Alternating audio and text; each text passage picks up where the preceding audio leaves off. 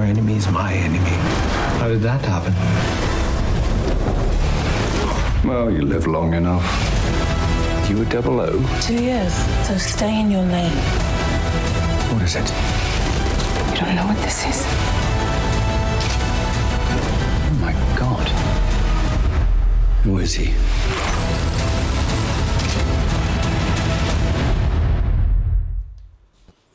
Ćao svima, ništa vas ne može pripremiti za epski završetak, ali može vas pripremiti za epski početak Lab 76 broj 138 i stara dobra ekipa je ponovo na okupu, mesec oktobar, mesec borbe protiv raka dojke u roze bojama, moje drage kolege, sa desni, sa leve strane, gospodin Pavle Živković i naravno gospodin Dejan Potkonjak, koji su u polomajicama, za razliku od mene, oni su još formalni tokom ovog Lab 76. Nadam se da ste dobro da ste uživali u trkačkom vikendu, Pričat ćemo danas o tome ko je zapravo, ko je uopšte pobedio na velikoj nagradi Turske. Bilo je tu raznih naslova, ko je pevao, ko nije pevao, ko je možda gunđao, ko zna šta je radio sve.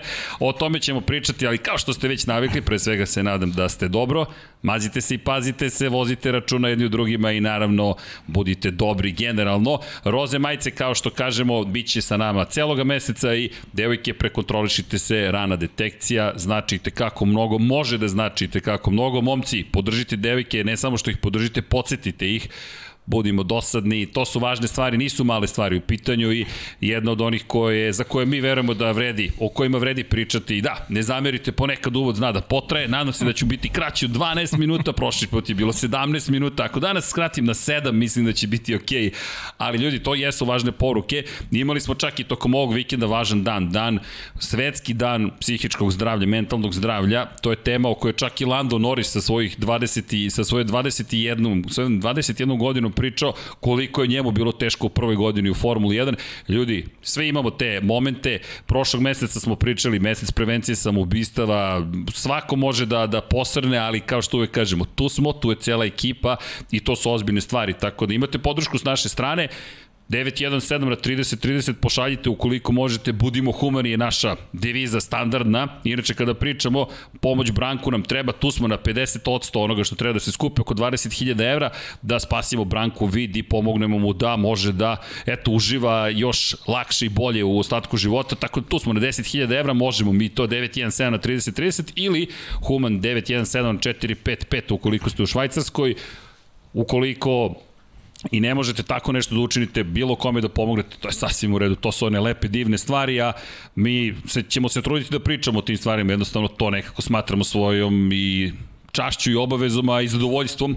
Tako da, eto, ne zamerite što ponekad potraje taj uvod, evo, Paja se već igra sa poklonom koji sam ja dobio, izvini. Mač kraja srđana. Mač, opa, mač kralja, dobro, to je malo previše, da ja ne mogu čak to, i to da izgovorim. Ako potraje najava, onda, se, onda ćemo da se latimo mač. Ljudi, dobio sam poklon za rođendan epskih razmera, kada već pričamo o epovima i gledam ka čoveku koji je zadužen, hvala deki. Srećan Možda rođendan. i diplomiram japanski jezik i književnost, hvala Srećan rođendan, u svakom slučaju. hvala. Želim ti da diplomiraš.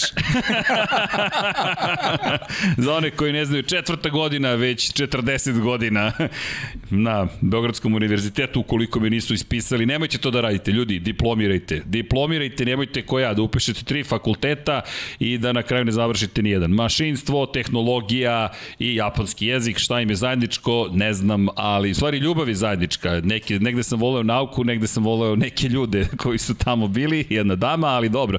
Druga neka Svašta priča. si voleo, znači. Svašta. U svakom slučaju, ko Motivac. se pobuni večeras, mač je tu. Tako da, nema šale. Katana, hvala deki. Mislim da će da u budući stoji tamo negde iza. Ej, da, dobili smo još jedan poklončić, da imamo dve gitare u studiju. Jedna iza Paje i jedna iza mene, tako da eto, sad smo pravi rock and roll tim i nadam se da ste spremni za rock and roll, pričat ćemo večeras. Još pevača da nađemo i To je to. O, ne razumem. Ajde što je gitara, nego što je Yamaha. Razumeš, Re, Yamahina gitara. da, da. Ne, pašće optužbe ovde. Moram da nabavim Kawasaki. U, jeste da to ne proizvode, ali da, nisam to na to obratio paš. Hvala, deki. Molim. Pri čemu, a da, da ne zaboravimo, i LTD, to je TSP, japanska gitara. Vidiš, u znaku Japana, a ko je zamenio Japan ove godine, zamenila ga je velika nagrada Turske. Međutim, pre nego što uskočimo u veliku nagradu Turske, pre nego što krenemo s celom pričom, jedan od komentara je bio da pre prestanem da čitam imena svih pokrovitelja. Do, do kraja ove godine čitaću ih ljudi zašto? Pa to je najmanje što možemo da učinimo. Neverovatno, ali istini to preko 80 ljudi na Patreonu nas podržava, hvala vam svima, zaista, i nema mnogo nekih novih reči koje bih mogao da upotrebim, osim da kažem da je to potpuno fenomenalno, s obzirom na činjenicu da se radi o tome da odvajate dinar, euro, dolar, kako god hoćete iz vašeg džepa za nešto što mi radimo, hvala, do neba, bukvalno, i samim tim prosto kada je reč o tome da se zahvalimo, mislim da je to najmanje što možemo da učinimo. Inače, hvala gospodinu Dejanu Potkonjaku, za šta? Za knjigu, za ovo kulturološko bogatstvo. Jesi video tweet? tweet koji se pojavio i biblioteka Lab 76, ali biblioteka koja čije porodica? Rad, Radojević, je li tako? Biblioteka Radojević i pečat veliki na, na crveno i crno. E da, shop.infinitylighthouse.com, dve stvari, radi shop Druga stvar koju smo naučili, magazin smo morali malo da promenimo, pošto smo imali mali peh u magazinu sa, sa nekim majicama, tako da ne zamerite malo kasne isporuke nekima, ali sve stiže, već je i Medoni rekao, nemojte da brinete, razumem vas. To su nove slatke muke, tako da hvala za razumevanje iz te perspektive i ukoliko ste raspoloženi, eto, možete da kupite majice, ukoliko kupite ove boje, to je podrška za borbu protiv raka dojke, to će sve ići u dobrotvorne svrhe. S druge strane, crveno i crno, a spremamo Danas smo dobili neke nove lepe vesti, ali evo ćutaću. Samo ću reći imamo nove lepe vesti, čak i Deki se nasmeo, blago, tako da eto, to, to vam dovoljno govori koliko je pozitivna vest u pitanju. Još malo pa ćemo pričati o tome šta smo spremili. Gledam i još jednog, smem to da najavim, ne smem. Šta? Pa, da, pa, da spominjem, ne spominjem. Pa, mislim, kako ko želiš. Mislim, nemoj.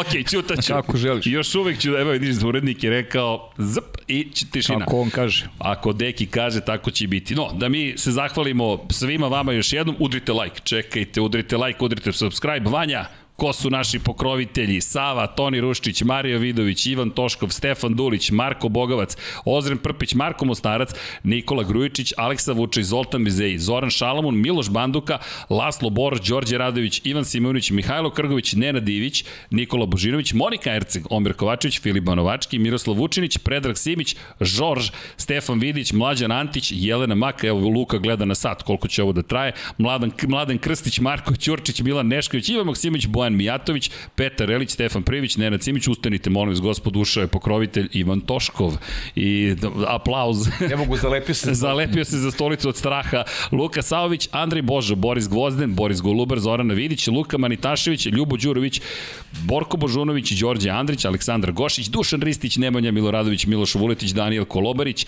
Vukašin Vučenović, Ognjen Marinković, Miroslav Cvetić, Marina Mihajlović, Jelena Jeremić, Antonio Novak, Stefan Milošević, Nikola Stojanović, Jasenko Samrđić, Mihovil Stamičar, Stefan Nedeljković, Zoran Majdov, Nikola Stojanović, Stojanović, oprostite, Josip Kočić i 19 tajnih pokrovitelja još jednom hvala, ovo je potpuno fenomenalno, patreon.com kroz Infinity Lighthouse. I evo završavam uvod, samo ću još jednom reći ljudi, iza nas jeste jedan veliki dan mentalnog zdravlja i zaista kažem nije šala. I nastavit ću to da pričam jer smatram da je to zaista i obaveza i čast i zadovoljstvo, vodite računa jedni od drugima i psihički i fizički, e, živimo u univerzumu u kojem toliko informacija sa svih strana doleće, poruke, podsjetnici, telefoni, računari, tableti, ne znam više koji sve kanali komunikacije postoje, ponekad to zna da bude onako žestoko prema mozgu, tako da opustite se, odmorite se, kada ste na Lab 76 znate da će to da traje 3 sata, tako da jedino ne znam kako je mojim dragim kolegama i prijateljima, ali Vanja isto u roze majici odmahuje glavom. No, 3 sata nije trajala velika nagrada Turske, ali bilo je toliko uzbuđenja kao da jeste i baš smo se pitali kakav naslov da bude. Ja moram da priznam da meni nekako privukao taj naslov ko je uopšte pobedio na velikoj nagradi Turske. Zvanično, Valtteri Bottas deseta pobeda u karijeri, jubilarna, velika, nije mala stvar biti 10 puta pobednik u Formuli 1 u Mercedesu ispred Maxa Verstappena koji je bio drugi, dakle nije pobedio, ali je preoteo vodeću poziciju šampionatu sveta, 6 pojene sada ispred Luisa Hamiltona, Serhija Pereza koji se vratio na pobedničko postolje posle ohoho meseci, Red Bull deluje kao da je tu bio bolji, međutim, na četvrtoj poziciji tim koji možda je mogao i više, Ferrari, Charles Leclerc, koji delo u jednom momentu da možda može i do pobede, kao što i na prethodnoj trci u Rusije vodio Carlos Sainz. Znam da zadovoljstvo nije prevelik u taboru Ferrarijevih ovde prisutnih navijača, ali opet deluje da su stvari krenule u pravom smeru. Lewis Hamilton startove 11. promenio motor sa unutrašnjim sagranjem, na kraju bio peti, a mogao je možda i treći te baš i nije pobedio, ali kao što je rekao, moglo i gore da bude. I Mercedes, izvini, koji je pobedio Red Bull. Zapravo, jer je osvojio tri poena više nego Red Bull koji je imao dva vozača na pobedničkom postolju. Pa ako tako postavljaš stvari, ja i sad ne mogu ti kažem ko je pobedio sa takvom postavkom. Mislim, pobedio u suštini Valtteri Bottas, ali ako tražiš a, pobednika vikenda, ja ne mogu da, da, da se opredelim ko je u stvari izvuku najveći U benefit. principu treba pričati ko je pobedio i obrazlo- i obrazložiti zašto. Tako je, da. Tako je, to jeste Ako koncept. postavljamo stvari, ti ja se recimo ne slažemo oko onog momenta odlaska Luisa Hamiltona u pit lane, ti si rekao da smatraš da je pogrešio tim, ja mislim da je tim bio u pravu, da bi Lewis Hamilton izgubio više da, da je ostao na stazi, to je samo moje mišljenje na osnovu onoga što su bili rezultati u ta dva kruga, u poređenju recimo sa Saincom gde on gubio 4 sekunde po, po krugu, mislim da bi imao veći problem da je ostao na stazi ne- nego što je otišao na zamenu pneumatika, to je samo moje, samo moje mišljenje, tako da e, smatram da negde da Lewis Hamilton suštinski nije mnogo izgubio sa tom petom pozicijom, samo minus 8 odnosno Maxa Verstappena, to nije veliki gubitak s obzirom da je krenuo s 11. pozicije, s druge strane e, udarac bi bio da je Max pobedio u toj trci, jer 7 poena je velika razlika, 7 dodatnih poena, e to bi onda mo- mogli bi da pričamo o tome da je Max baš izvukao veliki benefit, međutim, s druge strane, Mercedes je pokazao na ovoj stazi mnogo bolji od Red Bulla. I to je Valtteri Bottas demonstrirao da je Luis imao priliku da bude u tim nekim e, vodećim, e, da bude negde iz prvog reda da je krenuo, mislim i pobedio trku sigurno. Tako da kada sve stavimo onako a, neki tas da stavimo na vagu, rekao bih da su tu onako podeljene, podeljeno mišljenje vezano za to ko je profitirao Mercedes Red Bull, osim što je naravno Max ponovo lider u šampionatu, pa ga to onako čini, verujem, spokojnijih pred narednu trku. Ali zaista ima mnogo mnogo onako segmenata za, za analizu kada govorimo o Turskoj. Pa evo da dodam, Vukašin Vučenović, sa, baš sa pitanje sa Patreona, kaže da li mislite da je Hamilton veliki gubitnik u prethodne dve trke s obzirom na to da je Max promenio sve komponente na motoru, završio drugi drugu trku za redom, a Hamilton promenio samo motor sa unutrašnjim sagorevanjem i završio peti. I da li mislite da ovaj potez veoma rizičan od strane Mercedesa? Mislim da bi bolje prošli da su menjali sve komponente, završili bi na istoj poziciji na kraju. Hvala. Pa, što se tiče pozicije na kraju, nisam siguran da bi završio na istoj poziciji na kraju. Pre svega, ovaj, imali smo situaciju sa Cunodom i videlo se koliko je bilo teško Lewisu Hamiltonu da, da ovaj, izađe iz tog duela što pre e, na, na poziciju ispred. Možemo samo da pretpostavimo šta bi bilo da je bio na još nekoj poziciji iza i da se pojavi još neki Cunoda u, u, u, ovaj, u, u tom ritmu. Tako da... Neki Alonso recimo. Da, na Ajde, da, mislim ne poredim, naravno, njih tako dvojicu, da, nego- Tako da ovaj, mislim da su to dobro iskalkulisali pre nego što su doneli odluku šta sve, šta sve promeniti, a, a pričali smo na prethodnom podcastu, meni, meni čak Turska uopšte nije bila mesto, Tako je. mesto za zamene, tako da mislim da im je ovo neka, neka kalkulacija koja u, u, u, nekom nastavku sezone možda i može da se isplati, ali to je onako sad jako, jako je teško reći, jako se teško opredeliti eksplicitno da li je ovo greška ili nije. Ali pazi, mi, mi polako sebi odgovaram na pitanje ko je pobednik. Valterija Bottasa smo konstatovali. Pokazao da Pa, je da, pobednik ja, ja, u Mercedesu. ja mogu da, da, da pa, ovaj, obrazložim zašto je ovo verovatno jedno od boljih Bottasovih trka Pa on je sam karijeri. rekao da ovo ja recimo najbolja njega uopšte nisam kalkulisao ovoj trci. Ja sam prošli put tipovao Verstappen, Perez, Hamilton. To mi je bilo ovaj, pozicije na podijumu, Bottas apsolutno nisam uzimao u obzir računajući da će biti tačna vremenska prognoza, kiša, tako dalje, njegova prethodna izdanja i tako dalje, i tako dalje, ali start i, u stvari, generalno čitav vikend, Pa čita- start, kontrola trke, sasvim je bilo ovaj, po meni neočekivano od njega, znamo da on može da, da ovaj, stvarno ima dobre izdanja, ali ovo je što se mene tiče onako bilo stvarno za peticu. Prva pobeda ove sezone i rekao je možda i najbolja Pa pa, da, pobeda u mojoj moguće- karijeri. moguće Zvanično pripala mu je pol pozicija, moje izvinjenje za zabunu, jeste Lewis Hamilton bio najbrži na kvalifikacija, napravio sam grešku u kvalifikacijama, rekao da mu pripada pol pozicija, nije.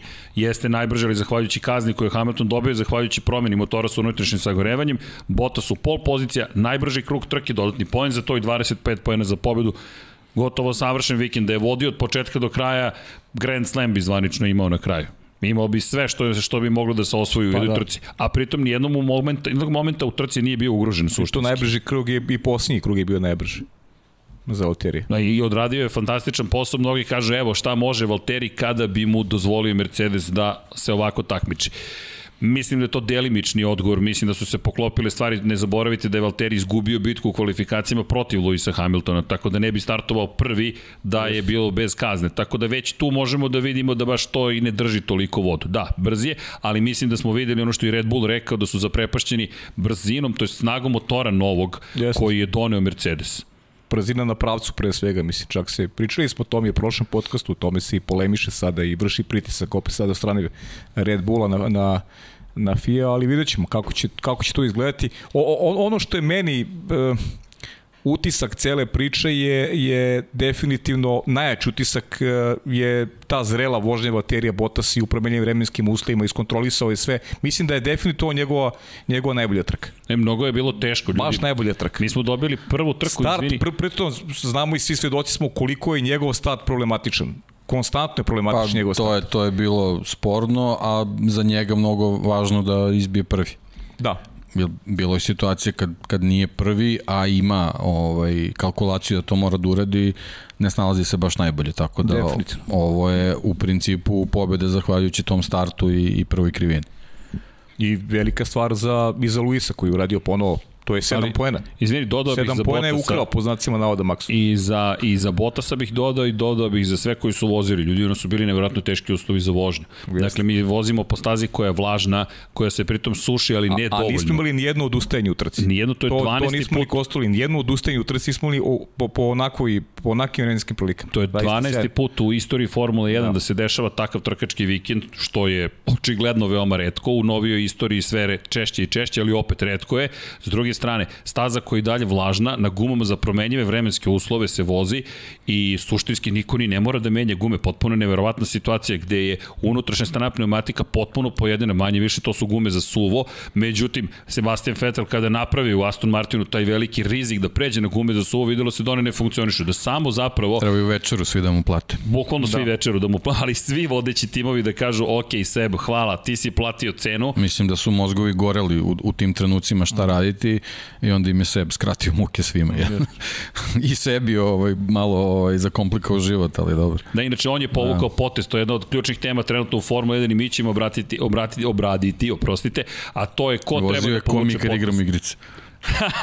da, a bukvalno je tako izgledalo. Samo što je ono dosta ozbiljno, prava staza, hiljadu Toliko je konskih dobro snaga i vozio, fizički. Toliko je dobar bio taj krug. Ma, da. da, da, trebalo bi da, trebalo bi da daje nekako repere kako treba upravljati, ali ono što jeste tu sada veliko pitanje, on je rekao ja sam povukao taj potez, ja sam ekipi rekao prelazimo na gume za suvo i prešao je, međutim na kraju se ispostavilo da je to zaista blago rečeno velika greška. Pa dobro, generalno ima šta da izgubi. Ne, Nije. Mogu je, to sam mogu je da mnogo da kažem. To nije dobije, greška, Pro, jednostavno kocka. mogu je mnogo da dobije tim potezom, ali Pa eto, to je kao- ispalo je kontra i sve Kao okej. i Ferrarijeva kocka isto, nešto, nešto sli- slično. Eto. A isto nisu imali šta da izgube. Da, ali u, ovo što Deki kaže u tom momentu, bukvalno gori glava, šta, šta da učiniš, ti vidiš da, da gume više praktično ne postoje, ali ono što mislim da niko nije ukalkulisao i o čemu ćemo pričati, samo ne bih da pobegnem još uvijek do nekle sa Botasa, ali to se uklapa u celu ovu priču, a to jeste da, da je trebalo voziti u onim uslovima, trebalo je u pravom momentu izabrati gume, trebalo je reći, ok, ja ipak idem na gume za promenje vremenski uslov, ostajem na zelenim pneumaticima i rekao bih da je zapravo tvrdoća tih guma i njihova radna temperatura bila kritična u celoj ovoj priči. Ne toliko da li imaju šare ili ne, već činjenice su to mekše gume, kako idemo po pitanju tvrdoće, dakle tvrde bele, žute srednje tvrde, crvene meke, zelene su mekše od mekih i onda dolaze najmekše, to su plave gume i jednostavno u toj situaciji Evo možemo da vidimo, hvala Vanja, kako su kako izgleda uopšte izbor promene guma. Obratite pažnju na Sebastiana Vettela, imate dole jednu žutu tačkicu ukoliko možete da vidite treći od ozdo, 36. to je 37. krug i u tom momentu se donosi odluka meke gume, ne meke gume, Bottas i Verstappen, to je Verstappen je već povukao potez, reaguje Mercedes na to, ali svi ostali su znali, ok, mi nema potrebe da menja gume. I zapamtite ovaj karat, vratit ćemo se i iz perspektive Leclera i iz perspektive Hamiltona i naravno iz perspektive Estebana Okona, ovo je prva trka od 1997. u kojoj jedan vozač stigao do cilja bez promene pneumatika i nevjerojatno Mika Salo Ali godine. potpuno različita trka, moramo to da naglasimo, Tako je. to je bio Monte Carlo, Monte Carlo. mnogo manje brzine i, i tako dalje. Nije tako trkačka dalje. staza, ovo je Tako prava trkačka da, staza, da. 309, 10 km na čas po Mene, kiši su mene to razvijali. fasciniralo. I, Ono je neverovatno bilo. To je bilo ovaj to je bio podatak pre svega za brigu da li će sve biti okej. Okay. To je, to je ovaj, ključna stvar bila, ali videlo se ono i što je Esteban na kraju rekao, bukvalno da je bio još jedan krug pitanje je da bi te, te gume ostale čitave. Mnogo važan moment. Na kraju krajeva i nisu bile čitave kad je stigao ovaj, u Park Ferme, ali su izdržale. Imao je rupu na desnoj strani pneumatika, ali to, nas, to, to je zapravo spoj sa celom pričom i oko Luisa Hamiltona i onoga što se desilo. Valtteri Bottas na kraju, ono što se činilo da mora da uradi jeste da se odbrani od Maxa Verstappena. S druge strane, Max Verstappen, m, imam utisak da je i Red Bull ceo, inače posebne boje ovoga vikenda za Maxa Verstappena i za celu Hondu prelepe i to sad dolazimo deki do, do tvojeg pitanja da li da menjamo utorak sreda. U sredu su izbacili te boje i mi se gledamo i kao, ok, da smo u sredu snimali formulu imali bismo, ali to nikada ne znate da li će biti dobro ili ne. U svakom slučaju napravit ćemo eksperiment verovatno tokom ove sezone da vidimo kako to funkcioniše. Zašto? Pa da zadržimo tu strast i energiju kada je MotoGP vikend u, u nedelju, a na primjer nema tog vikenda nije bila Formula 1. Tako da ne zamerite, morat ćemo da probamo da, da, da ipak budemo da kažem, spremni i voljni da pokušamo neke nove stvari. Htio da kažem kao Formula 1 da eksperimentišemo, ali to nije dobro poređenje. to pogotovo kada Sebastian Vettel se pojavi u javnosti i kaže da sve ovo što rade sa hibrid, hibridnim ovim motorima ničemu ne služi. Ali dobro, to ćemo ostaviti za kasnije, da se držimo trke za sada. U svakom slučaju, Red Bull, moj utisak da je spašavao što se spasti može i da zapravo, iako su izgubili, i u šampionatu konstruktora poene i Max Verstappen nije pobedio, mislim da ovo može, mogu da gledaju kao pobedu. Pa da, Zaista. pa delo je da je Max vozio da sačuva to drugo mesto, da je nisu imali, nije imao šanse protiv Valterija Bottas, imao šanse protiv Mercedesa generalno i odradio je trku tako da da sačuva svoju poziciju, to je uspeo, pritom Red Bull imao benefit dobre vožnje Serhije Pereza koji prošle je na ovoj stazi bio drugi, odradio zaista dobar staza posao, definitivno, da. odgovara apsolutno i naravno da, da mogu da budu zadovoljni, pogotovo važnija ima i ta druga pozicija Maxova sa kojom je preuzeo ponovo lidersku poziciju i sada idu dalje. I sami su rekli da je ova staza koja im generalno ne odgovara i da je sad završena ta serija trka koje su više pogodovali Mercedesom i regatima i eto, ostaju još šest do kraja, ono što nas raduje 50-50% šansi i dalje zaista fenomenalna sezona i ajde, analizirat ćemo od pozicije do pozicije. Mislim da nema šta se kaže za Max, ovo je jedna kontrolisana dobra trka u skladu sa onim što su bile realne mogućnosti. Red Bull on je to uradio i možda bude zadovoljan svakako. Da, njegov osmeh je na kraju trke govorio. Pa tri zadovoljena čoveka, ti, ti na Pa da. podijima imaš tri zadovoljena čoveka, to je, to je to. I komentar njegov, morao sam samo da ne zaspim tokom trke. Bukvalno ovo nije bilo uopšte jurnjeva za Valterim Bottasom, ovo je bilo održavanje prednosti. Na jedini koji, koji nije mogao da bude zadovoljan i ko nije bio na pobjedičkom postoju, to jest u kontekstu šampionata sveta jeste Lewis Hamilton. Tako je. Ko s obzirom Pa, na znaš kako, da... imajući obzir, uzevši obzir brzinu koju je Mercedes imao tokom čitavog vikenda, bilo bi suludo da je Red Bull išao neku rizičniju strategiju. Naravno, potrebe Ovo je, ovo je apsolutni maks za maksa. Jeste, bravo. Maksimalni maks. Maksimalni maks. Da. Često ove U godine. stvari maksimalni Red Bull sa, sa, sa Perezom na drugoj poziciji, to je stvarno ono, maksimum što su mogli zvuk s ove trke. A opet su izgubili 3 poena u šampionatu konstruktora. Da. Zato je meni ovaj naslov, kažem, toliko se vrteo Pa po glavi. da, dobro, da. Znaš, budeš na, sa dva čoveka na pobjedičkom postolju, uradio si super posao. Ali ono, ako, ako bi birali ko će da im uzme te bodove, bolje da tu radi Bottas nego Hamilton. jeste, Tako ali- da, da. opet, Evo opet ga- mogu mirno da spavaju. šampionat konstruktora, presek se desio u Silverstonu i od tog momenta jednostavno nisu izgubili vodeću poziciju, sada su i povećali prednost 433,5 poena, s druge strane 397,5, ali pa mislim da si ti sve, sve rekao, pa i ti deki, ovaj šampionat više Red Bullu nije važan. Jednostavno ono što je bitno jeste titul u šampionatu vozača. Da se vrate na vrh od 2013. Ja mislim da ni. Mercedesu isto, isto nije važno. Da je važno samo biti šampion u konkurenciji vozača i to je jedni i drugi imaju Se sećaš ko je 1981. bio šampion među konstruktorima? Ma, gde, ko se seća? Mislim da je Ferrari, ali... Nemoj držati za reč. Šalim se. Ali kad si već 80, pitao, Kad si već kad- pitao. Ne, nisam pitao, nego kažem, čisto, eto. Ali da, slažem se. Ili, je ili to a ti si zapamtiti. 72. sve Namjerno, okej. namjerno radiš, deki, zato što znaš Da, da, da. ja sigurno se ne sećam, jer ne pitaš njega, jer, jer znaš da on se možda i seća, pošto je... Zato što mislim da je to bila još godina kada je Ferrari osvojio tipa titulu šampionatu konstruktora, ali više nije osvojio titulu šampionatu vozača. Ali nema Dobro, držati slučajno je palo 81. Po- Po, poenta je- Izaberi bilo koju drugu. Poenta je. Srki nešto drugo Bilo koju znaš. drugu Znam, izaberi. Posle sam, toga seća, da. Pa niko, čak Pa eto, čak Ipak je Williams bio. Eto, čak ni ti. Ipak je bio Williams. Pomislio sam Williams, a Ferrari možda je 80. bio. Evo, pomislio i Williams, ali, ali, Ali ne, ne, nisam, ne, ne, ne, nisam, ne, mi dalje sam mislio da je se, ma, Ferrari. Williams je imao Jonesa Reutemana Da. i Piquet je uzeo titulu na Pique poslednjoj uz... trci. Znam da je, da, da, je, da, Pique je Pa realno titulu. Reutemann je trebao da bude šampion te Jeste, godine. ali bravo- Sam je kriv što nije. Da, ali i zapravo Piki, znam da je neko Da. osvojio titulu, a da konstruktor nije bio iz, iz ekipe. Ne, ne, Williams je bio superioran, ta 80, 81, to su, Dobro, to ipak su je nešto. Nešto, da, nešto da, si da. dalje mota u glavi. Ej, kako ste se primirili prošle nedelje Mili Eto, te Vanili. godine smo imali pre 40 godina šampionat u poslednjoj trci sezone odlučen. Jeste. Ljudi, ne, za Las Vegas. Sad- Šta Da, pa hoćeš, da budemo smo o Mili Las Vanili? Vegas, Pa sad- Palace. Ne, ne, neću parking, da da, da. budete, samo O- konstatujem. ozbiljnije sad, Danas mislim, smo, priča. e da, izvinite, prošli put, o, ako ste, Mi ćemo pokušali smo- kasnije Mili Vanili, ajde. Ne, ne, ne, mi, ne, vi Prvo ste da samo, analiziramo trku. Čekaj, čekaj, vi ste samo u jutarnjim časovima u Mili Vanili. Ovo, uveče, to je vaše prirodno okruženje, noću funkcionišete, nema neozbiljnosti. Ono ujutro, to je kao da je nekom drugom pola noći da ih je prorudio neko šta se događa. Mi ne funkcionišemo prosto u, u, rano ujutro. Evo, Dom Pablo se, ču, se čudno nas gleda, ali to je sve u redu. Krsti se, krsti se. Jede kolače, ali dobro. Moje kolače. To je za, je li to za moj rođendan ili za A za oba. Za oba Imamo ovde jednog rođendanca. U svakom slučaju. Ovde sve oktobarske meni nas poručuju da je, smanjim, deki? da, da smanjim malo doži. Jel vidiš? U dobrom ste okruženju. Pa to, to ti misliš. Ali dobro. Če, čekaj, Šalim se, gde je naravno. moj poklon? Koga pitaš? Tebe. Gde, gde je njegov poklon, Pavlo? Ali da, da, prošli put smo se malo šalili i, i tako, bilo je zabavno. Nama je stvarno bilo zabavno, jutarnje, ne sjećam se kad smo poslednji put snimali i dosta je drugačije zvučalo, možda, ne znam. U svakom slučaju, kada govorimo o šampionatu konstruktora, da, to je, to Ma ne, postaje za da je zaborav. ne- nebitna- prosto. nebitna priča Postaje priča za zaborav, ali činjenica, ajde da ispratimo i to, da ne kažemo da, da se nismo toga dotakli.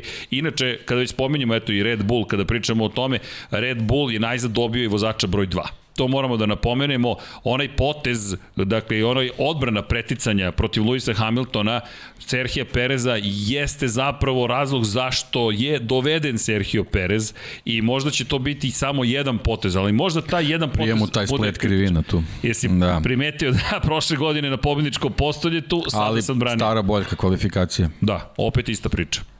I opet Tako ista da priča. mislim da ovo više ima veze sa stazom koja mu odgovara nego, da. nego s njegovim nekim buđenjima, a to mora, mora se Ne, ne, ne, povrgne na da sledećoj, da, na, ma da, na sledećoj znaš. trci. Znaš šta, prošle godine je sjajno vozio u drugom delu sezone, a mada, sad idemo na staze koje nismo posjećivali prošle da. godine, tako da ne možemo to da, da analiziramo kroz kroz trke koje Da. nas čekaju i tek u finišu idemo on, na teritoriju koja mu je poznata, misli koja mu je donela sreću prošle sezone, pa vidjet ćemo šta će biti. Ono što je, naravno, ponavljamo se, ali prosto to je, to je priča vezano za ovaj šampionat, kolike znači i Bottas. Evo, vidimo kolike znači baterija Bottas.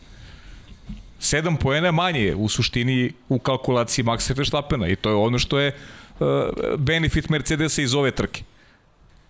Uh, Lewis Hamilton je imao plus 7, ili tako, u odnosu na Maxa Verstappena u Rusiji.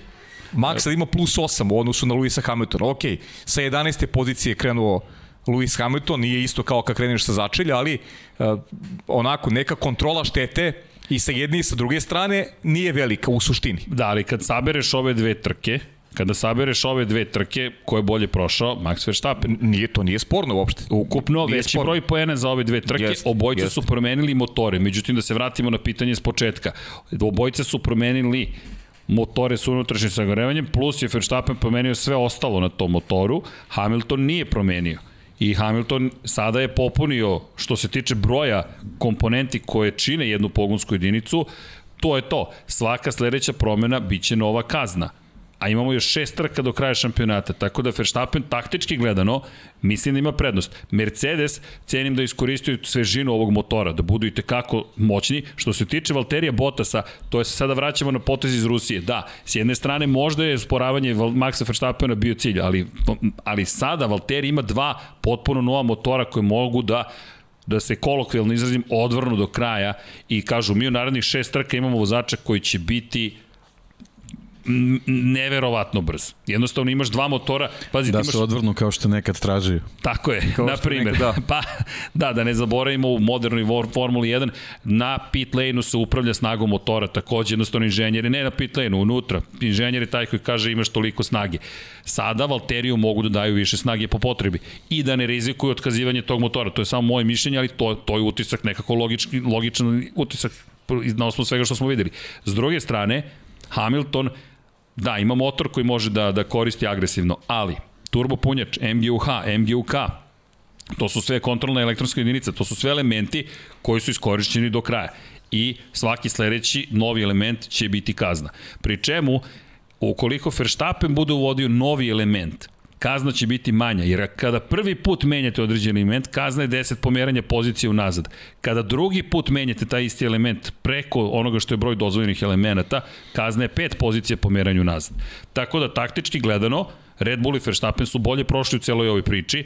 Mi sada imamo situaciju u kojoj, iako su oni bili zabrinuti, vraćamo se na Rusiju, uslovno rečeno Pirova pobjeda broj 100 Pobedio si, ali Verstappen je svojio mnogo više poena s tim raspletom okolnosti u završnici trke i Hamilton sada ne da nije pobedio, nego na petoj poziciji i tu dolazimo do taktike i teme, još jedne od tema, mnogo je tema bilo na ovoj trci. Hamilton videli smo kada pogledamo promenu guma, tek u 50. krugu je Hamilton otišao na zamenu pneumatika. Ako pogledamo ponovo kadar, Leclerc je u 47. već počeo ozbiljno da gubi tempo i da kliza na sve strane, ali se postavljalo pitanje, inače moram da prokomentarišem, kakav je ono komentar? Dajte mi informaciju o tempu. Da li je ovo adekvatan tempo da ostane na poziciji broj 1? Pa ukoliko ostaneš iza drugopla, ispred drugoplasiranog, pobedit ćeš. Pa dobro, ako, kani, ako kaniš pobediti, to je iz Alan Forda. To je bukvalno na nivou Alana Forda. Ja, ja, I sad i ti ja ipak malo drugačije u podcastu možemo i da budemo Pa dobro, naravno. Ali naravno u trci, u prenosu, gledamo se šta sad da kažeš uopšte, kako, od kome je palo na pamet da mu kaže ukoliko si ispred drugoplasiranog ti si pobednik zaista, to, to je poruka tima Formula 1. Inače, evo razlika između Leclerc i Bottasa. Hvala inače Momčilu Vukiću i Bogdanu i Vanji i svima koji pripremaju grafike. U roku od 8 krugova sa 6,8 sekundi prednosti to se svelo na jednu desetinku. I bilo je jasno da je gotovo nemoguće da zadrži Bottasa iza sebe i dolazimo do toga u kom momentu je zapravo trebalo promeniti pneumatike. Pa u kom momentu je trebalo reći idem na gume za promenjive vremenske uslove. Znaš kako, ja mislim da, da, da je promenio kad i Bottas i Max da bi bio treći na kraju. Da se da je negde u tom intervalu menjao pneumatike. Pa, podržavam uh, malo taj hazardirski stav ekipa koja, koje ne mogu da pobede u regularnoj trci. Podržamo. Kockao se nešto slično Landu Norrisu.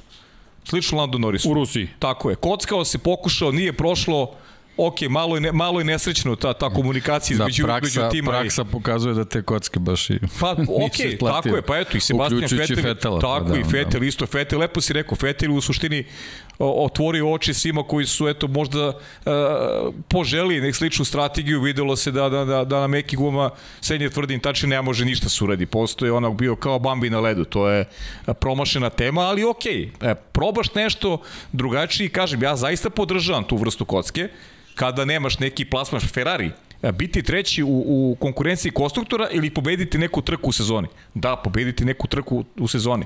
Šta njima znači da li su treći ili četvrti u konkurenciji konstruktora? Potpuno Absolut. nevažno.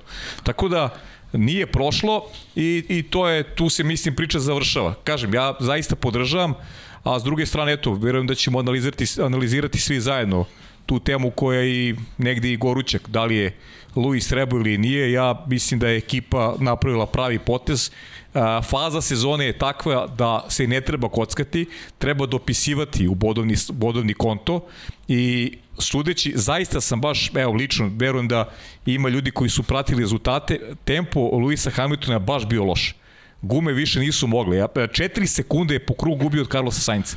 Pa to se videlo i u poslednjem krugu vezano za Đovinacija i Okona, kako, kako te gume kad, Bravo. kad 5 sekundi se predaju, ne samo šta znači, krugu. da, šta Tako znači to. Tako da mi, mi nikad nećemo znati, naravno, Pa dobro, naravno. Mislim, u kakvom su stanju te Luisove gume bile, ali jednostavno trebalo bi uzeti u obzir i, i tempo koji on imao tokom trke i, i tako dalje i tako dalje. Mislim, bilo je tu dosta različitih parametara odnosno na Kona, ali jednostavno a, taj tempo koji je Esteban imao jednostavno pokazuje da, da, da bukvalno u svakom trenutku su te gume mogle potpuno da, Pa i- da popusti i i, Luis- da izgubi i ovo što je Luis što je, što je dobio, da je ostao na Deki, njemu. Luis je imao, drugačiji su parametri, Luis je imao dosta aktivnosti na stasi.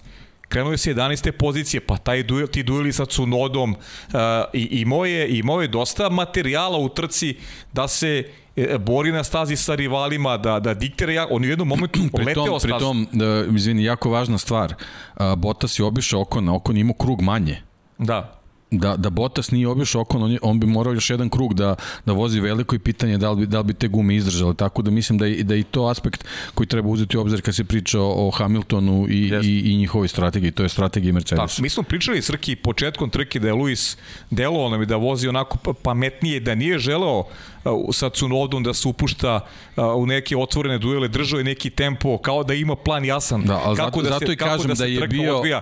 da je menjao još neku komponentu u motoru da je bio iza veliko i pitanje kako bi uspeo da napreduje Ali neki krugovi kad je obišao Cunodu, su daleko najbolji krugovi bili je vozio e, Luis je konstantno iz kruga u krug pomerao najbolje rezultate u, najbolje rezultate na stazi i Pa, taj ti njegove gume su bile prilično Znaš kako, oštećene. definitivno njega Cunoda nije mnogo usporavao, on je samo bio malo konzervativniji, ali Slažem se. taj tempo je verovatno bio sasvim zadovoljavajući u tom trenutku i on mu je posle omogućio sa, sa tim gumama koji su bile malo očuvanije da vozi onaj, tem, onaj tempo koji je, koji je kasnije vozio, Jeste. tako da njega Cunoda nije toliko usporavao koliko ga je zadržavao. Jeste. To, to jednostavno nije, ni, nisu isti parametri bili, tako da ovaj, očigledno je zbog toga imao imao dosta bolji, bolji život u tim gumama Jeste. nego, nego neki drugi vozač, ali kažem veliko je pitanje da li, da li bi uspeo da izgura te krugove do kraja. Pa ja mislim da, da, da, da si zapravo suštinu sve, upravo si pogodio, ne pogodio, isto kao suštinu, ne pogađaš, ti znaš, a to jeste zapravo ovaj krug manje koji ima. Jednostavno ti imaš ceo krug manje, šta se događa kada vozač ima krug manje, kada vas neko pretekne za ceo krug, kada Botas pređe liniju cilja. Čim vi pređete liniju cilja, za vas je trka završena. Krug manje, krug manje. Samim tim Đovinaci da su ostali u krugu s Botasom bi imao još jedan obilazak oko Istanbul parka šansu da pretekne Okona. Da li je I- dobra kalkulacija I ili šansu sreća? da Okon ostane bez guma. Tako je, ne znam, ali imaju Alana prosto u svojim redovima profesora, ko zna, možda je profesor rekao, vidi, sine, nekada davno, ovo je ovako, malo, da. ovo je ovako funkcionisalo, prođe, da, tako da. je. Ali, Pa dobro, znaju oni to, mislim, to je uvek i u kalkulaciji u tim posljednjim krugovima kad, kad nešto preti da, da ostaneš bez nečega, gledaš gde je rival da te, da te obiđe za čitav krug. Mislim, Da, ispravljaju me, da. ono, i tako je, uzeo je Bottas u stvari 8 poena, ne 7 u odnosu na Max jer je vozio Tako je, najbrži tako je, najbrži krug trke da, to, to, sam, to sam prevideo, da. Jeste, 26 bodova je na kraju osvojio Valteri. Valteri koji, koji je gotovo bio nevidljiv. Inače, ne možemo baš da pohvalimo režiju u, u, u Rusiji. Dosta, dosta promašenih kadrova. Pa ja sam Ali više... su nam bar vraćali. Da, bar su vraćali, to je Da, bar činjenica. su nam vraćali. Ali smo ti ja više gledali u vremena Jeste, nego jeste. što smo gledali trku, jer to je bio jedini način da ispratimo šta se događa. Pa tako sam i snimio uh, tempo Luisa Hamiltona u tim posljednjim krugima pred odlazak, jer sam gledao vremena. Da, ali... To, pa, To, to mi je omogućilo da steknem neki kao i svima, nije to neka nauka, nego prosto vidiš kakvi su krugovi. Znaš, to ti, to ti omo, vidi, daš, vidiš da, da nešto nije u redu i zato iz moje, e, iz mog nekog ugla je Mercedes povukao zaista dobar potes. slažem se. Baš dobar potes. Ja mislim da je ovo gde mislim da je veća greška? Mislim da je Hamiltonova greška veća. Zašto? Na prethodnoj trci, Deki je to lepo rekao, ekipa je donela ispravnu odluku. Ti imaš situaciju koja se desila na trci pre, u kojoj je bilo jasno da je tim spreman za tu situaciju kao govoriti krugovima unapred da treba da ideš na zamenu guma, ti odbijaš i ti sebe dovodiš zapravo, kada je Lewis Hamilton dosta kritikova ekipu po završetku trke, dosta se priča i o tome, Toto Wolff, šef tima se oglasio i rekao, ponekad morate malo da budete čvršćih živaca, što kažu tvrde kože praktično da, da biste istrpeli sve te kritike. S druge strane, ono što ti često napominješ, ljudi, to je strast, to je Emocija, emocija. emocija i to nije opravdanje za Luisa Hamiltona. On mora da izađe pred svoj tim koji je toliko hvalio prošloga puta i da sada, sada ga kritikuje, ali tim je napravio manju grešku ukoliko je uopšte greška. Tim je tražio od Hamiltona da ranije ode na zamenu guma. Hamilton se na kraju povinuo ovoj ekipi i mislim da je to najgore rešenje zapravo, u dat, da li najgore, drugo najgore, možda bi moje rešenje bilo treće najgore, zahvaljujući ono što ste rekli, na kraju ko zna gde bi završio, ali je stvar u sledećem, da je 10 krugova ranije promenio gume, šta se događa, taj čuveni graining, zapravo, pošto vi koristite potpuno novu gumu i kako nestaje, bukvalno fizički se skida taj sloj gume, pogotovo na tako toploj stazi, vi dobijate praktično delove gume koji se lepe za taj isti pneumatik i do, dolazi do toga da se zapravo kruni guma, ostaci usporavaju, to jest do, do, dovode do toga da po 4 sekunde izgubiš u krugu jednom dok ne počnu ponovo da funkcionišu. Sad, ono što je oštetilo gumu istovremeno je čisti, pošto vi vozite s novom gumom, sloj se stvara jednostavno jedan neravni, kako nastavljate da vozite, vi je stružete i dolazite do toga da imate funkcionalno pneumatik. I u momentu kada je profunkcionisao pneumatik, Hamilton je bio dovoljno brz ne samo da brani poziciju, već da nadoknađuje poziciju, ali je bilo kasno.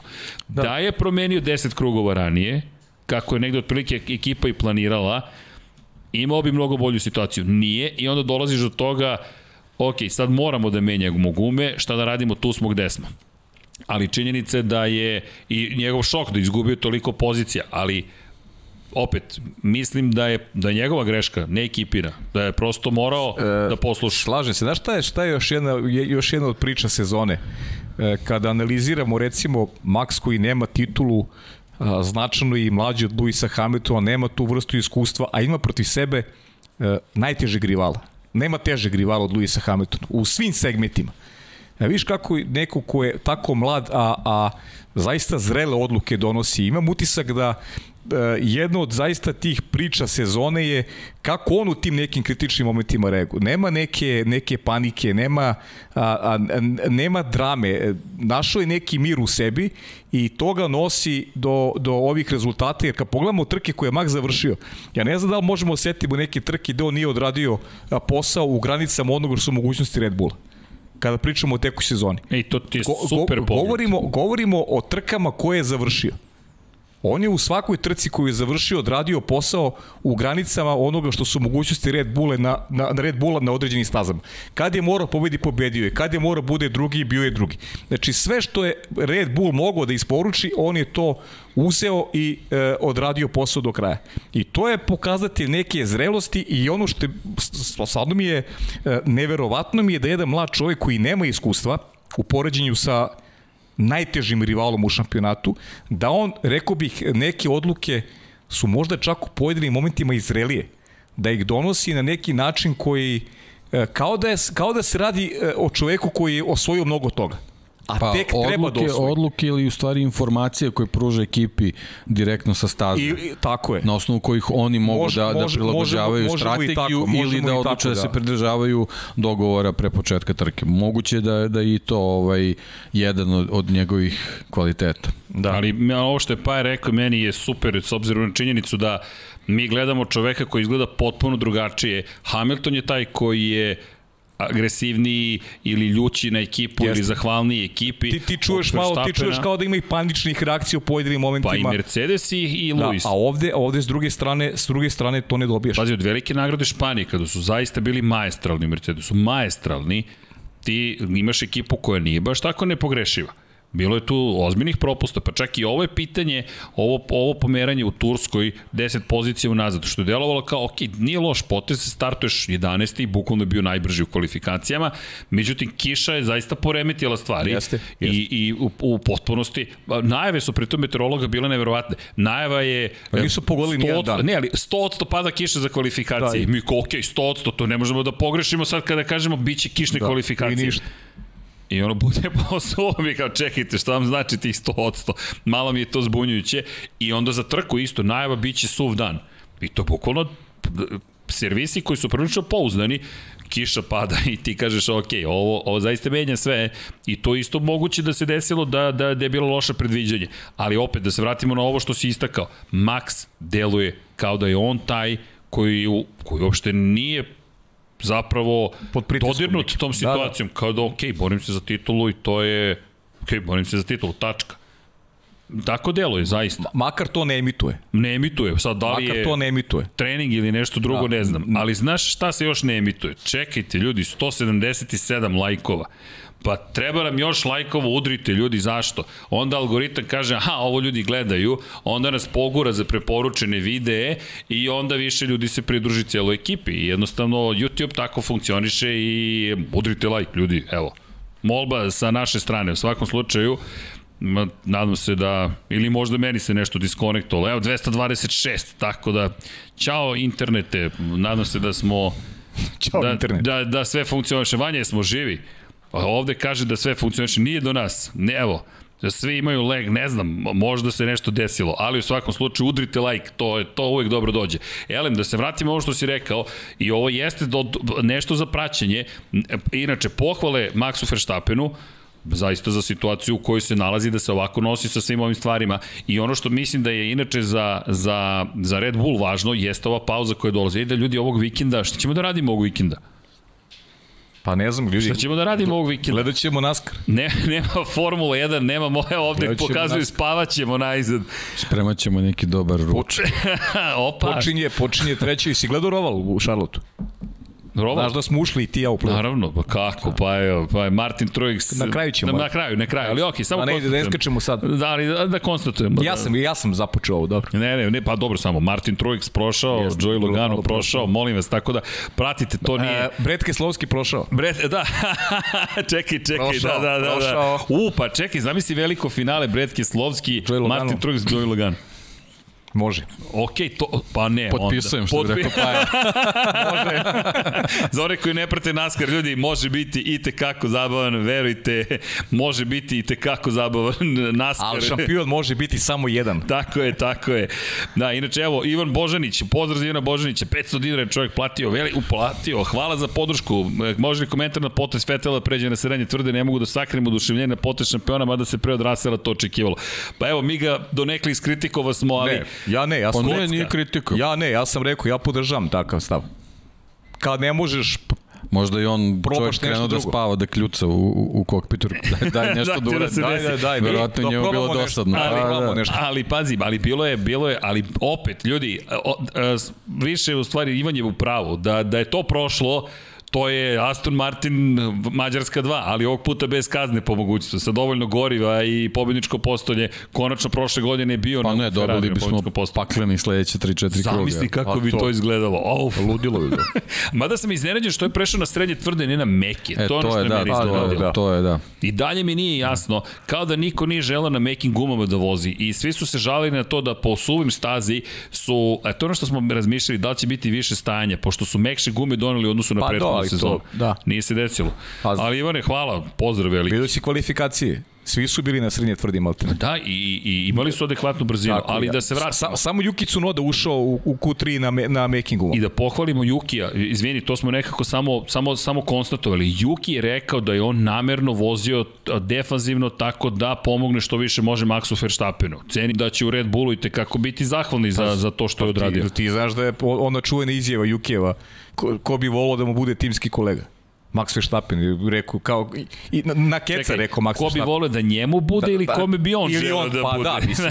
što je sad... Ka, možda profumiš kako god hoćeš, ovaj, ali, ali Mislim detalji, ali da. Da. čisto da, da budemo. Ali Juki pohvale. Novajlija na, na ovoj stazi u teškim uslovima, često ga kritikujemo, sjajno je odvezao i do, odradio velik posao. Usporio je Hamiltona u tim nekim važnim momentima, kao i Perez. E da, nismo, nismo, to smo spomenuli da bi mogao biti kažnjen čak Perez za onu situaciju u kojoj je praktično pored bitve prošao sa leve strane. Međutim, Michael Masi se posle trke oglasio, direktor trke, i objasnio da razlog zašto, inače 2018. je Lewis Hamilton na sličan način u, u krenuo da ulazi u pit lane, pa izašao iz pit lane-a i zapravo ne, po, rekli su mu uđi, pa nemoj da uđeš, pa se ipak uđi, pa je napravio sličan Pa prekršaj. da, ali ovo je bilo trkanje, ovo je prosto, Jeste. prosto nije mog deo, ovo je, ovo je Ali, trkanje bilo. dve stvari. Hamilton je tada dobio upozorenje, usmenu, usmenu prekor, praktično pre, ukor je dobio.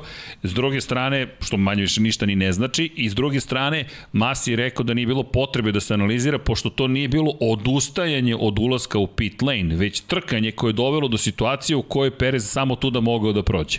Tako da meni se to dopalo, nije se oglasila direkcija trke, ali moram priznati da sam izrazio neću reći bojazan, ali konstataciju da može da se desi da će biti kažnjen. Međutim, na kraju Perez tu Pa prošao. da, nije bio ni baš- Bili su raspoloženi, nisu kažnjavali nikog, pa ima Zepina za, Da, Mazepina. onaj, Sa- samo su za ono ostajanje na, na, na trkačkoj liniji sa Da, Hamiltonom. da, tu sam dobio kritiku da samo da. reaguju kada je Hamilton pitanje. Da, ne, ne, ne, dobili ne, smo- ljudi. dobili smo obojica kritiku za to, Krivina a pa- 11. Ma, mislim, ono, 300 km, izvini, na čas, na temelju A, krivine po suvom, ovde 270, 80 i ti ostaješ na trkačkoj putanji, a neko te pretiče za ceo krug.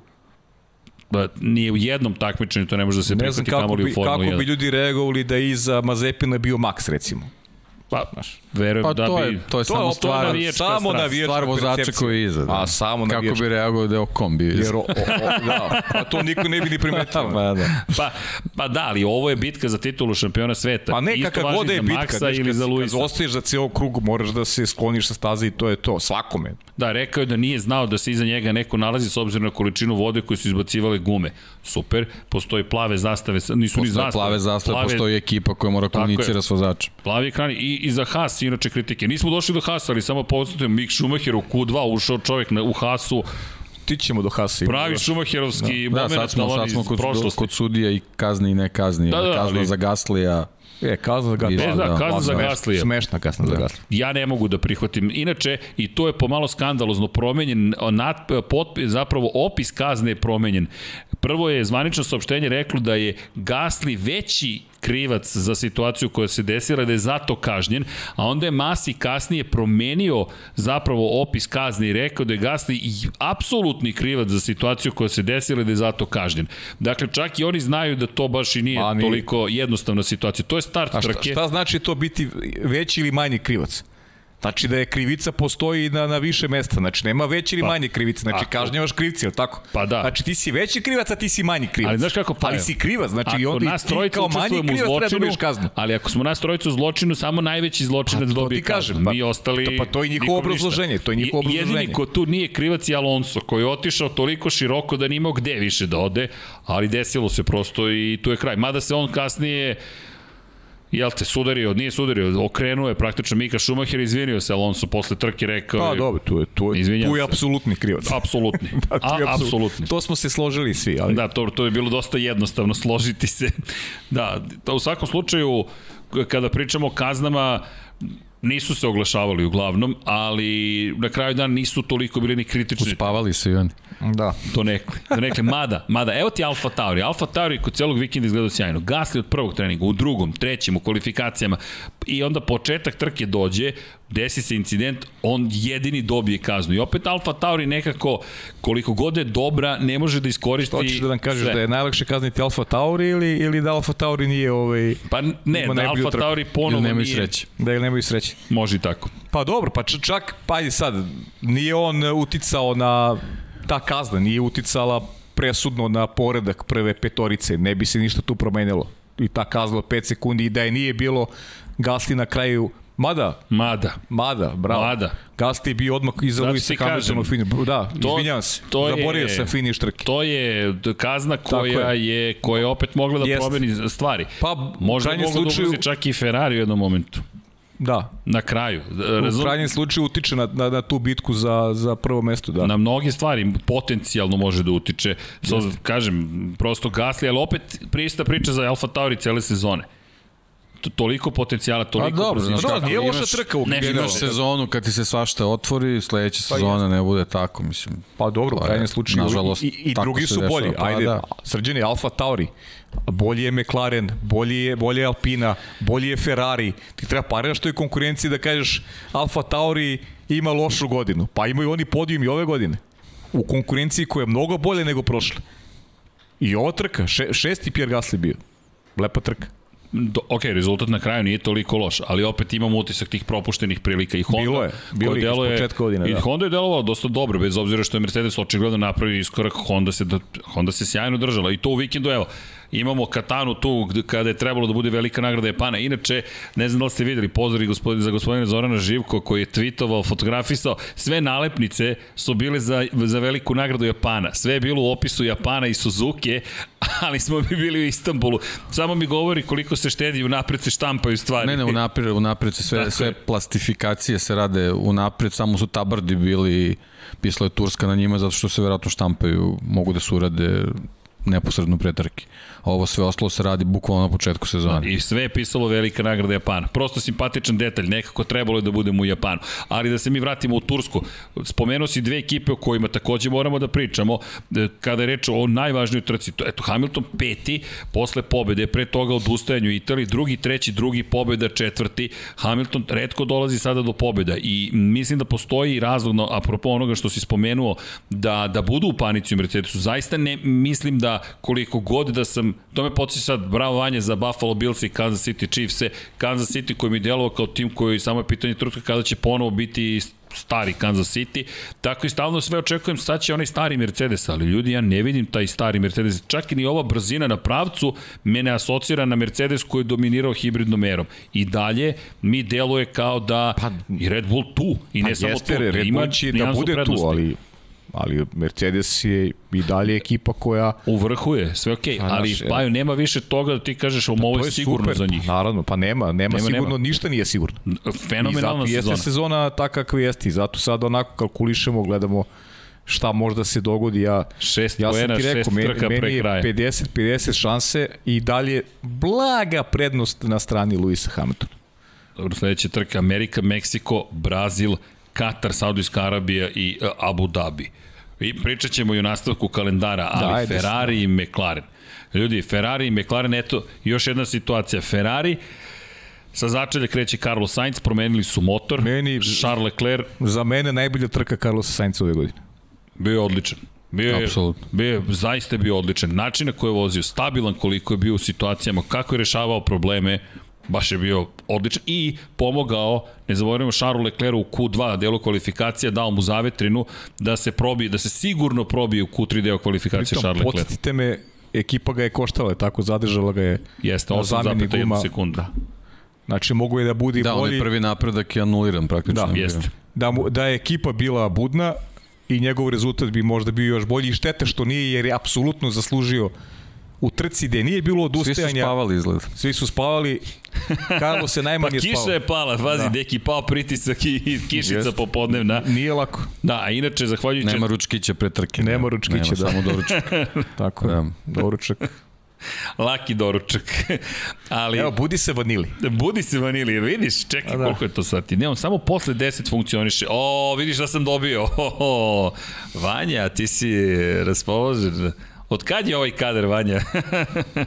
Belgije. ovo je takozvani Pajin kader. E, ovo je Pajin kader. E, ovo je već kader.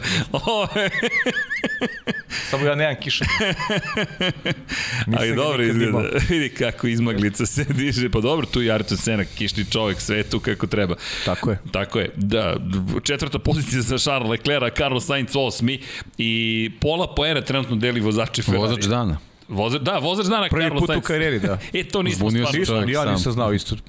Da mi neko rekao da je, ja sam ubiđen sam bio da je prošle godine u, u, U neku McLarenu da je- McLarena da. da je izabran, ali Prvi put Eto, u karijeri. da. Rekao je, pa eto, prođe par godina, dođe i ja na red da budem vozač dana. apsolutno je zaslužio. Jeste, sjajno, ali pazi, pola poena sa prednosti u odnosu na, na Leclera. Samo pola poena, međutim, Ferrari, uprko stoj sjajnoj vožnji Sainca, utisak propuštene prilike. Da, Možda ne za pobedu, ali plasman na pobedničko postavlje. Ja i dalje mislim da je Ferrari odneo pobedu ovoga vikenda. Zašto? E, Zato što se Ferrari pojavljuje drugu trku za redu na poziciji broj 1. Ovako ili onako, to postaje sve češća scena. Ja mislim da će naredna trka biti reper Tako onoga je. pravih vrednosti. Pazi, Sainz Pravih vrednosti novog motora. To je to. Eto. To je to. Pa to, Ferrari. To je to. I mi sada imamo situaciju u kojoj je Sainz na ovoj trci sa začelja krenuo, došao do osmog mesta. Na prethodnoj trci, nemojmo zaboraviti, Charles Leclerc nije osvojio poene, ali to je rasplet trke. bio je vrlo visoko pozicioniran, imao je odličnu šansu za ozbiljne poene i djeluje da je Ferrari, to, novi motor za 2022 pravi Ferrari motor. Pa ti imaš, imaš prvu fazu trke gde samo tri čoveka uspevaju, tri čoveka su odvaju, u stvari četvrti ne može da prati. Četvrti ne može da prati. Bottas, Verstappen, Leclerc. Oni prati jedan drugog, četvrti ima za ostatak 13-14 sekundi. Leclerc je bio u toj grupi, Bottas, Verstappen. I držao je, bliži je bio Leclerc Verstappenu nego Max Bottasu. Ali kaže, meni je, meni je potes Ferrarija u finišu popuno logično. I Ja, ja, a kao što si rekao i, i malo pre, meni je ovo super potez bio. Ej, ideš, rizikuješ, probaš. Da, Zamisli da. da su gume funkcionisale. Zamisli da onda bi bili genijalci. Pa, onda bi bili genijalci. Pa, a, kratka je razlika. Ne, tako je. Uvek je mala razlika. A Ferrari je poslednju pobedu zabeležio u Singapuru 2019. Tako je. Dve godine od poslednje pobede. Ma Ferrari ništa ne znači da budeš treći, četvrti, to, to. Apsolutno, sad sam to htio da kažem. Ma, to, pobeda je jedina bitna. Tako je, pobeda jedina je bitna. To može znači ekipama poput Alfa Romeo, Alfa Tauri da se bore za, za veći, to Ferrari ne znači ništa. Ferrari mora Ferrari, da se bori za pobedu. Ferrari mora da se bori znači podela novca u plasmanu konstruktora, Ma, da, da li si treći ili četvrti. Ma, ništa. To je jednostavno tako kod njih ne funkcioniš. Genetski kod Ferrari I oni jednostavno da, da, oni moraju, mora moraju da imaju tu filozofiju da idu na pobedu. To, to je jedno što treba da ih zanima. I išli su na pobedu. Da. I okej, okay, probali. I ovo, ovo mnogo bolje izgleda. Mislim, stvarno je mnogo obećavajuće, samo eto, i ekipa mora malo se probudi, da. svašta da. nešto i, i uh, imali smo taman to poređenje vezano za, za ovaj, uh, poziciju na, na startu, koliko je Sainz u svakom trenutku čitavog trkačkog vikenda bio bolje spreman za, za trku u odnosu recimo Daniela Ricarda, yes. koji ima katastrofalno izdanje stvarno. Da, užas. Pa to nas i dovodi do, pa do, do McLarena. Da, pa ta, ta, ta, ta sam i pravio to poređenje, recimo, tad sam primetio krugovi, recimo, to mi je bilo fascinantno, krugovi Luisa Hamiltona i Carlosa Sainz. Skoro 4 sekunde je pravio Sainz koji tada bio na, ne znam, 10. 11. mestu u odnosu na Luisa Hamiltona. Sjajan tempo imao Znate Sainz. ko je birao Ricarda da će biti na pobjedničkom postolju? Pa dobro, ja sam birao... Neću više nikad. Ja sam birao Norisa da će, da će biti pobednik trke. Da, McLaren nekako je podbacio neočekivano. Moram priznati baš neočekivano. Više sam verovao da ne postoje staze na kojima McLaren se neće pojaviti da. u samom vrhu. Na ovaj ili onaj način. U Q1 da ti ispadneš. Inače, pohvale tu za Ferrari. Ne znam da li im je to bio plan. Na kraju mi djeluje da, da su shvatili da imaju šansu da eliminišu Ricarda.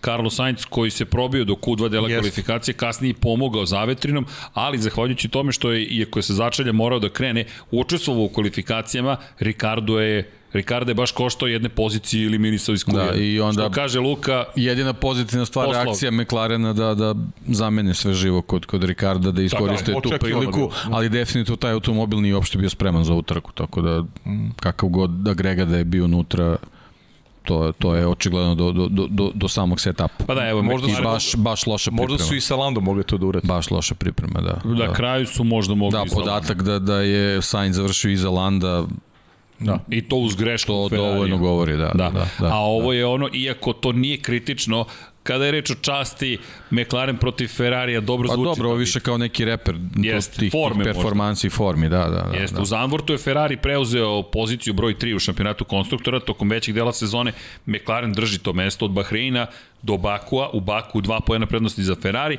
potom McLaren se vraća na poziciju 3, izjednačeni su po broju pojena bili posle Mađarske, pa opet McLaren u Zandvortu u Holandiji, Ferrari dolazi do izražaja, pa onda McLaren, pa McLaren. Dobro, ogroman skok zbog Monce. Tako je, zbog pobede Daniela Ricarda. Da, da, da. I na prethodnoj trci takođe u Sočiju prosto su ukupno bili bolji, ali kada pogledaš crtu koju je zauzeo Ferrari, za razliku nekako od, od trend kod Ferrari je konstantan. Pa to, zato što mi sad kod McLarena u posljednje vreme imamo e, dvostruke pobede, imamo borbu Landa Norrisa za, za pobedu i tako dalje, a Ferrari je tu negde, ali je konstantan. Da, ravna linija, ravna da, da linija, da, da. ali konstantan, da. I, da. i njima ne, nedostaje im taj, taj skok, ali ono što smo rekli, ne podijum, moraju da idu na pobedu. Na pobedu, mislim, tako je. To, je, to je Ferrari. I bližimo se polako ali sigurno 2022. I, I znam da smo daleko od uzbuđenja nove sezone, ali to, to, vidi, ovo su ozbiljne pripreme. Meni sad šta pada takođe na pamet? Znaš šta je sjajno još, izvini. Da, pa naravno.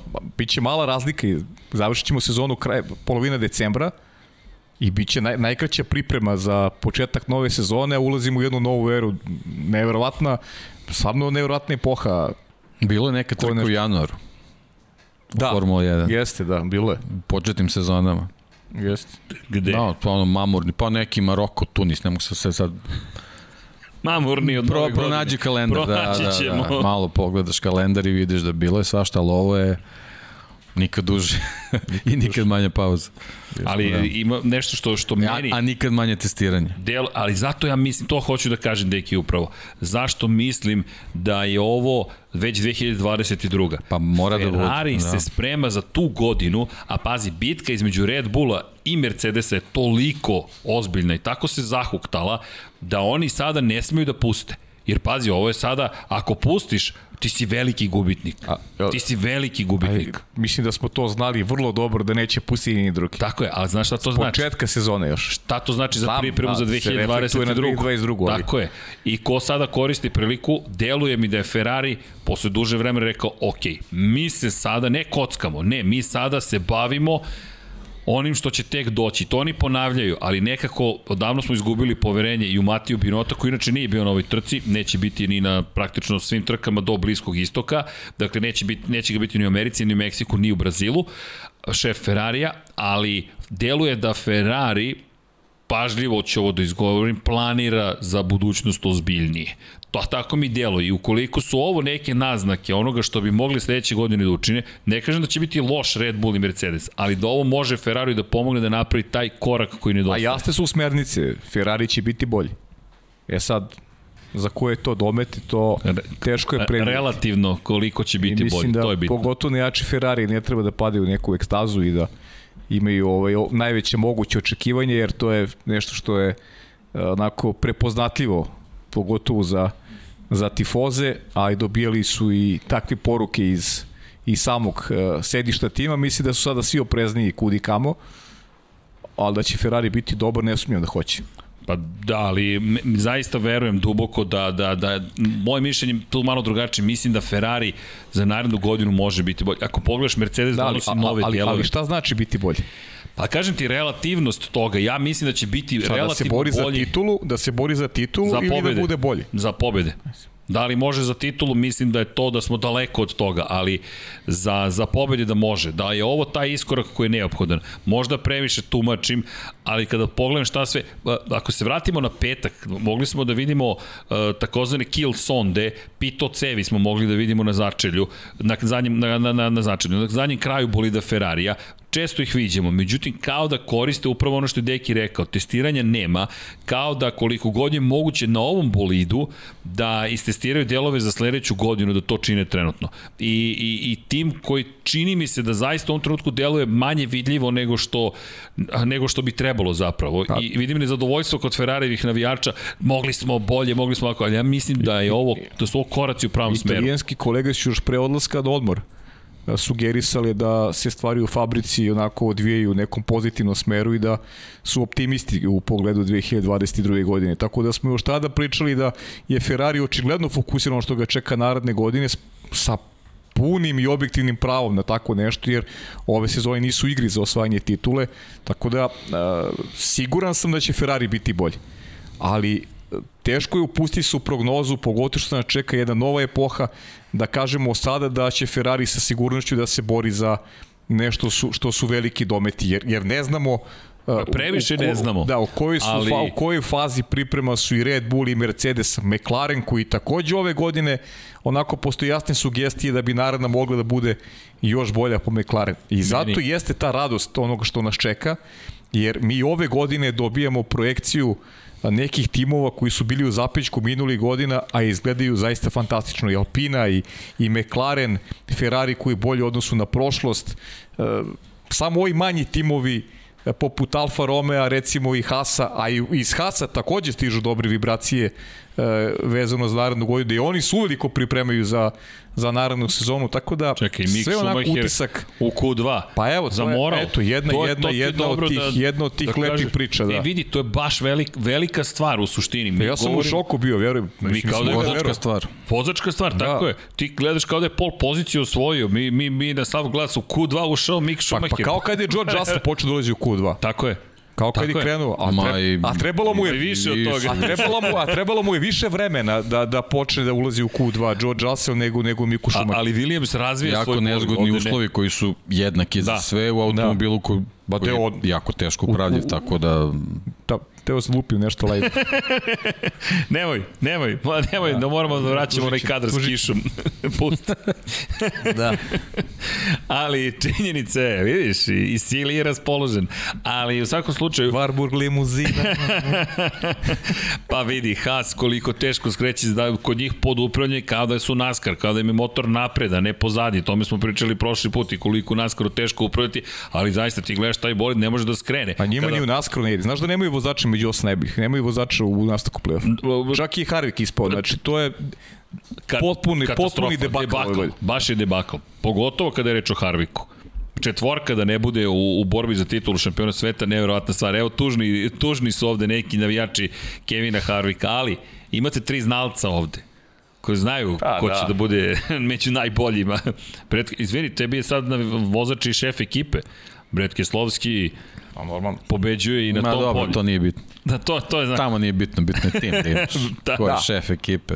Jeste. ne može sam sebe se dere s Tamo vozeš tako. misliš? Deluje smo mi, deluje svašta mi da je nemoguće, ali dobro. Da, ali, ali htio da reći sam automobil je toliko neupravljiv. Ti kada počneš da skrećeš s tim hasom, onda počne ti beži zadnji kraj. Dakle, ti ne možeš da skreneš, onda kad ga nateraš da skrene, onda onda u Ispada i deluje. preupravljanje. Kad krene, krene ispada i deluje. Pa, pa tu smo Onda ne smete napadati Mazepina. Što ne propušta Hamilton. Pa ne, Zamisli da je si- sišao na, na vlažni deo staze. I to što kažeš. Ćuti bolje ovako. Da, ali ono... I Hamilton se nije mnogo bunio. Nije reč Pusti samo da, Da, prođemo. nije, nije reč rekao. Da. E, ali to jeste bilo zanimljivo, ta borba e, Perez Hamilton, koli, to mislim da Perez i rekao, zaslužuje još čuli. veće pohvale. Perez je tada odvezao najzad onako kako treba da vozi. Zašto? Par stvari tu imamo. Kako Hamilton pretiče, on je na suvljoj strani staze. Nije ono još uvek toliko suva, ali je prijanjanje veće. Ima veću maksimalnu brzinu. Na kočenju Perez ipak se nameće i oni kako prolaze kroz krivinu broj 12, Hamilton uspeva, pušta. Inače, čisto se vratimo, to je klasičan trkački manevar. Hamilton ne skreće u najoštrije što može u 13. krivini, već pušta da bolid ide ka spoljnoj krivini i tu je taj ulaz u pit lane čeka Pereza koji se vraća naglo, Hamilton ostavlja dovoljno prostora, kulturno trkanje, agresivno, ali na nivo i onda startno ciljni pravac gde Hamilton se blago izdvaja i Perez koji ostaje tu, Hamilton pokušava da ga natera da ode na još vlažniji deo stazi da odustaje od manevra, ali ne. I tu već vidimo, moje mišljenje, da Hamilton, koji je imao par protiv Cunode, fenomenalan napad, oni sa spoljne strane, ipak odustaje kod Pereza i kaže, ok, sačekat ću. I to čekanje koštalo na kraju, ali Perez tu je zaradio svoju platu za ovu godinu. Bukvalno, jer ukoliko tih par poena na kraju odluči titulu, Ili par tekila.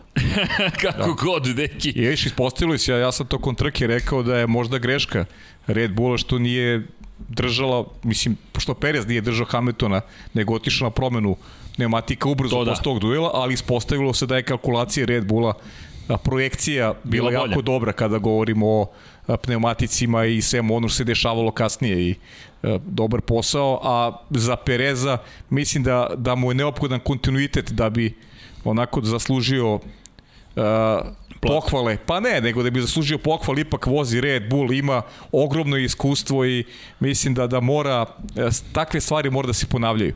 Ne misli konkretno na duele sa Luisom Hamiltonom koji je bio fantastičan, nego u smislu tih dobrih rezultata i, i njegovog češćeg pojavljivanja u tom do, gornjem domu poredka. Mislim, sveukupno gledajući sa izuzetkom pobede koju je ostvario, ne vidi veliku razliku između projekcije onoga što Sergio Perez radi u odnosu na recimo Pjera Gasly. S tim što Sergio Perez dobio automobil koji je i tekako upravljiv i bolji nego što je to bio, bio u periodu kada je Gasly vozio za, za Red Bull. Dobro, Pierre Pa- Gasly, opet vratimo se na Pierre Gasly koji je i dalje rekao ja, ću si, ja hoću Red Bull. Ja, prosto on ne odustaje, to ono što smo rekli prošli I'll put. be back. I'll be back. Da, da. I'll be E, back, inače, I'll be znaš back. da je u originalnom scenariju uh, da, bilo je I'll be back i onda je Arnold Schwarzenegger, za onih koji ne znaju, to je čuvena referenca koja je postala kultna referenca Arnolda Schwarzeneggera u Terminatoru 1, nisu ni znali da će biti dvojke, takozvani B film i James Cameron je napisao scenariju be back, I'll be back. I Schwarzenegger dolazi i kaže, znaš, ne zvuči mi ovo kako treba. Trebalo bi da, ja mislim da treba da kažem I will be back. I kameru kojem odgovorio, da li ja tebe učim kako da glumiš? Ne, nemoj ti mene da učiš kako da režiram. I to je bilo otprilike to. I'll be back postade deo istorije. U svakom slučaju da, eto. Jedan Moment, digresija, digresija, digresija. da. ne znam kako su završili ovde, ali da, neki pa, rekao I'll be back. Da. No, u svakom slučaju vidit ćemo da li će biti zaista ponovo u Red Bullu, da. I'll be back ili I will not be back, ali kako god, makar zna gde treba da lobira Gasli i mislim da ćemo slušati narednih 18 meseci, ne 18, 12 meseci o tome da treba da bude u Red Bullu, jer to je jedino što mu je ostalo. Ali Alpinus je spomenuo par puta, ljudi, pohvale za Okona. Trebalo je odvesti tu trku na, na, na, na jednom setu guma ono, do kraja. Ono, ono neverovatna, neverovatna scena. Ali rupa, bukvalno rupa, prednje da. pneumatiku. Zvanični Pirelli website čak ni to nema među svojim medijskim fotografijama. Ko želi ono da ima među svojim medijskim fotografijama? Zašto bi to imao? Jednostavno gledaš... Pa, zašto da ne? A možda i treba da pokažu i kažu, ja, ej, vidi. Mislim da treba to da se pokaže. Naša guma može i ovo. Naša guma može da izdrži celu trku. Pa i to jeste za pohvale. Kajmo, jeste. kritikovali smo dosta Pirelli, ovoga puta te gume su odradile svoj posao. Jesu. Čak i uz ona oštećenja koje smo videli, odradile su svoj posao. Što se meni lično ne sviđa, ja bih više volao da te gume zaista imaju neki svoj vek trajanja Tako i da, da kad, se. kao gledaoci pratimo ne, neku trku da stvarno to bude u skladu sa očekivanjima.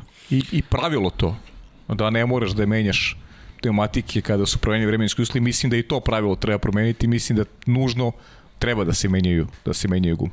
Izvinjam se, propustih Ivan Toškov mi šalje hvaljem. Hva, hvala, hvala, hvala, hvala, izvinite malo, teo sam da kažem još nešto, ali da. Lj, šta je na lj? Ljubav, eto, ljubav uvijek može se ubaciti na slovolje. U svakom slučaju... Eto rešenja. Tako je, eto rešenja. Ljubav. Markan, 4,99 eura čovjek je i uplatio. Hvala Markane, pita da li je Perez trebalo da bude kažnjen za onaj prolaz kroz pit lane, kako stati na kraj opasnim akrobacijama Nikite Mazepina. Prvo pitanje odgovorili smo samo kratko da ponovim, smatrali su prosto da nije bio pokušaj ulaska u pit lane i da samim tim nije bilo prekršaj jer nije odustao od ulaska u pit lane, čak i u pravilniku ne piše da to ne smete da uradite, što je bizarno, ukoliko to nije odustajanje od ulaska u pit lane. Ne smete da odustanete od ulaska u pit lane. Tako da Masi samom sebi to racionalizovao time što oni u pravilniku ne piše baš da to ne može tako da se uradi. Što je totalno tek bizarno, pošto smo pričali o kazni koja je trebalo da bude primenjena za Landa Norrisa zato što je izgubio kontrol nad bolidom u Rusiji pa se vratio u pit lane na ulazku u pit lane i imate tu čuvenu belu liniju i ulazak u pit lane, pa i Fernanda Alonso, to s toga se nismo dotakli, ali da odgovorim na pitanje, zato nije kažnjen. Jednostavno su smatrali da to nije pokušaj pokušaj odlasak, tako da nije prošao u suštini kroz pit lane, već u trkanju je morao da ide tim putem i zato nije čak ni bilo, rekao je Masi, pogledao sam, ali nije bilo potrebe za, za zvaničnom istragom. Kako stati na kraju opasnim akrobacima Nikita Mazepina, mislim da nikako nećemo stati, pošto Nikita ima, nije samo pitanje reputacije, to je radio i u Formuli 2, imao je manevre jest. koji su prilično opasni, da, mislim da je to sada proces u kojem mora da učestvuje ekipa Hasa i da pokuša da jednostavno pomogne i njemu da razume situacije bolje. To je ono što Deki rekao, ako ne vidi, ekipa mora da mu, i ekipa je tu mnogo grešaka napravila. Ako se setimo i Kimi Raikkonen, na primjer, ulaska George Russell, kada ulazi Alfa Romeo koji je morala da ide na razgovor ekipa, Alfa Romeo pravi veliki broj grešaka, koliko god smešan bio komentar Kimi Raikkonena, boca mi se otkačila, ponovo sam mokar. Ljudi, to je potpuno neprihvatljivo. Mi smo se smejali zato što je to Kimi, uvek vas nekako nasme, ali to su ozbiljne stvari. Zamislite, vozite mokri u 2021. godini. Još, još ozbiljnije je da to traje pola sata, da. izgubiš pola treninga zbog toga što ne mogu da nameste. Pri tom su delovi automobila pod naponom. Mislim, uopšte nije... Da, užas. nije šala. Pa, da, nije šala. I još jedna stvar, to nije prva trka u kojoj se to dešava. Ukoliko se dobro sećam, u Imoli imao isti problem, u Monci, ne u Monci, u Monte Carlo imao isti problem. Ako vi imate tim koji ne može bocu za tečnost, za osvežavanje vozača da, da, da, da reši, o čemu pričamo dalje. Alfa Romeo tu pravi greške na puštanju Kimija da izađe u pit lane, gde ga Russell na kraju propušta i kaže sve ok, ali to je neprihvatljivo i onda dolazimo do Hasa koji takođe ne pomaže svojim vozačima, ako Mazepi nije za sebe ima bilo kog vozača, ti mora da mu kaže, imaš vozača na sekund, pola sekunde, skloni se sa strane. To niko ne čini. Sad, zašto to je za to da ne spekulišemo previše, ali da li je tim loše organizovan ili prosto to što imao novog trkačkog inženjera, nekadašnjeg inženjera Romana Grožana, ne znam, ali u svakom slučaju nisu mu pomogli. Tako da Markane, ne znam, ekipa Hasa mora to da rešava. Zaista ekipa Hasa to mo, mora da reši kako god zna i ume. Jer jednostavno e, za sada smo imali situacije koje nisu toliko bile opasne i nadam se da će tako ostati. Ne smatram da je Nikita Mazepin sada neko, neki čovek koga treba stalno isticati, ali sebe uspe da dovede ovakvim potezima u, Pa, u mislim, oko javnosti. nikoga ne ističe, sami, Sami, to radi. tako je. Sami Čak to smo ga i branili. Pa i Jukija Tsunodu, jer stojimo pri tome da zaista nema potrebe psovki da se puštaju u eter. Jer neko je retvitovao, mislim da je Svetomirski retvitovao upravo izjavu od pre par godina iz 2018. Sebastijana Fetela na ta pitanja. e, Opsovo je neko vas u trci i tako dalje. Hamilton, da. Jer je Fetel rekao, ljudi, to nije u redu. Da li imate igrače futbola koji sa sobom nose mikrofon, to- klasičnog američkog, i da li zaista mislite da svaki put imaju lepu reč za svog protivnika? To je Ne, strast. to je, to je, mi smo privilegovani, svi zajedno koji pratimo ovo da možemo da čujemo šta oni komentarišu, razgovore tokom trka, tokom treninga, ali suštinski ozvučiti sportistu na borilištu, to je, ne znam, to je skandal, to, to ne sme se dešava.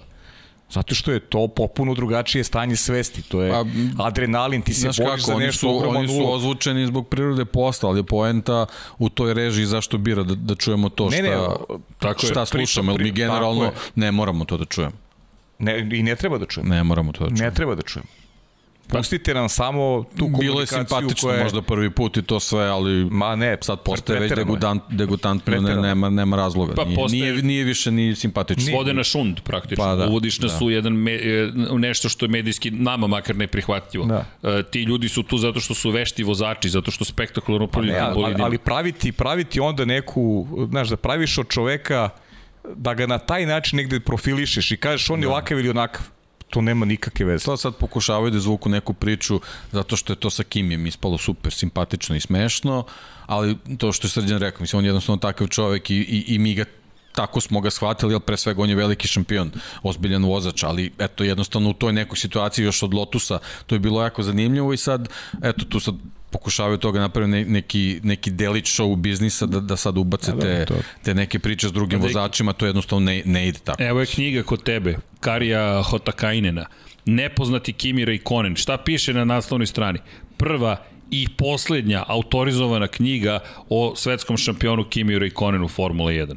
On je čovek autorizovao jednu knjigu i rekao, ok, eto, jedna knjiga, prva, poslednja, kraj. Ne zato što on time dobija neku reputaciju, to je Kimi Raikkonen topla preporuka, nepoznati Kimi, unknown Kimi Raikkonen. U svakom slučaju, kada pričamo o, o Kimiju, čak ni, ono nije, nije, nije smešno. Ljudi, namestite više tu bocu. Jednostavno, to je biz, potpuno neprihvatljivo. Pri- Pričamo o toj boci tri trke već. Tužno. Evo Luka kaže tužno. Pa i jeste. Konačno i to je svetski šampion koji se opraštao, koji se penzioniše na kraju ove sezone. Ili mu izvadite bocu i... I, I pa, to je to. na kraju dana to je to. Ali Pa da, da. da, Kimi Raikkonen u jednoj eto, čudnoj situaciji. No, ne znam ni kako smo završili ovde, ali smo završili. Pa svakom dobro, pričamo. pričamo Setili smo se Kimija. Pa, naravno. Nije, nije loše setiti se Kimija. ili Alpina, to ono čemu smo pričali, 57 krugova na, na Alpina jednu... sedi i čeka. Alpina sedi i Alpina čeka. sedi i čeka. Bravo, Vanili, sviđaš mi se danas. Idemo dalje. Idemo dalje, da, inače Vanja umeđu vremenu saznao koje su trke. 13 trka u januaru u Argentini, jedna trka u februaru, Zatim, u Južnoj Africi četiri trke u januaru i u Brazilu šest trka u januaru, dve u februaru. To je to, 27 trka ukupno. Hvala Vanja. Vanja bio, Vanja bio vredan umeđu vremenu. Vanja tamo u pozadini radi, dobija grafikone, Slack mu stalno iskače nešto i tako dalje. To je ta živa produkcija.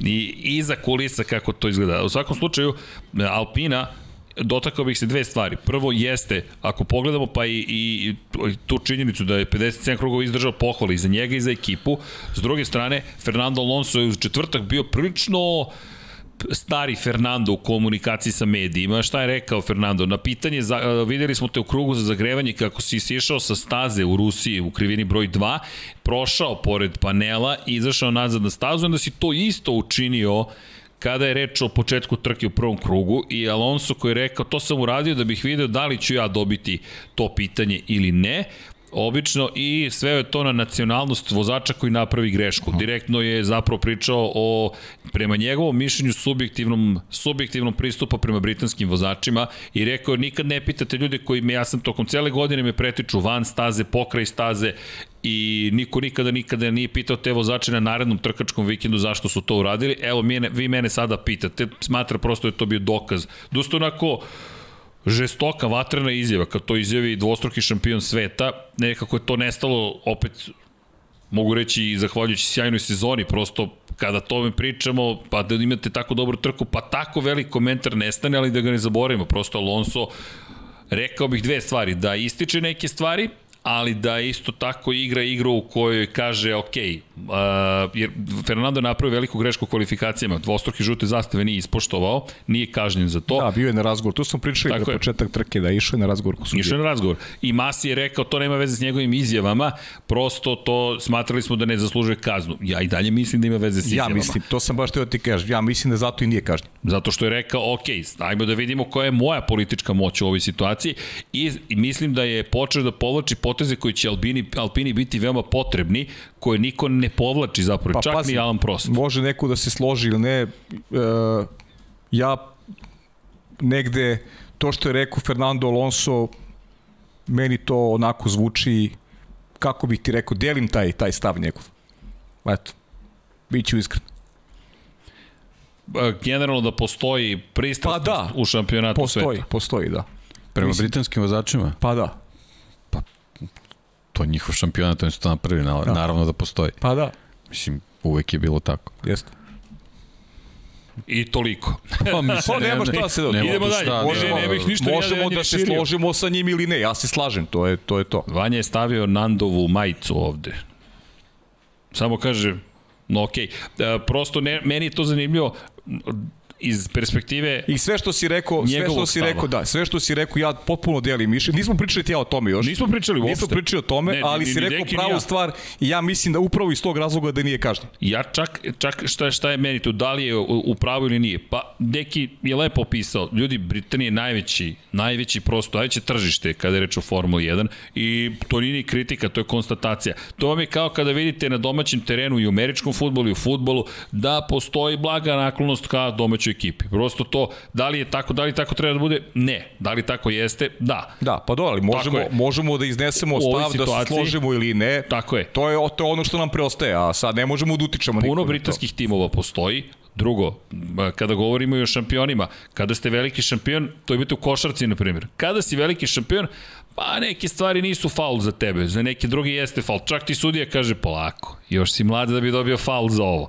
I to je, to je deo sporta. Kažem, da li je ispravno, nije ispravno, to je neka druga tema. Ali većina timova jeste stacionirana u Velikoj Britaniji. Imate dve ekipe u Italiji, imate Alfa Tauri u Faenci i imate u Maranellu Ferrari. Imamo u Hinvilu Zauber, to je Alfa Romeo i To vam je otprilike to. Jednostavno, imate sedište za Francuze, naravno, ali opet fabrike kada pogledate gde se nalaze, vi morate u Britaniju. Zašto? Takav je protok ljudi koji imaju znanje o Formuli 1, da ukoliko želite da zapošljavate, tamo zapošljavate. Tako da Britanija je centar praktično Formule 1. E sad, manje od toga, više od toga mi je zanimljivo i mislim da je bitno za Alpinu šta radi Alonso. I tu bih se pa, osvrnuo... Izvini, mora samo da, nije samo za Alpinu. Mislim da je bitno za ceo šampionat. Jeste. Za, za, šta radi Alonso? Ili je reč nekog ko je šampion i neko ko ima, da kažem, uporište i, i među navijačima i, i u svetu Formu 1 generalno, ta reč mora da se čuje. Da, i, i treba vozač kako smo imali u Mađarskoj. Da bi, da bi ostao njegov uticaj e, takav kakav treba je, da bude. Tako je on na, na začolju kolone ne znači nam ništa. Ništa, da, i to je On tačno. mora da se uključi u, u borbu za nešto da bi njegov glas ostao tu.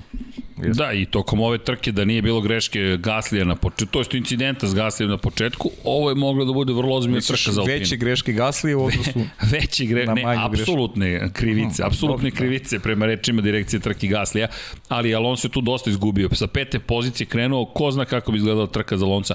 Međutim, e, mislim da pre svega da, ima posledice to i na širu perspektivu u šampionatu, ali posmatram to iz sebične perspektive Alpine. I tu bih se dotakao Davida Brivija. Brivio koji je stigao iz Suzuki u Moto Grand Prix, koji, čiji se nedostatak i te kako tamo vidi. Jednostavno, to nije ista ekipa više, ali pa, Alpina... Pa, uplašili smo se toga na početku sezone i... I bilo je tako. I, Rekao I si. biva tako. I biva tako, još uvek traje, traje. Ali Alonso, deluje mi kao da zajedno sa Alpinom priprema i tu vrstu terena, da naredne godine, što protiv Mercedesa, što protiv Red Bulla, jer nemojmo zaboraviti, ni Red Bull nije bio baš naj, jedan elegantniji tim kada je vladao Formulom 1. I Red Bull, iako je austrijski tim, se zvanično nalazi u Velikoj Britaniji. Tako da, ovo nema veze Pa i samo... Mercedes je u Velikoj Mercedes u Britaniji. Velikoj Britaniji, tako je. Dakle, zna se gde, gde se nalazi sedište Mercedesa, iako je registrovan kao nemački tim.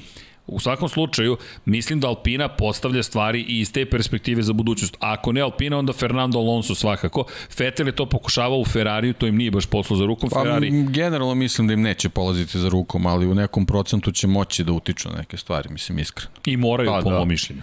Mislim da Mislim, prosto moraju to da rade, ne urade. smeju da, Tako je. da, jednostavno to je, to je to posebno što ako ojača uticaj Ferrarija, koji zna s vremena na vreme tako da, da se ubaci u, Periodično, u, da. u, u priču vezanu za FIU i neke propise i tako dalje, tako dalje, ovi, ovaj ostatak, ovi nesvrstani moraju da ovaj malo... To malo zbog samita. Ne, pa čisto budemo Malo u da svetlu toga. spomenemo. Da, da, Deki je prilagodljiv, znaš. Da, da, da, vidim. Da.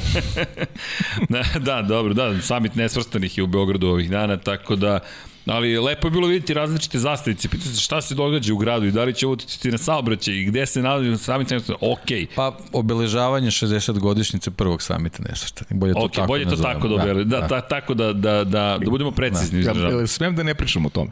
Smeš, naravno. Hvala ti. Je, ali... ok, ti zaista želiš da ovu katanu upotrebim, pošto si sad upravo... Ovo je bilo po, no, po, po, no, po gležnjevima, udarac, očišćen Da. sam sa stola. Ali dobro, kad spomi, e, kada spomenite 60 godina, jao Vanja, udri one fotke što smo Udri, Vanja, razmenili u Slacku. 60 godina, ajmo, digres jeste, ali ne mogu da se držim scenarije, završimo celu trku. Pa i ovo ima veze sa celom trkom. Opa, Era 271. Molim lepo, šta je ovo? ovo kad si ti bio mlad ili... da, ovo je pre... ovo je...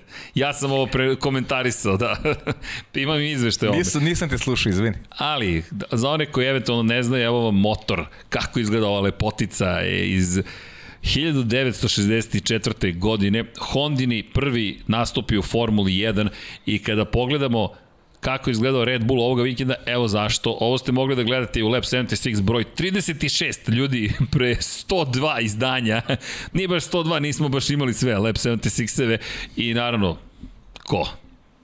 Veliki osnivač, gospodin Honda, u kadru sa svojim prvim bolidom, ovo je era 270 čak, dakle pripreme za 271, da ne zaboravimo, i onda pogled na ono što smo videli u Turskoj, Max Verstappen u čast Honda, prošle godine su obeležavali 60 godina zapravo u, u od kada su ušli, od kada je praktično u trkanje ušla Honda i o tome smo pričali i ne samo u Formula 1, već i u Moto Grand Prix, izlazi iz Formula 1, ali Red Bull je rekao da će nastaviti stratešku saradnju i prelepo izgledao Red Bull, zaista.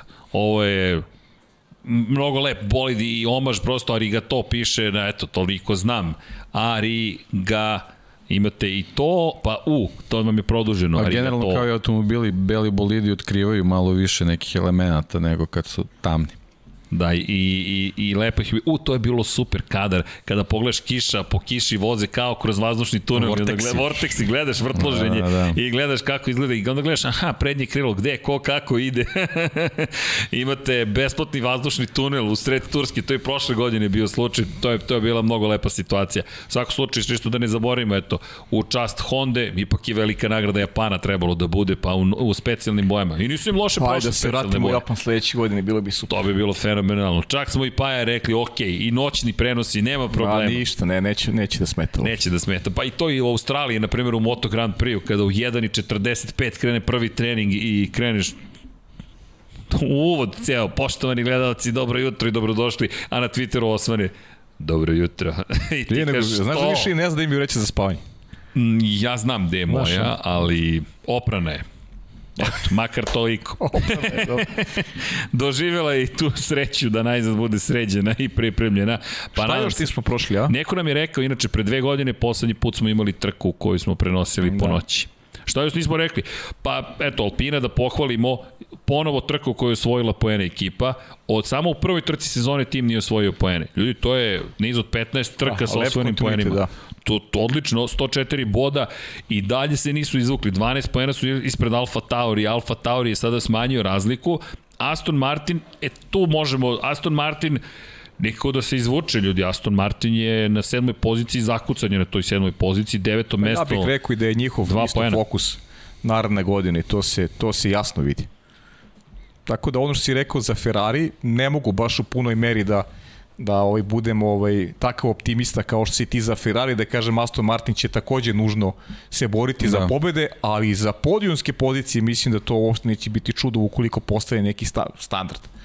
Ukoliko dođe do podijumskih pozicija, ajde, možda je standard Delo da neće biti reč. problema s budžetom, tako da, budžet sigurno da će biti problem. ekipa se pojačava generalno, tim, Tako je. tim čitav. Martin tako. pričali smo Pa da, tome. mislim i, i generalno to je nešto otkrio, pošto Martin, Martin Wittmar će biti čovjek koji će rukovoditi razvojem tehnologije generalno, tako da očigledno da možda u ovom trenutku je to nešto što nedostaje, pa su uvideli nešto vezano za, za te napretke tokom sezone, tako da mislim, znamo ovaj, sve kvalitete koje on posjeduje još iz vremena McLarena tamo, tako da ovaj, mislim da se fokusiraju na to, upravo što Tako si rekao, da, da, Da, i njima nije bitno. 2022. je bitno. Da, nije bitno da će da. Da. biti ove godine U ovom trenutku osmi, deveti, sedmi u konkurenciji konstruktora, apsolutno im je nevažno. Da, budžet je spreman za sledeću Spreman godinu da. i to je to. I to ozbiljan budžet. Jeste. Uopšte ni, nisu štedili u pripremama i ono što možemo da I vidimo da će to baš biti ozbiljno. Što je još važnije, ozbiljni, ozbiljan tim ljudi koji, koji priprema ceo projekat i to je nešto što... Sad je samo pitanje da li postoji toliko kvalitetnih ljudi za sve ekipe. E, pa dobro. to je ono što je uvek, A ne, znaš uvek kako? pravi problem. A ne, bit će Da. kvalitetnih i manje kvalitetnih. Mislim, to je rezultat da. Uvek e, kao proizvod dobiješ da je neko radio bolje od drugih. A, Pa, a oči, tak, takva je Formula 1. Pa da, očigledno da su tu ovaj, kvalitetni ljudi su, imaju na raspolaganju mnogi timovi baš onako kvalitetni ljudi. Pa kada pričate već o Aston Martinu, Vanja, možemo da izvedemo jednu akciju. Možeš pustiš reklamu s početka. Kada pričamo o Aston Martinu, kome smo mi medijski sponsor? Čekajte, kome smo mi medijski sponsor? James, now your enemy is my enemy. How did that happen? Well, you live long enough. You were double O. Two years. So stay in your lane. What is it? You don't know what this is. Oh my god. Who is he?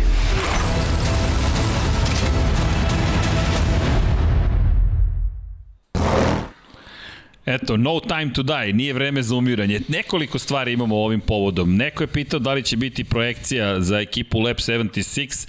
Mi trenutno radimo na tome da organizujemo i u IMAX-u u Beogradu projekciju. Šta to znači konkretno? Čekamo još odgovor naših partnera da li će biti karata besplatnih prosto za ekipu Lab 76 i ukoliko ih bude, pratite naravno kanal, pratite podcaste, podelit ćemo ih, pa ćemo zajedno da se skupimo. Ukoliko ih ne bude kao prošli put, bit ćemo tamo. Neki od nas će biti tamo, sad vidjet ćemo ko će biti, ko neće biti, gledaju me već zabrinuto moje kolege. Pa. Niko ne zna koji će biti raspored. Pa, da. Neki me te gleda ispod oka. Ne, ali, ne, ne, ne. ali šalno na stranu, mi smo prošlog vikenda bili na premijeri. E, dobro, dobro je bilo na premijeri. Obukla su se i neka odela. Stalo se u neka odela. Pa ne, ja sam, ja, ja sam se pitao koji od vas dvojice James Bond. Pa imaš, pazi, A? Vidi. vidi, moraš pogledaš film da bi saznao. Ne, ne, fotka je bila fenomenalna. Pa vidi, e, u, Izgledali ste ko milion evra, majke. milion, pa to 007 i 007. Sjajno. Milion nečega. Ćevapa, ćevapa. U, to je dobro. To je dobro. Da, da, da, da, i da vanje da te pitam. Ne, ne, sjajni ste bili, stvarno. Odakle vam ona ideja za Instagram fotografiju kasnije, za 45. rođendan? Gledam Dom Pabla, a ti si? A, dobro, pričat ćemo kasnije. Razgovarat ćemo. Hvala deki za katanu. Imaćemo sastanak u četiri oka. Katana. U svakom slučaju, da, bilo je svega. Vidim da, da, da ne smemo delo ni da obučem. Odmah postane problematična situacija. Ali, da se dotaknem još jedne, još par stvari. Dobri automobili u, u filmu, to ono što smemo. Nije vreme za spoilera, to možemo da vam spoilujemo kakvi automobili, jao, jao, jao. Ono je bilo fenomenalno. I da, da, da, da pomenem još par stvari. Inače, to smo pričali, Aston Martin i Sebastian Vettel, svaki put ti kada pogledaš svake godine on daje, daje zapravo u celoj priči, on imenuje svoje bolide i kada pričamo o imenovanju bolida, prosto da ne zaboravimo da i ove godine u čast, prosto Honey Ridera, to jest Ursula Andersen imenovao svoj bolid Honey Rider, nije baš Honey funkcionisala sada po, po ovim kišnim promenjim vremenskim uslovima, ali ok, u čast omaš Jamesa Bonda i lepi osjećaj, mi smo medijski sponzori Jamesa Bondu. Dobro to zvuči. Ja vidjet ćemo kako će se nastaviti tradicija, pošto ako to je bila prva Bondova devojka, možda ćemo, ovaj, u stvari možda je on James Bond. Da, da. Sledeći, ko zna. Da. Ko? Pa, pa Sebastian ti. Vettel. Aha, a ja, ne, ne, ja. Tamo da završi karijeru i da se posveti nečem drugom. Pa vidi, počeo je sada, ušao u rat sa Formulom 1, rekao da. da će onako umreti Formula 1 ako nastavi ovim tempom. Znači on je negativac, stvari. Da. pa ne znam da li je negativac, ali, ali, ali, No Time to Die film. Vanja, može onaj prvi tweet. Meni je bilo ovo zanimljivo, morao sam da podelim i, i ovo mi je bilo fenomenalno. Inače, Benjamin Hunt, ja mislim da je, da je tweetovo, Ben Hunt, tako je, kaže Vettel, driving an Aston Martin fittingly proves it's no time for dries. tako da, i bila je dobra šala, nije vreme za, za gume za suvo, ali no time for dries, baš sam se lepo smeo, rekao, ok, ali kada spominjemo već Jamesa Bonda, morao sam još jednu stvar da izdvojim, ljudi, ako obratite pažnju na, na, na sledeći tweet, možemo sledeći tweet, Vanja, ko je nama bio na rovalu? Opa. James Bond lično, ko je bacio A, zelenu zastavu za početak trke gospodin Daniel Craig, tako da i James Bond je počeo da prati prave stvari. Prati nas. Pra, pa, prati nas kar. Prati jest, Liverpool. Prati na, nas kar. Opa, prati, prati opa. Liverpool. Da, da, ozbiljan navijač. O, ovo nisam znao. I šta kažeš? Pa ništa. Sve okej. Okay. Što se njega tiče... Potpuno normalno. Pa, da, da, da. uobičajena situacija. E, da, ima tu jedno pitanje. Malo pre neko ovde spominjao jednog od trenera Manchestera, ako se ne vrem, Uniteda. Je li tako? Solskjaer, je li tako? U pitanju, ako se ja ne varam, i neko je prokomentarisao da je Matija Binotto zapravo Solskjaer, u Solskjaer Ferrarija. I eto, vaše mišljenje, ja samo prenosim, ja sam puki glasonoša u ovoj situaciji, ali to zanimljivo bilo da to čujem, mada Deki imao zanimljiv komentar za Solskjaer u Manchesteru. Šta si ono prokomentarisao? Ja mu je dobar. Odličan. ali, ali ljudi, pričamo o pravom Solskjaeru, da ne mislite da neki ovaj, da, da, da, da. neke druge stvari proteže. ne, ne, ne, ne, ne, ne, pošto... Da. E, ali ima još jedna stvar, kad je već reč o Jamesu Bondu, pokušao sam da nam izlicujem nešto. Mark Marquez je dobio dozvolu da bude agent 0093. Ja pitao, može 0076? Odgovor je bio... Zaboravi. I tako. Ali pora, rekao, dakle, moram da postanem vozač Moto Grand Prix osmostruki svetski šampion. Odgovor bio, pa možda da potpišeš ugovor sa Repsolom, pa ćemo onda da razgovaramo. Pa potpišeš, šta te košta. pa mene ništa, ali njih očigledno mnogo. I tako. Možeš i levom rukom da potpišeš. da, zabavno je bilo. Eto, skrenuh ja s teme ali na neki da, Ali da nam plate obeštećenje. Ali dobro. Ali da nam pa, da. E da, i nismo se dotakli ekipe Williamsa, mislim da to A znaš čega nismo još? Nismo ni Alfa Romeo pričali. Stvari. Alfa Romeo nismo pričali. I oni će imali dobru trku. Pa 11. i 12. na kraju. 11. i 12. Đovinaci ovoliko je do poena nedostajalo. Pa da, tu je bila neka priča ovaj, da je malo se, su se zabrojali, to jest nisu znali koliko je krugova do kraja, to jest možda ih je Okon. Zapravo... On, on je punio bateriju mm. da se spremi za napad na Okona i nije stigao pošto je pala zastavica. Ali ovaj, to, je, to, je, to je taj jedan, taj jedan moment, kiks, možda je taj moment što Srđan kaže, kaže malo, malo mm. šaha sa ovaj, iz ekipe Alpine, što je pohvalno i što je, što je super. I bio je taj detalj ovaj, gde se Đovinaci oglušio ovaj, komunikaciju da bi trebao da propusti Kimija. Mm. Tu je tu isto, tu su bili te neki, tre, neki trenuci koji su onako malo neka doza negativnosti, ali generalno plasman bili su na domak bodova što je za njih u ovom trenutku I to u haotičnoj trci šta, eto, možda, šta, možda šta mogu to, da budu zadovoljni izdanjem naravno da šta to može za da. neku budućnost Đovinacije da onako pa, da donese to što su oglušio, da, da, da. oglušio timske naredbe. To su dva, dva kiksa u principu koje eto, možda sad to punjenje baterije da li je moralo, nije moralo, da ali jednostavno to su neke stvari koje u, u ovakvim, ovakvim trkama mnogo znače. Da, pritom pravio greške u Monci, u Rusiji. Vidjet ćemo, još, još čekamo ovaj, promociju drugog vozača u Alfi, još se ne zna ništa. Pa pazi, ima tu sad zanimljivih priča, e, s obzirom na činjenicu da je ponovo iz, izronila priča o Michaelu Andretiju Da, da. kao nekome ko bi mogao da kupi većinski udeo u ekipi Zaubera zapravo, koja jeste Alfa Romeo, zove se Alfa Romeo, to je Zauber, i spominje se Colton Herta. Colton Herta, Amerikanci dosta lobiraju za to da se Colton Herta pojavi u Formuli 1. I to je ukoliko, onako stara priča. Da, ukoliko Andretti kupi ekipu, to nije nemoguće priča. Nije, nije. Pa Prosto- pogotovo američki tim, Andretti, američki Pa, američka vozač. Formula 1. Pa, Na kraju kraja Liberty oni Media. će probati sa tim da, da otvore sebi neko tržište koje nikako, evo sve ove decenije, nikako da ga otvore na pravi način. Miami se pojavljuje u kalendaru naredne godine, pored toga priča se ponovo o Las Vegasu, priča se generalno o povratku nekako na, na druge staze u Americi. Las Ali, Vegas, ali izvini, Izvini, naravno. Amerika sa stazom Circuit of America mora pokaže koliko je ozbiljna. Jer on, onakva staza a pazi, jednostavno neki, ne, ne može da bude u Formuli 1. A to je najozbiljnija U- u današnjoj staza, Formuli 1, A da. to je najozbiljnija staza po, po da kažem, Po standardima svemu, po Formule svemu, 1 po Moto. Grand Prix. Da ne, ih ne zovem evropskim standardima, ali vidi se razlika, to ono što smo pričali prošli put u trkanju između Amerike i Evrope. U Evropi staza mora da bude na takvom nivou da je to kosmički nivo. S druge strane, u Americi ne nužno. Ne nužno. Što ti je, što ti je, to ono što smo rekli, filozofija, ej, deal with it, to ti je, dobio si ovu stazu, pa ti pokaži šta možeš. Druga stvar, Las Vegas, ukoliko zaista žele Las Vegas, mi posećujemo Las Vegas iz perspektive NASCAR-a, Motor Speedway postoji, ali to je daleko od onoga. Indianapolis je jedva prilagodio svoje, za, svo, za svoje da. potrebe stazu u Formuli 1. Watkins gleda recimo tamo ne može se vozi, ove, ove nove formule to nema šanse. Ne znam šta bi ostalo Pa ove ne, staze. pa prvo ne bi ostalo ništa tamo, ne bi bilo preticanje uopšte tamo. Poređaš po kvalifikaciji, odmah daš trka je završena i nema trke kvalifikacije. On je baš uska staza, ono, može se vozi. A mi smo sada o tome, tu smo i pričali u, u Americi, videli jednu stazu koja ne može da izdrži vikend Moto Grand Prix-a. Ne može, a to ne mogu da, te stvari su neuporedive. Da, skoro 300 konjskih snaga imaju motocikli Moto Grand Prix-a. Skoro. Dakle, to je zvanično deklaracija 275 kon- konjskih snaga plus. Mi negde nezvanično, to je na granici 300 konjskih snaga, na dva točka. Ali, kontaktna površina guma Michelinovih u Moto Grand Prix-u je mikro površina u odnosu na ono što je kontaktna površina ti bolida Formula 1.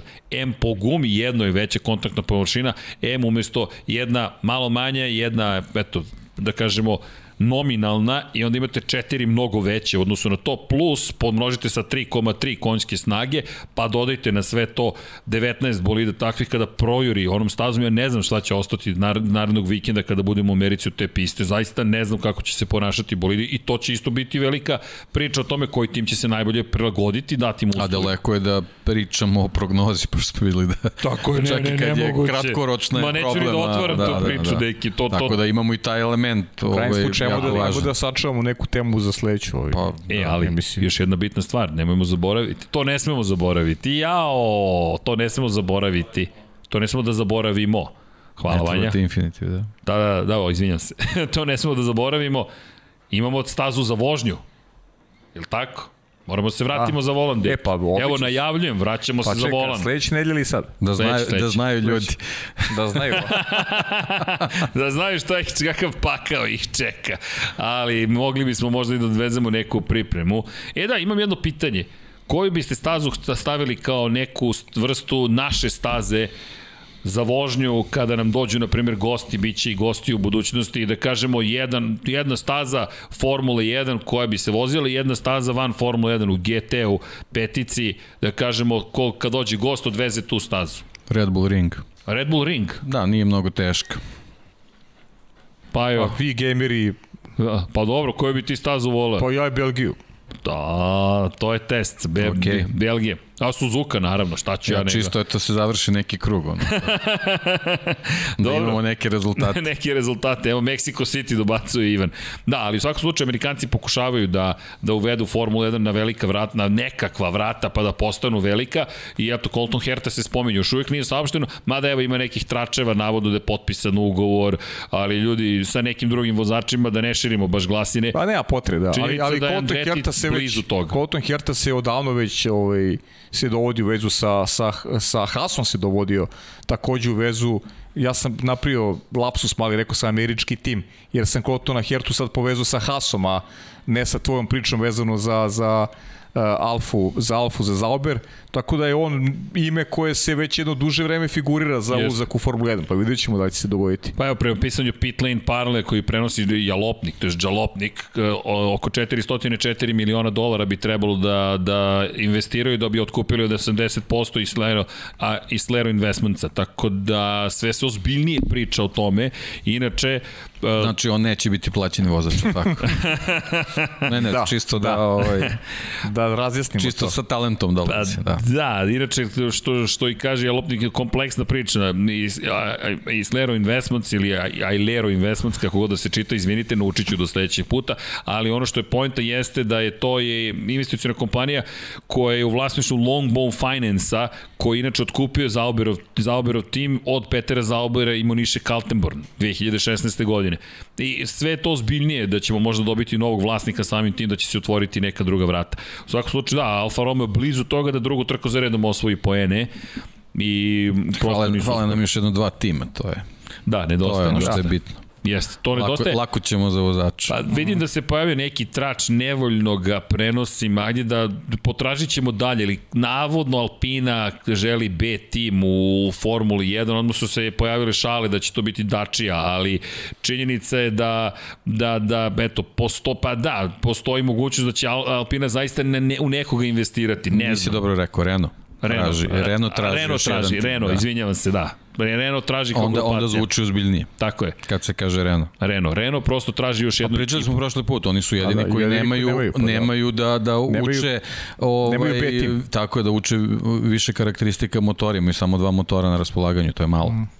E, nije prosto u ovoj Formuli 1 premalo. Da. Jednostavno ne možeš, pogotovo da se... kako Opet se da vraćamo paraš. na Suzuki Brio iz Moto Grand Prix, on vrlo dobro zna šta znači kad nemaš više agregata da testiraš. Pa zato i tu.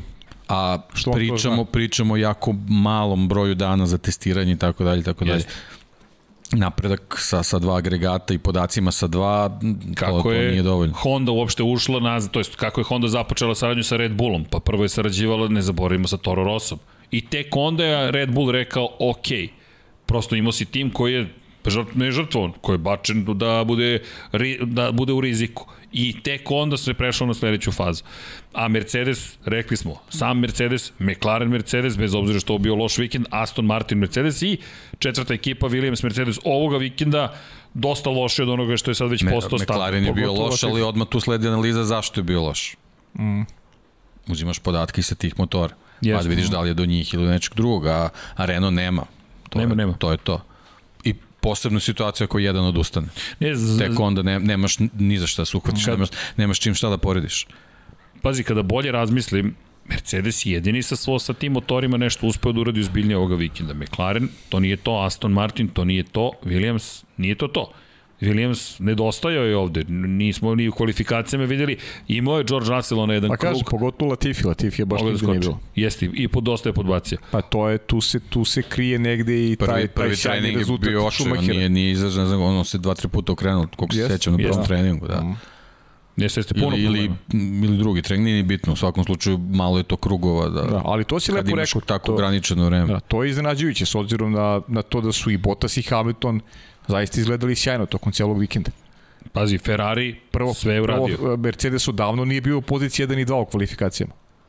Da, odavno nije bio Znači, na imali su toj 1 i poziciji. 2 su u kvalifikacijama i to onako Bez većih problema. Možemo, možemo reći bez većih problema. S druge strane, Honda i Alfa Tauri je funkcionisao dobro. Da, da. I čak i sa Jeste. Tsunodom. Pa dobro, oni su u nekom standardu bili, a ovde Da. da. postoji veliki raskol u rezultate i Mercedesa i, i timova koji koristi njihovu pomorsku jedinicu. Zaista je baš Ferrari s novim motorima mogu biti zadovoljni. Da, da. Ne znamo Alfa Romeo kada bi imao nove motore kako bi to da, izgledalo. o, odlično ti odlično ti je ovo. Ovo je baš, baš onako za analizu.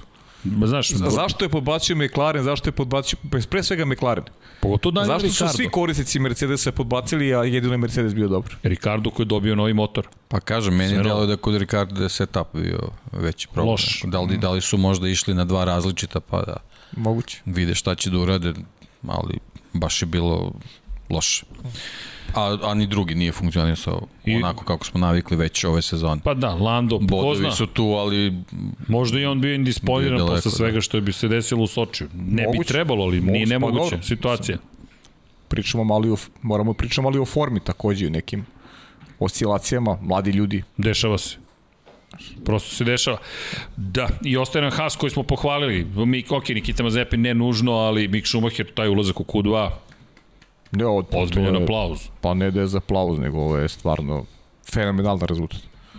Postojećim okolnostima gde ćeš više. I koliko radosti je doneo i ekipi, pa Kako i ne? navijačima. kako da ne, pa, Znaš, ti baš vidiš velika stvar, baš to je- ohrabrenje. Jeste, i to je za njega veliki benefit. za sve, ali to ti Veliki. treba. Tebi prosto treba, treba ti taj moment da kažeš ok, to je, to je nešto što nas kao kada kogod da je da je ostvario dobar rezultat Alpini, Okonova pobeda Da. u ovom, ovoj situaciji prolazak u Q2 pa i Williams da. u početku Nije nužno da bi Q2. nešto u trci uradio, da nije bilo Ma, to da. kontakta sa Alonsovom, pitanje je posle toga bolidu, kako je stanju Tako je. bio, ovaj, ali, ali zašto da ne, možda, možda je to moglo da bude, mogli neki lep rezultat da bude. I manje više to, to, je, to, je, to je to što se tiče trke, ali nisu to bile jedine trke. Imam jedno pitanje za vas, da li želite da otvaramo temu DTM-a ili ne? Nismo se čak ni dogovarali. Ove Pa, završnice u mislim- DTM-u ili ne? Ja Čudna moram, moram da priznam da sam slabo pratio. E, to da, sam baš teo da ti kažem, ja, ja nisam ispratio možemo o Naskaru da pričamo da sam i gledao i, i finish trke, i, ali, ali DTM, DTM stvarno nisam ovaj, stigao isprati, pogotovo što su nas i termini poklapali. Da, termini se dosta poklapaju, mada gospodin Đankić je bio Da ponovim, gospodin Đankić, iznemo knjigu na kraju godine pesama gospodina Đankića, čekamo, rekli smo Đanki, gde su pesme, stižu pesme, nemojte da brinete, a s druge strane lepo ga je bilo čuti i vidjeti. Inače, ono što je bilo meni, neću da kažem zanimljivo, prosto je neka vrsta, ajde, da kažem, šoka bila. Maximilian Gec je inače osvojio titulu šampiona ove godine, ali onako, specifično finale, da ne kažem kontroverzno finale sezone na Norris ringu. Imali smo situaciju Ke, u kojoj Kelvin van der Linde udario prosto na startu Lima Lawsona. Dobro, Norris Ring je, to je, To je, to je takva tamo je staza. ona ukosnica jednostavno. Ako Nemoguća prođe prva krivina bez problema, ja ne znam koliko se puta to desilo u istoriji te staze, tako da... Prosto znaš da će se desiti. Ti uopšte ni ne razmišljaš da neće, međutim ono što se desilo na kraju trke smo videli kako se sklanjaju predstavnici Mercedesa prosto Maximilianu Gecu da dođe do, do pobede i ne samo to, neko timovi onda je neko prokomentarisao, pa dobro, svi znamo da ti timovi zapravo su timovi fabrika i onda kažeš tebi, pa dobro, ali nije to baš, su to isti timovi, postoji to, ne, ni Različite su to ipak bi, ili bi trebalo da budu neke različite ekipe. Dobro, to je sad stvar do DT-a malo, da, da, da te stvari dotera. Da, pošto bukvalno su se sklonili vozači koji nisu baš zvanično hajde da kažemo Da, li svi razmišljaju o nekim budućim angažmanima. Tako, tako, je, da, pa da, znaš, ti imaš To je problem u, u tim šampionatima. imaš zvanično ti imaš koliko, pet timova u Mercedes, šest timova Mercedesa. Pa dobro, ali znaš šta je, bolje da ih ima, DTM je pretio da nestane, zaista. Da. Tako da, ono, odlaskom Mercedesa nije lično ni nešto, ono, prošla godina, preprošla stvari, kada je prošla, je stvarno bila smešna, nije, nije za gledanje bilo uopšte. A ovo je sad već malo drugačija, drugačiji pogled. Ne, okej, ali samo da, da, da ne, ne pobegnemo te teme. Tim HRT ima Maksimiliana Geca i to jeste Mercedes, Merce, u, u Mercedesovoj su štali, Mercedes AMG-a. Ali s druge strane imaš Luka Sauera koji je zva, zvanično u Winwardu, u zvanično američkoj ekipi i imaš sa treće strane Maksimiliana Buka koji je u tim Muki Motorsportu. Oni nisu deo iste ekipe. To Pa su da, ali to su malte ne, ne, ne možemo da kažemo pošto različiti proizvođači i, i automobili, ali to je Mercedes. u okviru grupacije, to je kup takmičenja, mislim, to su au- automobili samo u drugim bojama, mislim. Ok, meni i Posebno dalje... na, ov, na ovaj način kako sad ovaj novi, novi DTM ustrojen, tako da moraju, moraju malo sad da, da što je Paja rekao, pali su i sad trebaju da se podignu i, i moraju da, da ovaj šampionat može da im bude smernica kako bi trebali da, da formiraju šampionat za dalje. Ako misle da ga vrate na neku popularnost kakav je bio. U Nemačkoj će uvek biti Da, popularan. da, je- u Nemačkoj sigurno. Pa dobro, tu nema je- šta, pa, mislim, ali manje ako, više se i ako žele, žele globalnije da ga, da ga podignu kao što je bio u nekim, nekim fazama svog postojanja, moraju neke druge stvari da, da urade, da, da ako žele da ostane na, ostanu na radaru. U svakom slučaju sezona završena za mene na jedan, pa ne mogu baš reći jednostavan način, ipak su se sklanjali na kraju da bi postao Pa, šampion i da. predstavnici od drugih timova. Da, to je sve deo Mercedesa, ali opet nekako gledaš i kažeš, hm, da li, da li će Pa se ne, i ranije je tako bilo, ali ne mogu baš se setim tih situacija Možda da, je tako da, da je neko tako jeftino nekoga puštao da osveti. Ne, ovo je ipak, su, ipak su to bili ozbiljni vozači koji su rušili svoju reputaciju na taj način i jednostavno to nisu dozvoljavali. Ne, Auer i Buk su se samo sklonili. Dobili su naređenje, sklonili su se, došao je do prednosti koja mu je bila potrebna i jedina šansa zapravo da postane šampion je bila da Loso ne osvoji ni jedan poen i da na, praktično pobedi, da, da pobedi zapravo Get, što se na kraju desilo. Dvostruka pobeda na Norris ringu, pol pozicija jeste pripala Lijamu Losonu. Moram pristiti, meni se nije dopalo. Dakle, evo, vrlo iskreno. Pa ako za utehu Lijamu Lawsonu on se vi- više etablirao kao vozač od svih tih nekih Jeste. koji su to uradili šta su uradili. Pa da. Lepo Tako rečeno. da ta titula manje više bilo bi lepo da ima u biografiji, ali To se baš mislim nije da je on već vozač koji ima neki, neki izdefinisaniji put za razliku od svih njih ostalih Jeste. tamo. Da, i ostaje nam naravno NASCAR. Za, za neke mnogi nisu ni čuli, verovatno. Pa i da pitanje da li bih ih ispomenuo da se nisu Pa sklonili. upravo tome ti kažem. Dobro, lepo rečeno. Da, dobro, bili smo fini, ali... Ja nisam. okej. Mene, meni su iznervirali. Evo Ja sam izgleda najmanje bio final. Ali baš, baš sam se iznervirao, zato što to, pa dolazimo do toga da, ok, treba stvarno sve da se uradi da bi bio šampion, a ok, evo, šampion je. Ali dobro. Bravo. Iznervirao sam se, zaista sam se bio iznervirao. Ajmo no, to sam samo ja. Skloni tu katanu. NASCAR Neću ti, ipak... ti ne znaš, ja sam već zamahnuo njom i vratio je. NASCAR U možda dobije, ma NASCAR možda dobiješ batine, ovaj, ako tako nešto napraviš, tako da u NASCAR U Naskaru, da, u NASCAR nema Naskaru toga. nema toga, pa ne. Tamo Zato se, NASCAR jedina, Pa ne, znaš kako, jedina to su- anomalija NASCAR je što traje 4 sata, 4,5 sata i to nekad je zaista teško pratiti kontinuitetu. To je jedina, inače, pozdrav za Luku. takmičenje... Luka Spasovski, Da, pa inače. dobro, i mi smo to gledali. Takmičenje kod takmičenje, sistem, Jeste. drama koju nosi svaka trka, sve je fenomenalno. Ali ta dužina trajanja trke je, je nešto što je, od uvek sam to pričao, anomalija. Nije I prosto... to se, vraćamo se na onu staru priču Zimole i udes između Bottasa i, i ovaj, George Russella. Da li je George Russell trebao da, da odustane zato što ima Mercedesove motore ili što je već razmišljao da će biti član Pa kako Mercedesa? se završilo? Naravno da ne. Da. I kako se završilo? I zašto treba, fazi, zašto da. treba, srećom pa se ništa nije tragično desilo, Ne, ne, mislim da- ali jednostavno to je bila borba. Ne mislim to na je to. incident, kako se završila... Misliš epilog? Da, da, epilog- da, da. Kakav je epilog pa ove, dobro, ove je, sezoni? Russell je dobio ugovor, ipak. Da. I dalje je dobio ugovor i rekao, ok, ja sam trkač, sad samo je pitanje šta određena ekipa želi. Ali i dalje sam se iznervirao. biće- biće Sve čekam nekih- da čujem vas dvojicu, pošto... Pa su- ne, Pa ne, ja- ja- biće ja- tih ja nisam- spornih da. situacija, ali ovo je baš bilo Ja nisam onako gledao, nisam providno. gledao da bih pa se- ja da sam, bih se iznervirao, pravo ti Ja kažem. sam malo propratio neke ovaj, Nisam, highlights i nisam baš gledao. onako. Nije mi se dopalo, jednostavno gora Tako da bolje kažem nisam gledao. Trkaš se, a zapravo se na kraju nisi ni trkao. Ok, bakar da si bio blizu, napadneš, pa ne znam, nešto se događa, pa ka, ili klubski ti je kolega, deliš istu bukvalno garažu, ali znaš, došli smo od toga što ti kažeš kup, izvinim vam se, zaista, možda će to biti ono što u Ameriki kažu tantrum, ali baš sam se iznervirao. Ok, proizvođači, šta sad to znači? Ako ubacim dovoljno automobila u šampionat, na kraju ću da imam šampiona. Ok, evo ti šampion. Ali i ja ne kritikujem Mercedes, meni je to veća kritika timovima i vozačima. Mercedes je povuku svoj potez i ok, mogu i njih da kritikujem, ali poenta mi je, čekajte ljudi, kao sad sam šampion.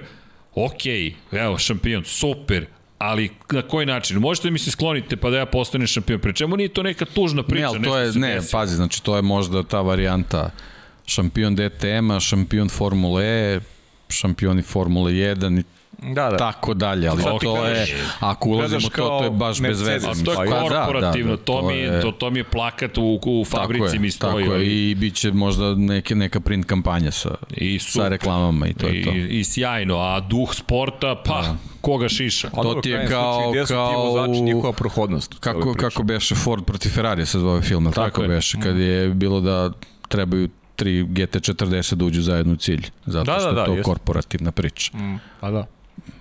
Jeste. I to nikad ne, ne nailazi na odobravanje, tako da Jeste. dosta to. Dosta, idemo dalje. Samo da konstatujemo, Kyle Larson, da li uopšte možemo više bilo šta da konstatujemo po pitanju Kyle Larsona? Znaš šta je tu? Tu, tu je uh, priča te trke je incident Kevina Harvika u tri kruga pre kraja kada je završio na bankini ili možda koji krug više i tada je izgubio osmo mesto u odnosu na Breda Kislavskog. On je bio osmi, međutim napravio incident, završio u zidu i tada uh, završava trku i Keslovski prelazi na osmu poziciju koju čuva do kraja i aktualni šampion Chase Elliot koji je dugo visio za prolaz dalje jer imao incident još na početku trke potpuno uništen zadnji deo automobila, oni su ga krpili, to je više puta su ga ono, ne, onaj Čekić i Selotep, le samo lepljiva traka. I uspio je da za, tape, tako, da. i završio je trku da. i plasirao se u narodnu fazu, ali je bilo, eto, to je ono, to je NASCAR, jedan incident ti potpuno uništi ono play-off. I to što si ti bio super tokom cele sezone, neizvestan ti je plasman u narodnu fazu. I vrlo zabavna trka i ono što smo i ti ja pričali više puta, taj sistem Roval, kombinacija ovalne staze i prave trkačke je meni pun pogodak i, i mora se praktikuje više tokom godine da ne bude samo, pritom možda se vozi i kad su kišni uslovi, menja totalno dinamiku trke, veština vozača dolazi do izražaja, kombinacija dakle ovala i, i, i, i, ovaj, i trkačke staze je fenomenalna. Mislim da neće tako da, poslušati, mislim. Neće mi sigurno mislim poslušati, da oni ovo, se drže tradicije. Oni da je ovo ta kombinacija i to Ma je da, to. to je, da ne znam da li ima rovalije dva puta ili tri put godišnje. I imaju one dve trkačke staze Sonomu i Watkins Glen i to je I to, to je sve to. ostalo su sve ostalo su ovali. Tako Pa, je. mislim da će zavisiti od ove nove generacije automobila, od toga kako će biti gledanost i da li mogu da se da da, ne, ne, da uđu. znaš, Sande to tamo gledano, to i Pa, to je samo da vidimo posle ajde da se nadamo ove sezone da će biti još normalnija sezona po pitanju i publike koja može da dolazi na stadione bukvalno stadione, to, to nisu klasične stadione, to su stadioni, to ti kad pogledaš kako je to sagrađeno, to je stadion, jednostavno koji ima sticam okolnosti stazu ispred sebe, ali to su sve stadioni i, i, i jeste to neka lepota otići na te trke zaista drugačije, drugačiji ugođaj nego kada si na evropskim trkama, pogotovo što ti kažeš traje, to je celodnevna zabava, došao si, Da, ali dobro, oni imaju dobru po, po, po, podelu, oni imaju super speedwaye, imaju jeste, ovale. standardne ovale, imaju Imaš rovale, imaju duže ovale. Tako je, tako je. Znači to je već već kad to podeliš, Bristol. to je Jeste. to je tako, da. Bristol. Ja, ja, ob- meni je osmeh odmah kad neko kaže Bristol, da. ja bih išao. Ljudi, ja bih od, od, od tih staza bih volao da vidim Bristol. Samo Taladega. Ta, ne, ne, ali Da, da, od Super Speedwaya. Ma ne, samo. Pa dobro, ja- Ma de- sve, a samo- Daytona? I Daytona i samo, Talladega. samo Taladega. Pa da, Daytona u nekim drugim šampionatima, recimo 24 Čekaj. sata. A nije, bi ali, bilo ali, super ali kao, zbog kao istorije, roval. Ispak je Daytona, ona prva Ne, pa trka, dobro, jeste, ali- ali trka, ona Talladega. prva. Ali čekaj, tek iza Taladega Nights, vidim ja, na noćni podcast iz Taladege. Da. ali dobro, a, pa je klasičan čovjek, prosto Daytona da se zna. Pa ima, ima neku zna. priču, taj početak jeste, sezone je stvarno, 500 milija Daytona je baš onako Inače, Sjajno. evo pozdrav Igor Ilić, uplatio čovjek 5 eura, sve pohvale za trud koji uložite sa užitkom, slušam, gledam svaki podcast, samo tako nastavite i dalje, pozdrav iz Nemačke, pozdrav za cijelu ekipu iz Nemačke, pozdrav za Igora, posebno hvala. Zadovoljstvo je to čuti, zaista, i trudit ćemo se i dalje da budemo na, na nekom nivou, to je... A možemo kažemo samo ko je ostao 0,76. među osam. Da, kada je reč o, NASCAR-u. Larson, Kyle Busch, Kyle Larson koji inače u oba, u oba Da. ove da kažemo, prve dve faze zabeležio po jednu da. pobedu. De, de, de, Danny Hamlin koji je takođe pobedio u ovoj fazi. Danny Hamlin, Martin Truex, Ryan Blaney, Kyle Busch, Chase Elliott, Joey Logano i Brett Keslovski. Da. Tri trke, da se odredi ko u te tri trke ide u, U veliko finale, dakle. I onda njih četvorica u poslednjoj trci sezone u Phoenixu, u Arizoni, za titulu. Pa ko bude najbolje plasiran u toj trci, svi voze, svi vozači Tako je. su na stazi, Ali od njih ali četvorica ko je najbolji taj sve titul. To je to. Ma ne, nevjerojatan format, stvarno.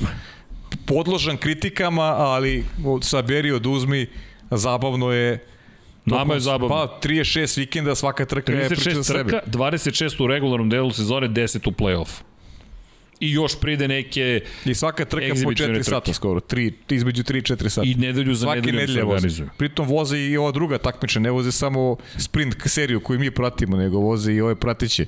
Čekaj, Pa kad se... mi- Pa jo, Ne. svaka ti čast. Neverovatni su, neverovatni su. Ej, stvarno. zamisli kad se požele, na primjer, kad se bilo ko poželi, znate koliko imamo trka? Čekajte da vidite koliko može da Ne, ih už, bude. neverovatno. Da, inače, bit će još trka u Formula 1, o tome smo pričali prošli put, sigurno. Neko je spomenuo, pa kao... Pa Ne, to, sigurno, američki zašto im si- vlasnici, Pa to, oni to, nemaju to, problem to. s tim. Pa da, To. i to oni ni ne vide kao neki problem. Plaćen si, vozi. Toto Wolf je rekao, međutim, da će psihički to biti teško i fizički da izdrže. Sećam se priča o smanjenju budžeta i to. da, pa dobro, vidi, bit će, kako bih rekao, adjusted, da ne kažem, prilagođen novim okolnostima. Očekujte do 30 trka u narednih 5 godina da polako počnemo da dolazimo, bez obzira na sve kritike To će koje biti ima. veliki problem bez testiranja. Da, bit će veliki, ali mislim da će se i to polako početi da se menja, jer bez testiranja u ozbiljnom problemu će biti timovi. Mislim da nešto mora da se promeni po tom pitanju, da moraju prosto da im dozvole. Inače, i Ne to je... može, da- ne može ta američka filozofija u Formula 1. Form, Mhm. Formula 1 je perjanica sporta i ona jednostavno ne može tako da funkcioniše. Ne možeš te vrste pravila da, da ubacuješ u Formulu 1 koji ima svoj sistem funkcionisanja. Mhm. Ali, dobro. Dobro, to je sad... Ovo je već po meni preterano. Jeste. Pa mnogo je i, i, i menja, menja šampionat. Vrlo ozbiljno menja šampionat zapravo. Kada pogledaš, dolazimo do toga da... Pa menjaju u svakom smislu, u istorijskom ovo- smislu i menjaju jeste, kako god. Jeste. Uzmite samo generalnog sponzora proizvođača guma.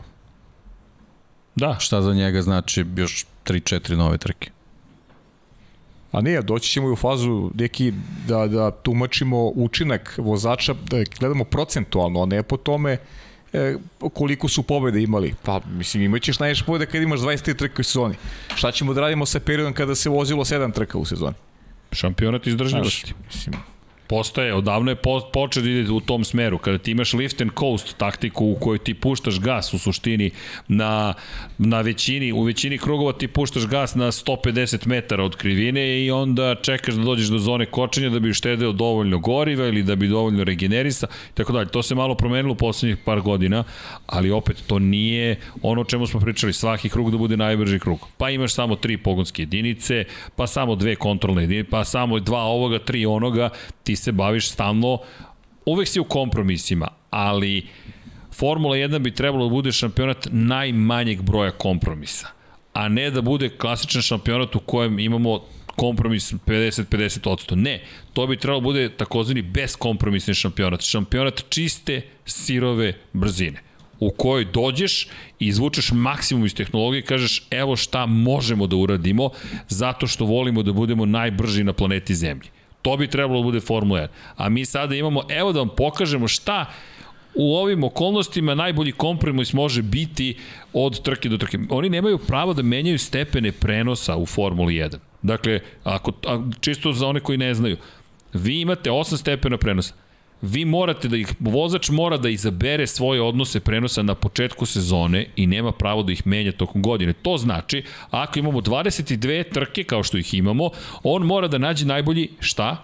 kompromis za 22 trke u kojoj će da izabere gde će imati bolji odnos u nižim stepenim prenosima, u višim stepenima prenosa. I onda, to, to se često zaboravlja. Da li je sada ovo rezultat kod Red Bulla toga što su Da li stepeni je kod prenosa? Daniela Ricarda to rezultat? Možda. Ne Zašto je znamo. Monci bio superior? Tako je. Možda je tako postavljen bolid da na tim da. stazama bude dobar. A Možda je to bila kalkulacija na početku sezone na, Da, to na, na speedwayima ćemo da imamo tako, Tako je. takav ovaj, Mexico City. odnos. Da. Mexico City, tamo na onom pravcu ima, možda ćemo videti ponovo McLaren koji će biti Sjeti briljant. za, za, Zapiši. zapiši negde da zaveže neko. Šta, šta, šta? Zapiši u Slack. Za Mexico City. Slack To prozivka. Daniel Ricardo, Mexico, Mexico City. City, dobro, dobro, dobro, dobro. Think, ne think, da eat the neko pudding, će da nas pudding. Ne, Neko će da nas Ne podsjeti. brinite, sigurno. N- Dobro. Ali, okej, ali, ali to je, na primjer, jedan detalj. To nije detalj, to je jedna od važnijih stvari koju vi imate. Po, pritom, ajmo da dodamo priču e, iz MotoGP, iz Moto Trojke. Leopardovci, oni stalno podešavaju odnose pre, stepene prenosa tako da imaju maksimalnu brzinu. U Formula 1 mi smo to izgubili. Ti sada ako si Alfa Romeo, na primjer, i kažeš ne, ja hoću da promenim nešto za ovu trku, tebi je zatvorena, tebi je smanjena količina stvari koje možeš da uradiš u toj trci i ti kažeš, ok, ovo je najbolji kompromis koji smo mi kao ekipa mogli da napravimo za cijelu sezonu. A povećavaš broj A trka. znaš da nisu na nekom vrhunskom nivou u Da. tom trenutku. I ne mora hendikep. Samo im daj mogućnost da se prilagode, da tako što mogu da urade nešto sa svojim bolidom, dohnade za ostatak koji imaju, da imaju rizičniju strategiju, da kažu, ok, bit ćemo sporiji u sporim krivinama, mi ćemo brži u sporijim krivinama, ali sporiji na pravcu, ali to nam nešto donosi. Možda u Monaku možemo da vas izneradimo. Ne, ti jednostavno imaš jednu ogromnu žrtvu samo na tom nivou. Inače, uvode se biogoriva, Sebastian Vettel se tim povodom oglasio, što smatra da Formula 1 trenutno prati tržište, a ne diktira tržište i gde kaže vi na pumpama već možete da kupujete gorivo koje mi tek planiramo da uvedemo. Za njega to nema smisla i slažem se s njim. Slažem se, apsolutno. Formula 1 je izmislila ABS, bukvalno. Diskove. Diskove je izmislila. To je Formula 1 izmislila i uvela ga u saobraćaj. I on kaže, mi smo potpuno irelevantni u kontekstu saobraćaja. Hibridni pogoni koje mi koristimo nemaju nikakve veze sa onim što možete da kupite u saobraćaju. Poloautomatski menjači i tako dalje. I tako dalje. I sad, smatra da prosto treba da se nađe relevantnost. Pozdrav za Luku. Luka, za, za koliko? 7-8 godina pod kapicom, 10 koliko? Vatrepolista Luka ovde nam je došao. 2032. igra na olimpijskim igrama, obično mi. Da, I donosi loptu sa Da olimpijada. smo se dogovorili, lopta potpisana, dogovoreno. Luka, Ćao, hvala Luka. za posetu. I vidimo se u bioskopu. James Bond, molim te. E, I Paja će odelo da obuče. Šok. ali ok, podrazumeva. To se podrazumeva. Da, ali Formula 1 zaista ne može da bude takva. Formula 1 mora da bude takva. Od kada Indikar koristi etanol. Po, pa, to od, po, od pamtiveka praktično. Metanol pa etanol. Da. Da, to je bio progres sa, po pitanju goriva u Indikaru i mi sada imamo situaciju gde se Vettel kaže ja nemam nužno rešenja, ali ako ovako nastavimo, Formula 1 će nestati i izgovorio ono što je šok bio za sve i treba da nestane ukoliko ovako nastavi. Tako je, pa da, ja se slažem. Prosto rekao je ono što štrči nekako, A niko ne rekao je izgovara. najgore što većina misli, jel? Tako je. Ali on rekao. Da, i to nije E, to je bilo ono, ko. vraćamo se Alonso Vettel, koliko je njihova uloga velika, jer, eto, sa, sa, a, pazi, to je ono što Pa je oni ne moraju više da budu diplomati, to, E, je, to je point. osteo ti kažem, kad, kad je već karijera negde na, na zalasku, uh, potrebni su sportu zbog toga što se ne libe da kažu on, ono što većina misli. Ja sam ubeđen da većina tako misli, ali neko nema ni snagu da, da, da, izgovori, da izgovori ono što je neophodno sportu da bi, da bi opstao. Tako da velika podrška za, za obojicu. Da, i, i I moram priznam da su mi onako uh, ko sam ja da govorim o njima, da li su oni veliki, mislim, rezultati govore o njima. Ali kapa dole za, za ono što rade, uh, reči su im jake. Njihove reči su jake i odzvanjaju i to je ono što je što je neophodno u svakom segmentu da imaš ljude koji upozoravaju na na problematiku koja je ozbiljna i koje upućuju uh, ljude uh, na neki svoj način razmišljanja na, na, na ono što uh, može da bude samo benefit za sport kojim se bave, a to upravo radi jedan i drugi. Evo, kaže Mario Petranović, Fiat izmislio ABS, kasnije ga Nemci kupili, a diskove Citroen. Da, da, ali sve što je testirano u Formuli 1 je našlo ozbiljne primjene. Da, inače Nikola Peciko zapitao da li smo pratili, od, nije pratio od početka da li je pomenjen DTM. Jeste Nikola, iznervirao me DTM, evo otvoreno da vam kažem. Ok, neka ostane na tome. Stvarno mislim da onako ne treba da se završi štrti borba za titulu šampionata sveta. I tako.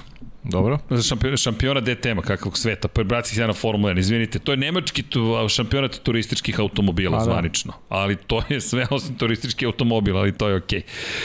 Dakle, da se vratimo nazad mi Formuli 1, možemo i na pitanje da pređemo. Pa mislim da, raspoloženi. mislim da je to jedino ovo što nam je ostalo. Evo, Pređemo poslala mi je ovde interna komunikacija, kaže imaš pitanja, evo odmah, odmah pit, postavljamo pitanja.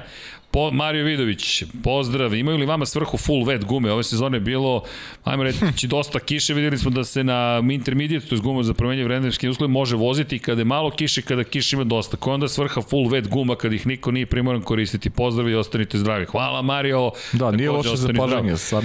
Pa sad, um, Ko, a, Čemu? Korišćene, Da. korišćene su u Monci, u, u, u ona dva kruga iz, Ne, u- iza u- safety u car. Belgiji, Belgiji, U, u Belgiji, Belgiji. bravo, u Belgiji, izvini. Da. Pa to sam teo da kažem, U pa eto, služe tome da se vozite iza vozila Iza vozila bezbednosti. bezbednosti.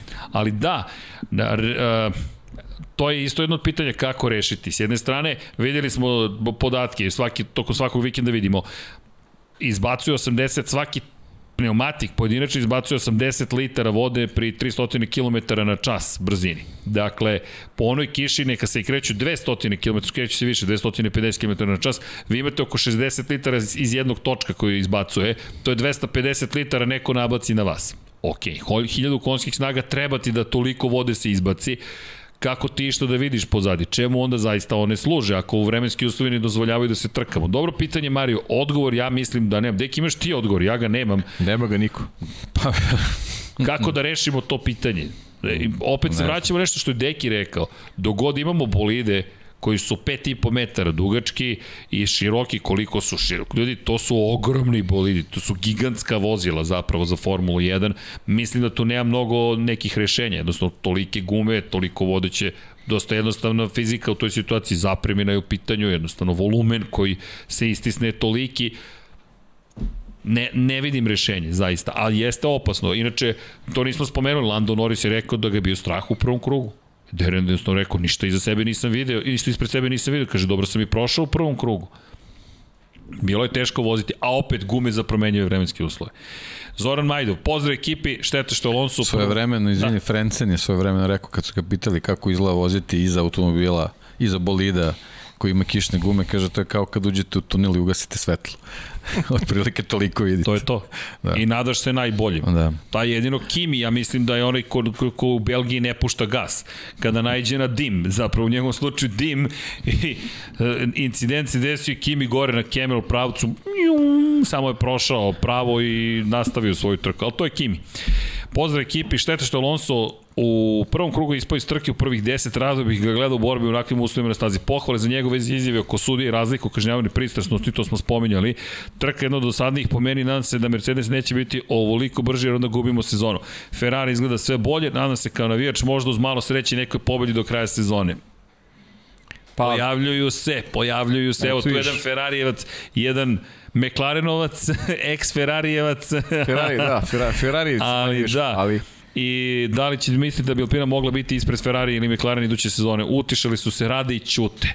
Da, PS, nadam se da će Igor Marković uskoro opet biti gost, nedostaju nam njegovi komentari. Pozdrav za Igora, nadam se da Igor, da li sluša Igor? Igor, Igor, sad će pošli po... sad će poruku. On sve sluša. Ali, da, bit će polako, bit će gostiju. Bi, ima, imamo još posla. A U Igor, svakom slučaju, Dobar dečko, sve sluša. Dobar dečko, da. ali utišali su se radi ćute, pa Pa jesu, ali sada, mislim, Ko, ko prognoza, zna. ko zna šta nas čeka. Mislim, to je. Inače, ja, ja ovo moram da, da, da pročitam ovo. Sa, sa, evo, e, Fika Lokica, pozdrav. Pozdrav, želim da vas pozdravim sve i da vam se zahvalim. Smo žene i ja gledajući vaš podcast. Primetili da nam je bebac mnogo mirniji dok vi pričate u pozadini.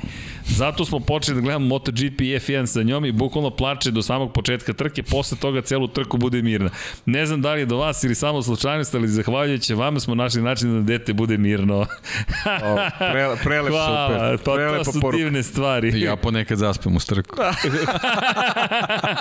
čekaj, čekaj. Znači, ko ti je, si ko mom bebe što bi rekao. Da kljucam, pa da, da. Ali I pozdrav. onda Paja drekne i ja se trgnem. Aj, ti? To da znaš, da s vremena vreme da malo, I, da, injection. malo, malo žišku neko daš, da.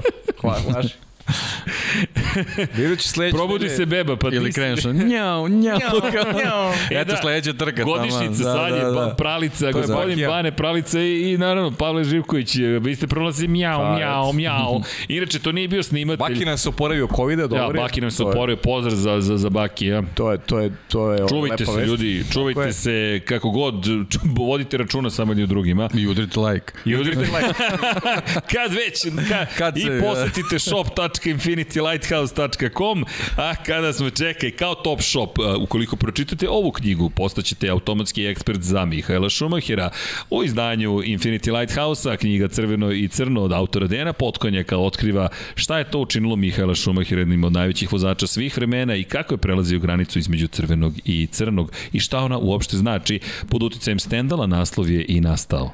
Tako je. Jel bi sad mogao ponovo to isto da nemam pojma šta sam rekao, neki. Zato snimamo. Si zapamtio? Ja sam samo ovog stendala. Stendala. ja sam stendala. Ali nemojte stendala, kupite potkonjaka. A, u Ma škole... kupite Stendala. E, kupite Ne, pročitajte Stendala, prvo Stendala, pročitajte pa onda Stendala. potkonjaka. Da, da, da. Kupiti stendala. Obavezno. Uh, a ukoliko kupite ovu majicu roze boje je posvećenu borbi protiv raka dojke, to ide u dobrotvorne svrhe i ne šalimo se. A ako primećujete nalepnicu koju pokušavam, katana me malo prevarila, spremamo vam, spremaju se razne stvari. Ovaj trouga što sam uništio aluminijum na ovom računaru zaboravite i ovu kocku, jadan računar šta je preživao. Ali sve za podršku Infinity Lighthouse-u Stižu nam i neki novi sponzori, evo da se isključim sa, sa punjenja. Neki novi klinci. Neki novi sponzori. Da, u svakom slučaju, da, podrška nam je naravno da nas znači i like i subscribe i kada kupite sa šopa, Prvo, nadamo se da, da uživate u knjizi, zaista. Deki, ja mislim da je napisao predivnu knjigu. Imamo zaista divne hvala. komentare i hvala, hvala tebi, ali, ali ja sam zaista ne, presrećan. hvala tebi. Da. Pokušam da se ne upecam, deki, oj, ali teško mi je, kao keder ovako, a štuka, njum, kako neko kaže hvala. Ali dobro, dakle, kada kupite knjigu, naravno da, da, da mi smatramo da smo ulepšali planetu, nešto se čita, nešto se pozitivno radi, bit će ih još. Ćutim, ne govorim, dobro, dobro. Po teška srca. Ali krene, ne vredi, da, da. Ne vredi, ne vredi. Pa mislim ali, da do kraja ćete progovoriti. Ma ne. Pregriju se kočnici, ne, ne vredi. Ne vredi, ne vredi kao na bubnjivima, da su, nema, nema, doboši su tu, ne, ne, ne, nema, sve redu. Ali, da se vratimo mi unazad malo. E, dakle, kada god to uradite, zaista pomažete i kada je reč o roze majicama ili bilo kojim drugim majicama, a da ne govorim što je nama to prosto fenomenalno, ali eto da iskoristim priliku kad si me neki već ubacio u taj film. A ovo za Bebca, pozdrav za Bebca, nastavit ćemo i da pričamo, nemojte ništa da brinete. Spavaće bebac, ne brinite. To vam garantujemo, uspavaćemo ga, zato da. i prenosimo, zato i komentarišemo trke Formule 1 MotoGP. Ali čekaj, kad zaspiš na Formule 1 ili na MotoGP-u? Pa ne mogu na MotoGP-u, kratko traje. Aha, dobro. Treba mu vremena, treba da. da se zagreje za spavanje. E, ej, evo lep komentar, baš Stefan Zarić, pozdrav iz Novog Sada za cijelu ekipu, danas stigla knjiga o Šumacheru, pročitao iz cuga odmah, svaka čast za knjigu i samo tako nastavi. Hvala. Bravo, Deki. Uh, Eldar hvala, Bajrić, hvala. da li znate koliko je otprilike vremena potrebno da bi knjiga Crvene cuna bila isporučena na području Bosne i Hercegovine? nažalost, još ne znamo, tek smo počeli da ih šaljemo van Republike Srbije. Eldere, mi vas molimo da nam javite od momenta kada je poslata, kada je vama stigla, pošto ni mi zapravo nemamo te informacije i mi učimo Nemo po tom povratu, pitanju. Da, da. da tek, tek učimo te, kada će stvari stići. E, zaista. E, Petar Lukić me moli da prenosim futbol. Ljudi, verujte, osim što bih mogao da nešto pričam, nisam siguran kako bi se to završilo. Dakle, volim da pratim, volim da slušam ljudi koji to zaista znaju, imate ih ovde u studiju, ali ja futbol pratim zaista na nekom nivou minimalnom. Niti stižem, niti bih mogao da, da dodam nešto u celu tu priču. Mogu da kažem, o, gol, fantastičan šut. Pratiš futbol? Američki. američki, da, američki mnogo više, ali, ali hvala. E, Boško Desančić, može li Ferrari do koje pobede do kraja ove sezone? Pa rekli ste već. Može, ja mislim da može. I ja, Ognjen ovde ubacuje hepo, hipo, hepokockice na vatru, kaže, Seki Srki pitaj Dekija o kupovini Newcastle samo tri reči. Ma, Ma. Ma ni tri reči. da. Dođe čovjek koji može kupi planetu i sad kao kupi klub. Mislim. To, je, to gubi smisla. To smo pričali čak da. i u Pričali smo. Ne, ne, ne, u prenosu se ima rekao. Da. Da, nismo pričali. Plastik, to. plastik. Da, pa, kao kada mi igramo menadžera. Odete, kupite, pojavite se i igrate uživo menadžera. Ne znam, sve ima svoju priču, vidjet ćemo kako će se to sve dalje razvijeti. Uh, Ajani piše, pi, Ajani pita, pošto je Hamilton menjao samo pogonsku jedinicu u Turskoj, on može da ima probleme sa turbopunjačem u Meksiku, jer se tamo baš troši turbo, da li vi smatrate Ima to mnogo pitanja ima, da. Ajani, da, da, da. Može, da. pa naravno može. Pa to ono što smo rekli, uh, Mercedes Mercedes, mislim da je Pato super rekao, da je promenio sve u ovim okolnostima, bolje bi prošao. Da li bi bio peti, Pa to je samo pitanje, eto, te, te kalkulacije, ali, samo je to. Ajde ovako, ajde ovako da kažemo. Da... Mislim da bi im bilo teže, da, da su da, sve promenili. Ali, ali vidi, teže, pogotovo ali, ali ljudi, da. ajmo imamo reper, zove se Carlos Sainz. Sainz je krenuo sa začelja, bio je osmi, mogao je da bude čak i sedmi. Da kažemo Jeste. da je Hamilton na istom nivou, a nije na višem je nivou, da kažemo da bi bio sedmi. To je šest poena, peta pozicija donosi 10 poena. Imao bi 4 poena manje, ali bi imao sve novo. Pa dobro, možda u Mercedesu znaju nešto što mi ne znamo. Vidi, sigurno, samo je pitanje šta i pa, koji da, im je pristup. Da. Ali da, turbo tamo će, i ne samo u Mexico City, u Mexico City pogotovo, ali pričali smo Sao Paulo na 700 metara nadmorske visine, to smo prošli put spominjali, tu će i kako biti opterećen turbo. Znači Amerika. Amerika. Da, da. Amerika. Meni je to nekako bilo logično za, Isto. za kompletnu zamenu, ali Isto. dobro. Ne, da. Najlogičnije. Ok, vidjet ćemo. Ali Vidjet ćemo, dolazimo do one teme što smo kako mlađi razmišljali o to, mi nismo uzeli to kao kalkulaciju Lewis Hamilton u Americi Jeste. da startuje Bravo. sa, sa nižih pozicija, znaš, to je ipak tržište koje njemu Da, da, da, super da, da, da. tamo i, i neki i prije i veliki broj i prijatelja i ipak je on zvezda tamo, znaš, i to je nešto što znaš, dovodi nas do toga da je to možda i svesno urađeno da bi on u Americi bio konkurentan da pobedi. Znaš, to je... Ja, mi smo To je gledali, super mi smo gledali komentar. samo tu... Pa da, to Pa, su, s to su obzirom meni, ako se prave to su meni kalkulacije za drugi DTM, sugerisali, ja nisam onda se prave kalkulacije u Formuli 1. Jeste, da. Ali smemo da spomenjemo imena. Smem ja da spomenem jedno ime. Pa da, evo gledamo ga. O, o, ovo, dru, ovo drugo nemoj. Ne, ovo drugo nećemo, ali nemoj, da. pozdrav osobi koja je skrenula Da. pažnju na Tako, to. tako je. Vanja Milićević, evo ga, gledamo ga. Vanja je pričao o tome koliko je velika zvezda Lewis Hamilton na globalnom nivou. Nešto što mi, znate zašto to ponekada zanemarimo? O- u našu uslovno rečenu odbranu. Ljudi, to je Paja lepo objasnio. Mi smo toliko fokusirani na stazu da ponekada zaboravimo širu Ne gledamo sliku širu sliku, pa društvenu. da, ne gledamo širu sliku. Gledamo je, ali ne toliko. I onda dođe Vanja i kaže, ljudi, da li, svesni smo koliko je velika zvezda Lewis Hamilton, ali dok ne vidite... Kako? Da, na Met Gala. Jedino se on pojavio na Met Gala. Za nas koji manje više Da, pa ka kažem, izađete iz aviona, vi Pa dobro, udišete kao svež vazduh. donator. Tako da, Jeste, ali opet on je deo jedne Ne, ne, kulturološke sve okej, priče. ali sad je ovde je osim što je ulog ta kao globalna popula- popularnost ovde ulog i titula. Jeste, ali su očigledno da- oni smatrali, možda i tu ne, ide se krije njegova, njegova frustracija da je mislio da sa promenom pogonske jedinice motora da može da dođe i do boljeg rezultata i, i možda je ta kalkulacija prosto njemu Ne, ne, nije- mislim da je sve stvar Znaš, kalkulacije. Da. Sve je okej, sve stoji. Mm. Sve stoji. Pro, mi prosto kažem samo da, istaknemo i to, jer to, to smo, to nam je i obaveza u krajnjem slučaju, Jeste, a, a da. i treba to reći. Lewis Hamilton je Ma zvezda ne samo Lewis Hamilton, Mercedes je Mer- tako je. američki san. Tako je. To je. Jeste. I ti sad imaš tu kombinaciju Luisa Hamiltona kao najveće zvezde, nije, nije to pitanje ni vozačkih umeća, niti e, toga da li neko navija za Hamilton ili ne. To je činjenica. Pogledajte brojeve, njegov uticaj je ogroman. U Americi, što kaže Vanja, njemu dolaze drugari iz Amerike, njega u Americi znaju kada ga spomeneš. Pa ne, vidjet ćemo, Hamilton- sigurno će nešto biti Pa organizovano. Serena na verujem da će se pojaviti, pazi, da. verujem da će se pojaviti drugi. Ne bi me čudilo LeBron James da se pojavi. To je ta ekipa. A vi tu želite ekipu da se pojavi u Americi uz vas. Još Mercedes, ti kažeš, ok, izvini, u Atlanti, ko je glavni sponsor cele dvorane? Pa zašto su Mercedes? Mi to se zaboravlja. Kao pa Mercedes. Šta Dobro, ali Mercedes? Ne smemo to da zaboravimo. Ne smemo to da Ne to, zaboravimo, ali- tako, to, to ne smemo da zaboravimo. Mora ti priznam da bi ja prvo stavio Luisa Hamiltona po Jeste, Mercedes, jeste, znaš. ali, ali Deki je u pravu i to. Jeste, i, to. I, Lewis Hamilton u kombinaciji sa Mercedesom. Tako je. Pa Lewis Hamilton prvi, pa onda Mercedes. Jeste, isto ko što je Schumacher bio globalno važan i za Ferrari. Ferrari evo najveće tržište je bila Amerika u to vreme. Sad mislim da je Kina, nisam siguran da li je još uvek, ali Amerika je bila tržište na kojem se najviše kupovao Ferrari. Ne, nema da. diskusije, zna se zašto, šta je tu bitno da se učini.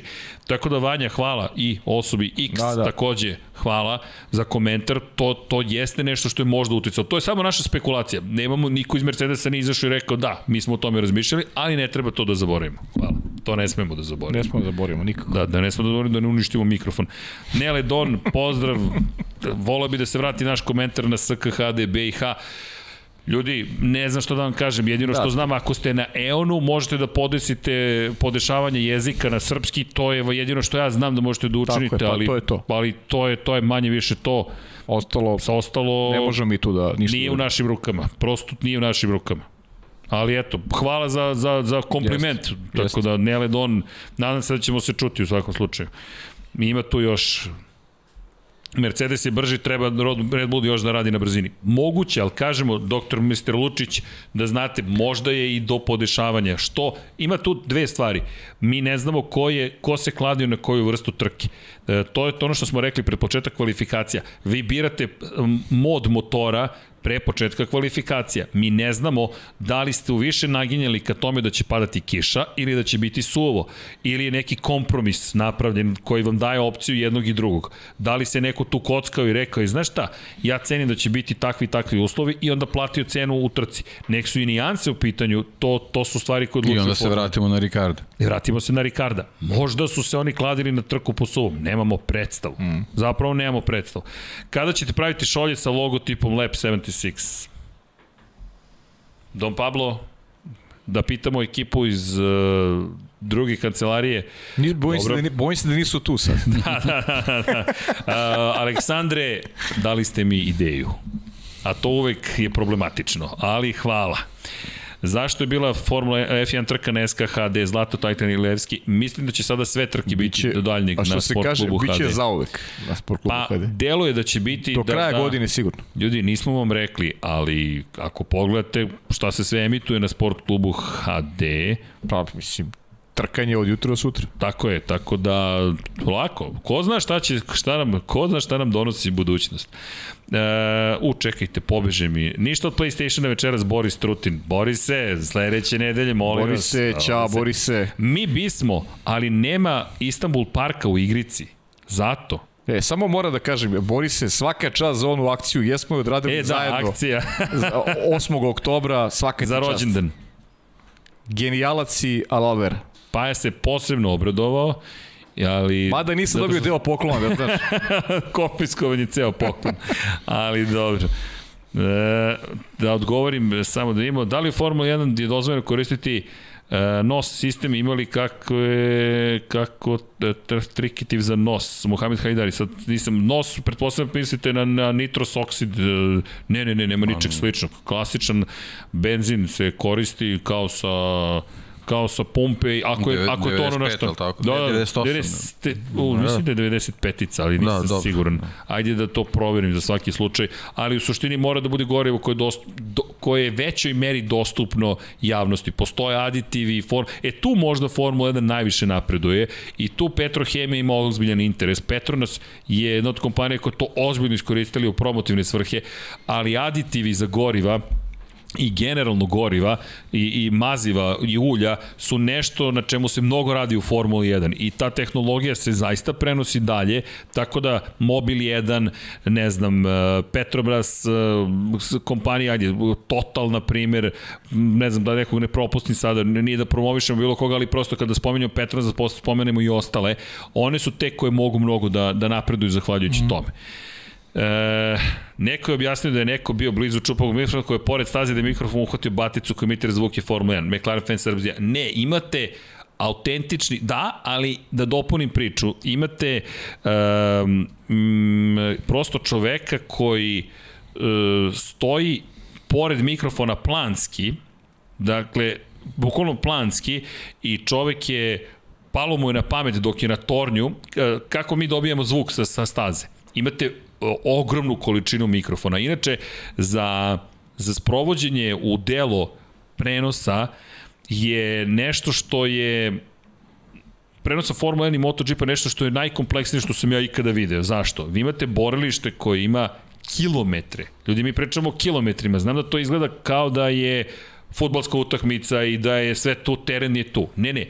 Zamislite sada, mi smo, mi smo u Svetogorskoj, to je neki centar Beograda. Dakle, tamo do, do Mirijeva otprilike u Be, do, je Belgija je, je Spa Frankoša i vi morate da postavite kamere odavde do tamo i ne jednu, sad ko je u Beogradu bio živeo i tako dalje, ne znam koje bi možda dokle je 7 km, možda čak i do Zemuna, eto. I sad postavite kamere odavde do Zemuna, ne ima, jednu. Tu ima više od 7 km. Ima više, dobro, Ima znači negde na pola. Hotel Jugoslavija? Re, pa, Ne. ajde, reci. Save, tako nešto. Možda i Ne tu, znam, okej, tu, ima nije. i tu više, nema veze, okej. ajde. Ali morate da postavite kamere duž celog tog puta. I vi morate da ih postavite više, ne samo jednu. Pored toga, morate da postavite mikrofone na sve te pozicije. I to usmerene mikrofone na različitim pozicijama koje treba da dočaraju zvuk onoga što se događa na stazi. Zatim, kada imate toren, inače šta rade e, da bi zaštitili publiku i zaposlene i, i generalni vozače, gromobrani se postavljaju duž staze kako bi odvukli gromove. U Americi čak nema trkanja kada, kada su udari gromova u pitanju. Nema igranja NFL-a, evo, sada je bila utakmica zaustavljena u Kansas City-u, padala kiša, odjednom krenule munje i gromovi, nema, nema, nema, nema organizacije takmičenja. 6 km krug mora da bude čist. Postave se dakle kranovi. Ovde se koristi taj veliki toranj u koti da se na njega postave mikrofoni koji hvataju atmosferski zvuk. On, on je značajno spušten, ali kada bi slušali kanal po kanal, vi dobijete taj zvuk. Neko je prišao tom mikrofonu, inače on ima takozvani dead cat na sebi. Zove se mrtva mačka, zato što nažalost liči, jel te, na mrtvu mačku. Dead cat je ta, ta, ta, to, to čupavo čudo što stoji. Čemu ono služi? Da smanji efekat vetra, pošto je to na visini, na otvorenom duva vetar. I čovek je prišao Dead Catu i rekao mjau, mjau, mjau, mjau u sred trke i tako je nastao čuveni, možemo reći mim, mjau, mjau, mjau. Eto, nije snimatelj, nego čovjek došao bio dokon i rekao, vidi mikrofon, da li će se nešto desiti i pošto u tom momentu bio helikopterski kadar i onda dobijete delić zvuka koji je značajno spušten, ali on treba da kupi zvuk dole 150 metara niže, neko je došao i rekao mjau, mjau, mjau. A pošto oni koriste lepo limitere i kompresore i tako dalje, to nije probilo, već je ograničio mi, auto, prosto ducking sistem funkcioniše, on je oborio ostale zvukove, ovaj podigao, ali ga je na verovatno minus 6 decibela i pustio vam u etar kao da je mačka zaista tu. Mjau, mjau, mjau i tako. Da. Odgovorih na pitanje, valjda. Jesi. Koje niko postavio nije. Ali dobro. Kad smo već kod toga. Kad smo već kod toga. Dorijan tiče, ovo je interesantno, ovaj, Arabija. A, Sa, a, Saudijska Arabija. Tako je. A, misliš staza da li će biti gotova? Upravo to. Pa ne znamo. Čujte, trenutno Upravo se to, tamo to je, radi to je baš onako jedno pitanje. dan i noć. Da. Ja mislim da sada ukoliko ste u građevinskom biznisu treba da se prijavite za pomoć Saudijskoj Arabiji. Dorijan Tiček inače, inače pita, veliki pozdrav za njega. Pozdrav za Donija. Da, mislim, lepo Plaćat će pitanje, s ovim da. zlatom da se to završi. Ljudi, to, to mora da se završi. A imaju i suvo zlato. Imaju i su, imaju crno Pa da, zlato takođe. Ne, ali na šta nemaju? Nemaju vreme. Pa da, ali Pa zato to je, kažem, da. to je To je danonoćno okay, sad. Znaš, ne ide to sad samo znaš, sa suvim zlatom, treba znaš, nešto da se krene na vreme da se radi, pa Pa da zakasnili ti su. zlato pomogne. A Da, sad, da, ali znaš, kažem, sada možeš da moraju da plaćaju Pa da, ozbiljne da. stručnjake, to će da košta mnogo više nego što je bilo planirano. Bitno je da se stigne, Vidit ako se ne stigne je problem. Dobro, nije prvi put da se to dešava. Ako se vratimo kroz istoriju Valencija, Ricardo Tormo staza, ja mislim da je Jorge Martinez za Spar lično učestvovao u gradnji staze da bi stigli na, na to je tamo 90 i neka godina, da bi se to završilo. Koja staza ono beše kasnila, pa su jurcali da završe To, to je uskorio poslednjih 10-15 godina isto bio slučaj. Ne mogu sad... Hungaroring, oni su Da, Hungaroring u, če- u 86. četvrtak su postavljali, razlačili su neki kablove isp, ispod staze, tamo haos je bio. Alex, Ma bilo, pa ne, ja mislim da ono, redko koja je baš završena onako opušteno na Ne, ne, ne, to, to se skoro nikada nije desilo, da, da se završi. Vole tako građevinci malo da probiju rokove. E, može jedno pitanje, Majstori, majstori. jedno pitanje iz drugog dela studija. Da, da, da, evo. Aleksa Tomić pita, jel može Lando do pobedi i gde su najveće šanse za pobedu? Da mu odgovorom čestitamo Čekaj, rođendan. imamo, da, čestitamo rođendan, inače, šta je ti rođendanski poklon? da, da, da, to, to je to. Hvala. I, i, I brat je od brata majice. O- A od kuma televizor. Kuma televizor. Da, brat je organizovao, inače. Da, iznenađenje. Jovan organizovao sve. I lepo, je, Lepo, hvala da. ljudi što ste ovde. Inače, pitaćemo eminentnog stručnjaka za Landa Norisa Da. sa naše leve strane, Dijana Potkonjaka. Kakav je raspored staza? Amerika, Meksiko, Meksiko. Brazil, Katar, Saudijska Arabija, Abu Dhabi. Katar. Katar. Opa, eto ga. Dobio će odgovor. Katar, da. Dobra majica. Narandasta majica. Da. Dakle, Lando Norris. Katar.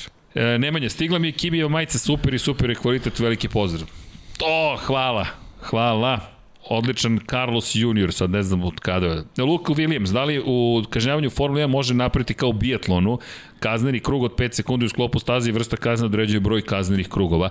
To imamo u Moto Grand Prix, zove se dugi krug postoji deo staze koji je odvojen za motocikliste i koji vam potroši oko 3 sekunde. Pričali smo o tome, sve više se priča o tome, zahvaljujući, rekao bih, uspešnom, sada već ne ni eksperimentu, već uspešnom sprovođenju delu toga da zaista nije mi pao na pamet biatlon. Hvala Luk za ovo. Biatlon zaista to ima. Zamislite ti koja je naravno disciplina, da li vam se dodaje samo vreme ili, ili vozite dodatne krugove, ali to jeste meni se dopada ta ideja iskreno, zato što nekako mi djeluje da možeš adekvatno da odrediš kaznu nečiju. Ne šalješ ga na stajanje 5 sekundi u pit lane-u, ne šalješ ga da prođe kroz pit lane, Ja, već onda ga mora nateraš da malo bude Praviš spori. korekciju Staze. na stazama, znaš. Pa, to je opet neki Trošak. Pa i trošak i, i Ne, ne, trošak neki. je- Da li, da li možeš to da napraviš? Za neki jedan način? Trošak je ozbiljan za, za. Moto Grand Prix je jednostavno zašto se napravi u izletnoj zoni se samo Okej, za- izvuče deo, ali za, za, Izvuče za se- formulu... izvuče se linija. Da, za formulu bukvalno možeš napraviš novi deo staze. Pa i ti ne možeš svuda tu da, kako, kako mu onako da. da napraviš tako nešto? Da. Mislim, znaš, Ne znam, staneš kod autobuske stanice i kažeš stani. mislim- mislim Ali da- dobro, na nekim stazama možda eksperimentalno. stop and go kazne su vrlo jednostavne. Okej. Možda ako, tu može ako da je, se... Ako je kazna, Možda kazna tu je. može da se uskladi 2 sekunde, 3 sekunde, 5 sekundi. Ne znam. Razmišljam samo naglo, sad mi je palo na pamet. Ali okej, dobro, mi- ne znam, ja bih volio da je to moguće. Srki, pitaj Deki zašto nema lepo mišljenje o Briatore u samo tri razloga. Oh, Ovo te neko navrno čačka. da, kaže e, Branislav e, Ognjen, inače te pita za Briatore. Branislav Dević, Pozdrav, Ognjene. Radivojević. Branislav Dević, treba da dovedete u podcast Luku Spasovskog. Pa Luka je bio u jednom podcastu ove, ove nedelje, tako? Bio u and Go. Molim vas, on se preklonio teniskom carstvu, tako da šalimo se, doći će nam Luka. Jedan, jedan je pravljica koji je mogu da, da sedi na dve stolice. da, jedan je pralica. U, vidiš, možda Luka želi da bude novi Bane, pralica. Pa dobro, dobro je, Mora, dobro je da ga, krenuo. moramo da ga prozivamo. šta će, Šalimo i se, šta će naravno. na kraju da bude postane teniski trener? ne, da ovde pada se. prozivka na Banetov račun, okej. se. Da li mislite da ako Mercedes osvoji... Da, inače, Luku volimo, Luka je drugar, tako da on razume ovaj besmisleni smisao za humor, tako da nemojte ništa, grubi smisao za humor. Da li mislite da ako Mercedes osvoji titulu konstruktora, da je odlučujuća trka bila u Mađarska? U šampionatu konstruktora... Ne, odlučujuća trka će biti Abu Dhabi. Tako je. Ajde da možda vidimo. je Silverstone bila, bila odlučujuća trka. Da. Možemo da gledamo iz različitih uglova. Deki, to je vrlo To si moguće. ti rekao, da. da. To je vrlo moguće. da. Evo, Ognjen Go Saints, gde ste bre ljudi Max do titule bre? Dobro, samo Dobro, prenosim bre. vaše mišljenje. Dobro bre. E, Srki, prošli podcast sam pitao kako se spremate za trening i kvalifikacije u trku kada ste na stazi, koje su razlike u F1 i MotoGP i pripreme za intervjue sa vozačima, strale. E, to smo obećali čoveku. Pokušat ću da budem kratak, može. Pa ne znam šta znači to. iz Tvoje, mi da Dvaj- krenemo- 27 da krenemo polako. Da se vratio mi ja, da dođemo sutra. Da, Deki mora da dođe sutra. Vanja kaže ne, ne, ne, ne, ne. Pa evo, pokušat ću kraće, ali strale dopunjavaću se tokom podcasta, ali da odgovorimo čoveku, zaista smo obećali. E, kako Da se traje pripremamo- bar, bar koliko čitanje Patreon. može, može. A, kako se pripremamo? Pa evo, lepe vesti, ukoliko ne bude promjene sad za vikend, 15. oktobra, idemo u Italiju naredne nedelje na trku Moto Grand Prix-a, poslednja trka Valentina Rosija u Italiji, to je deo istorije, to mora da se isprati, prosto cijela ekipa to mora da isprati. Kako se spremamo? Evo, pripreme su uveliko u toku. Dakle, prvo moramo da, da, da, da rezervišemo bukvalno kabinu na stazi. E, kabina je prva stvar koja se rešava, zašto? Morate da imate fizički, nema neograničenog broja televizijskih kabina. I kada su trke koje su veoma interesantne, mi smo ovo zakazali u avgustu. Ne, mi smo ovo zakazali u januaru i rekli smo, ako se penzioniše, mi dolazimo na ove trke. Zašto? Zato što je to deo istorije i možda to zvuči previše dramatično, ali nije ljudi, bez obzira da li volite Valentina Rosija, da li ste navijali za njega ili niste, da li ste neka nova generacija koja drugačije posmatra Valentina Rosija, to je legenda. I imate još samo tri trke da ga vidite na stazi. Još samo tri trke u istoriji. 25 punih godina je vozio i čovek se penzioniše. To, su, to je nešto što svi mi koji pratimo i volimo ove sportove moramo da, da na neki način ispoštujemo i prosto mi smo rekli kada se to desi mi idemo. Ovako ili onako, jedino ukoliko neka zabrana, karantin, putovanja, nešto slično da nas zaustavi i spreči u tome, tako da kažem, držim palčeve da u subotu italijanska vlada neće nešto promeniti, ali to smo rezervisali davno i rezervišete prvo kabinu. Dakle, kabina se rezerviše, rezerviše se internet linija, obavestite svoju IT ekipu, adresa, tačno staze gde će biti, obavestite ekipu koja je zadužena da takođe za opremu kada putujete, od kog do kog datuma trebujete kamere, mikrofone, stative, rasvetu i tako dalje. Dakle, to je onaj logistički deo priče. Zatim šaljete formalne zahteve za akreditacije, dobijete nazad odgovor da li ste akreditovani ili ne, mi, mi sa televizije smo u povlašćenoj situaciji s obzirom na činjenicu da smo mi jedini mediji koji plaća da prenosi taj sport, svi ostali mediji prenose taj sport. Mi plaćamo i onda pošto smo mi zapravo klijenti šampionatima dobijamo drugačiji tretman. Možemo da se lažemo, ali vrlo je jednostavno.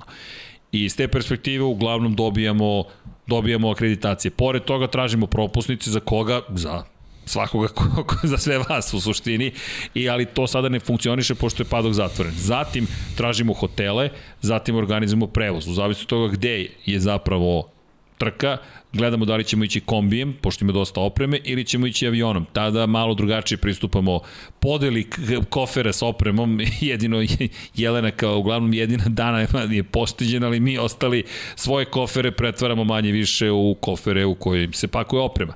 Odlazimo tamo, pre toga javljate se predstavnicima medija, timova i vozača i zakazujete intervjue. Tražite svoj termin i uklapate termin, pogotovo četvrtkom. Četvrtkom su najopušteniji, četvrtkom imaju najviše vremena i to je period kada se najviše snima. Zatim pripremate intervjue za petak, eventualno subotu i odlazite na stazu. Kada stignete gde god da stižete, morate rano da odete na stazu, pokupite svoje akreditacije, odete u medijski centar, na stok na kojem je zalepljena nalepnica, upišete ime i prezime, to sam rekao, Deki me to naučio. Kada sam prvi put došao, mislio sam da treba nešto da platim, Deki kaže, Deki si ja ovako upisao ime, ja ga gledam, rekao, šta radiš? Pa rezervišem 100. Aha, Dobro, kad čovjek ne zna, nauči i onda samo rezervišete sto. I prva stvar koju obavite, rezervišete svoje pozicije. I to se poštuje. I to se, po, to se zaista poštuje. To, se, to, to vam je bukvalno svetinja. Nečije mesto, ako je napisano ime, može da bude prazan 103 dana. Vi to poštujete. Jednom samo čovjek nije ispoštovao i to je jedini put da sam ja vidio da neko nije ispoštovao za ovih svih deseti kusur godina i onda dobijete svoj 100. Ako imate neku skuplju opremu, tražite Ormarić, ukoliko je to kamera, obično dobijete Ormarić, to se rezerviše zaista za skupu opremu. Fotoreporteri, snimatelje, lični računari, morate da računa, nažalost u Barceloni se je desila krađa pre, pre dve godine, baš ozbiljna oprema je pokradena i to isto bilo frapantno da je neko ušao u medijski centar. Teško ući u medijski centar zato što obezbeđenje proverava na tri nivoa ulazak do medijskog centra. Prvo da uđete uopšte u, na stazu, zatim da uđete u padok, zatim da uđete u medijski centar. A pride, tamo gde se održavaju zvanične konferencije za medije, tu imate dodatno obezbeđenje, prošto tu najviše ima vozača. Kada sve to završite, onda idete svoje intervjue završavate, umeđu vremenu mi u četvrtak odemo do kabine komentatorske, postavimo kodek, nosimo naš kodek, kodek vam je analogno digitalni konvertor, spojimo se na internet, pozovemo studiju u Beogradu, obavimo audio probu, sync uradimo ako postoji neki video signal, ako ne, dođemo ujutro ranije i bukvalno sinkujemo. Kako sinkujemo, posto postoji kašnjenje zvuka, mi šta radimo zapravo? Mi onda pokušamo da uskladimo zvuk i onda ja gledam šta se događa, na primjer, na, na, na videu koji nam puštaju i čovek ulazi i izlazi sa ekrana i onda ja vičem sad, sad je ušao, sad se pojavila ruka, glava, čovek, noga i onda kad uskladite, taj onda je umiksovan signal, to ono što vi čujete kasnije onda kad to završite, proverite da li internet funkcioniše, često zna da se desi da ne funkcioniše. Ako ne funkcioniše, onda morate da se opremite papirima. Zašto papirima? Zato što stanje u šampionatu koje ima najbrže krugove, koji su bili rezultati, mi gledamo, trošimo iskreno što manje papira, odavno smo to uveli kao pravilo, ajmo da štedimo papir, malo da poštedimo planetu Zemlju. Ako ne može, odete u medijski centar, tamo vam štampaju sve rezultate svih treninga i to onako skupite an mas i nosite sa sobom, lepite po zidovima, da vam bude lakše. Pogledajte kakva vam je pozicija komentatorske kabine, sad već imamo neke svoje pozicije, pošto dovoljno često dolazimo i posle toga tražite gde je restoran, koliko god smešno zvučalo, ako nemate hranu, bukvalno možete da padnete u nesvest. Bukvalno, u Barceloni ne postoji restoran, zvuči kao da je banalno. Ljudi, nije banalno. Mi smo na stazi od 8 ujutro do 8 uveče.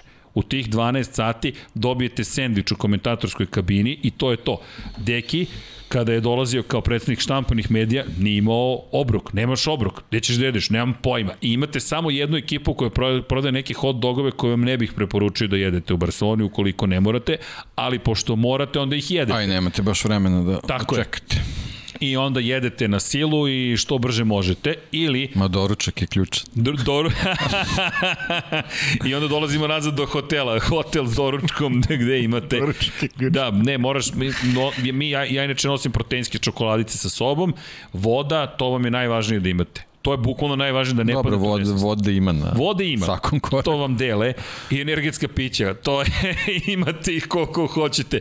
Imate Leopard, imate Red Bull, imate Monster i povremeno se pojavi neka ekipa. Kako, kako?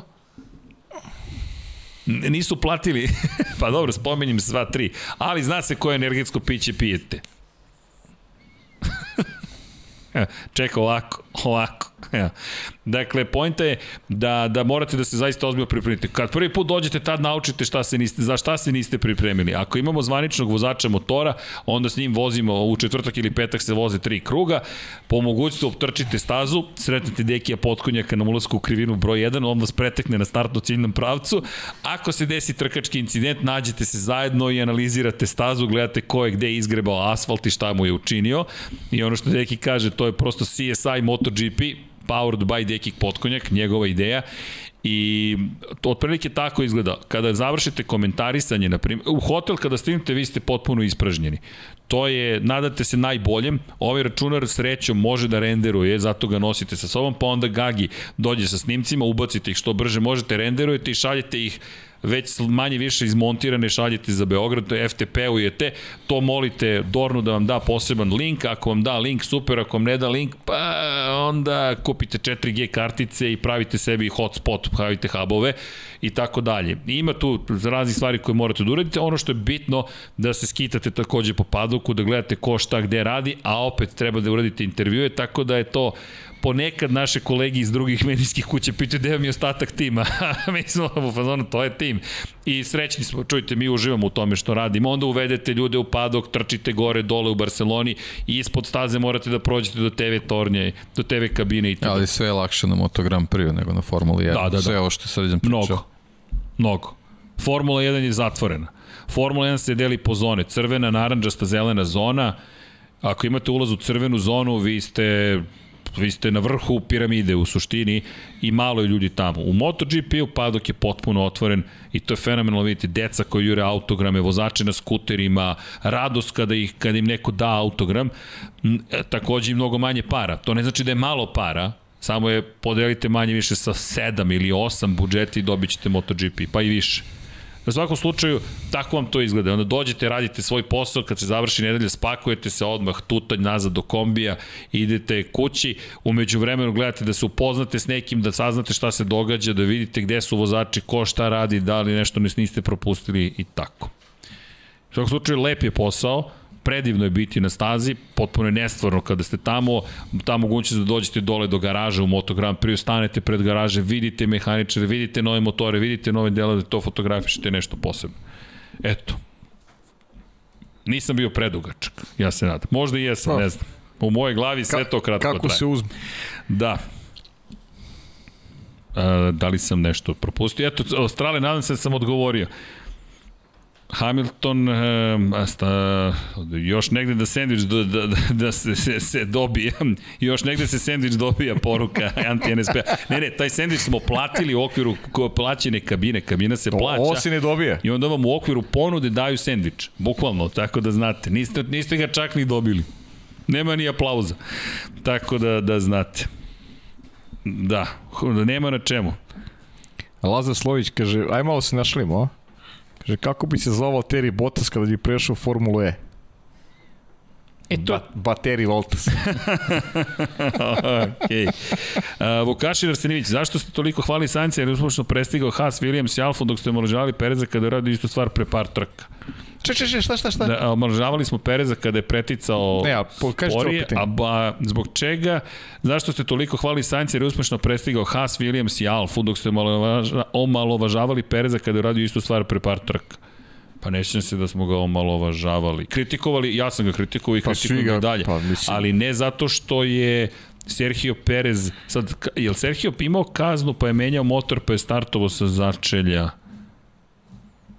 E, pa baš, nis, nisam baš do kraja razumeo cijelu Ne, priču. a, čekajte, jel smo Sainca kritikovali, ja mislim da nije menjao, da je, da je bio loš u kvalifikacijama zapravo. Pa generalno je to uvijek priča. Ali mi ne to, to Da. ne, zašto bismo, um, mislim da ne U pričamo... kvalifikacijama najmanje četvrti. Složit ćete se da je nije ni polazna Treba da osnova bude. ista i Da. ove godine Carlosa Sainca i Sergio Perez. Postoji Da. razlika i to ogromna u korist bolida Red Bulla u odnosu na Ferrari, tako da Da, nisam baš siguran da ono što isporučuje Čeko Perez Evo i da Dom je... Pablo dobacuje, da je imao dovoljno i dobro. dugo stajanje Carlos Sainz u ko zna gdje bi bio na kraju. Da, Vukašem Učenović od e, Pereza se u Red Bullu očekuje dosta više nego od Sainca u Ferrariju, u traktoru, kaže, ali dobro, to je Alan Prost rekao. Pa da, očekuje se mnogo više, ali Pa mi, ne sjećam se da smo, ga, da smo ga, ne, ne, on ne sme ni da bude u situaciji da se bori za te pozicije. Ovo je bilo sa začelja, bitka uh, Sainz je u teškim uslovima odvezio jednu vrlo preciznu trku, to je ono što je bilo sjajno videti kao što i Leclerc lepo se probio napred, ali nije pojenta samo u probijanju. Perez je kumulativno, pa čekajte, imali smo i meksički studio, ako nas optužujete da ne volimo Pereza, indi, impli, neki ko indirektno, ja, ja, ja protestujem, ulažem protest, ljudi, k, k, kritika, pa imam bivšu snajku iz Mexico City-a, pa, pa čujte, me, jesu nam Meksikanci bili na kanalu, CNN Meksiko je preneo informacije, zastavu smo dobili od ambasadora, ne, ne, tu kritiku ne prihvatam. Ako je na Sombrero konto- si nosio. Pa šta ja, ja je prihvatam ovaj, zato što je to okej okay, ako nekom se ne sviđa nešto, mislim. Ne, ne, Pa ne, ne, što kritika, čekaj, kako je da bilo? On je u Holandiji je ovaj- startovao sa začeljem, tako bilo? Pa ne mogu, Zandvortu. ne mogu baš setim, znaš. Ne, ne mogu U Zandvortu baš je krenuo, krenuo sa začeljem. Evo, Da, u tako Zandvortu tako bilo. je, U Boško Zandvortu, podsjeća. tako bilo? Jeste, jeste. Da. Zandvortu. Ali ne se da smo ga kritikovali zato što je, Bili ste fini prema njemu ja potpuno. mislim da Pa smo da, ga ali- hvalili čak i na kraju imao on incident. Nije incident, imao je kontakt.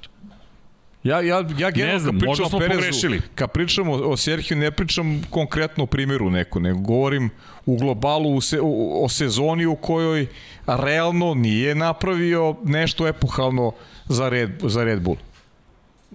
To je, to je sad kad govorimo o vozači broj 2 u, u dve najbolje ekipe.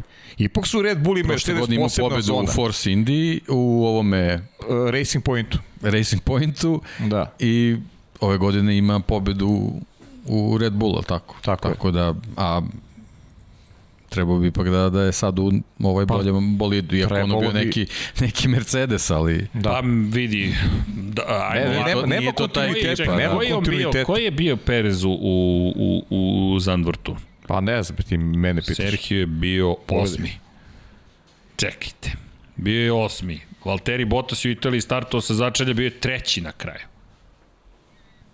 Osmi Ferrari, osmi u Red Bullu. I možda smo ga i s razlogom kritikovali što nije više napredo. Ne sjećam se šta smo rekli. A evo, Matijak vas podsjeća, hvalili ste ga u Zandvortu kad je prestigao Landa i pitao ko je sledeći. Eto. Eto. Eto, Hvala. dakle, hvalili smo ga, molim lepo, ja vam kažem. Idemo Perez ad acta, ajmo Tako dalje. je, ad acta, Matija, to, Ajmo, evo opet nova godina. Nova godina.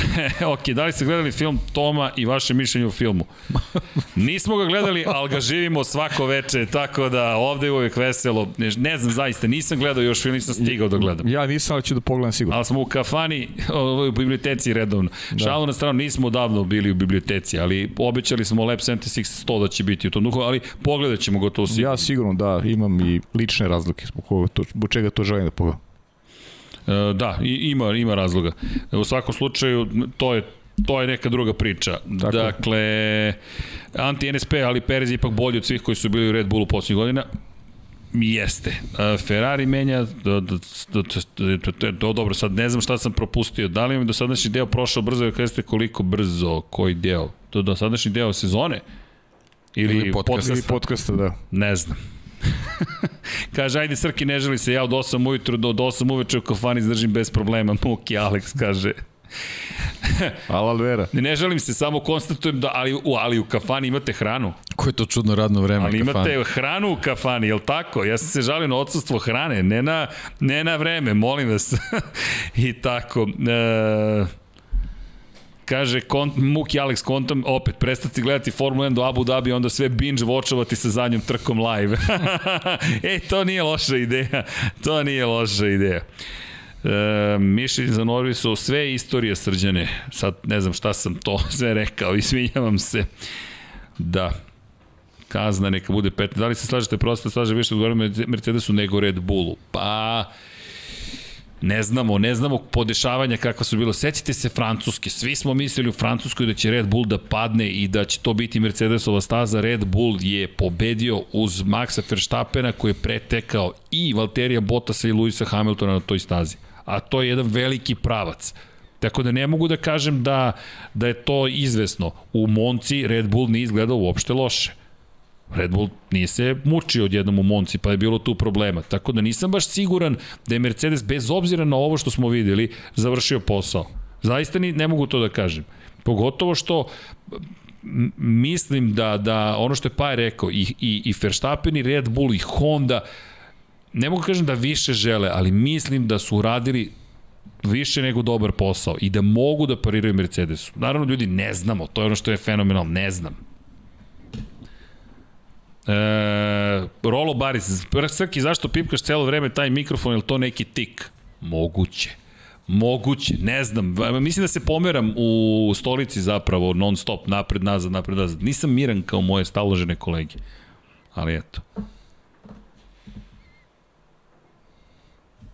Šta ćemo? Tišina, odjednom je nastupila. Pa ima još ljudi, neki pitanja, Ima još nekih, ali tri sata je. 0002, ja mislim da je vreme da se polako pozdravljamo. Ne zamerite, ne možemo baš da stignemo da, da, da na sve odgovorimo, ali kao što smo rekli, pišite komentare u četu, udrite like, udrite subscribe, da inače nismo konstatovali samo jednu stvar, onog snimatelja što se radovao kad je Verstappen imao brzo stajanje u Red Bullu, to mi je bilo neverovatno. Vozač dana. Evo, Nikad nisam video u životu snimatelja Formula 1 zvaničnog koji se raduje nečijem brzom stajanju.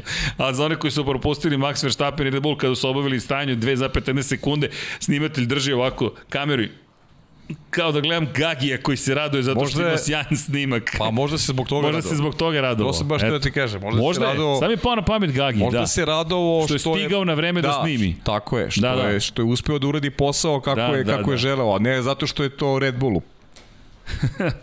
Da. Ne, evo, Andrej Božo to upravo spominje, ali eto, to emocija neka jeste bila, samo ne znamo Pa koja da, emocija.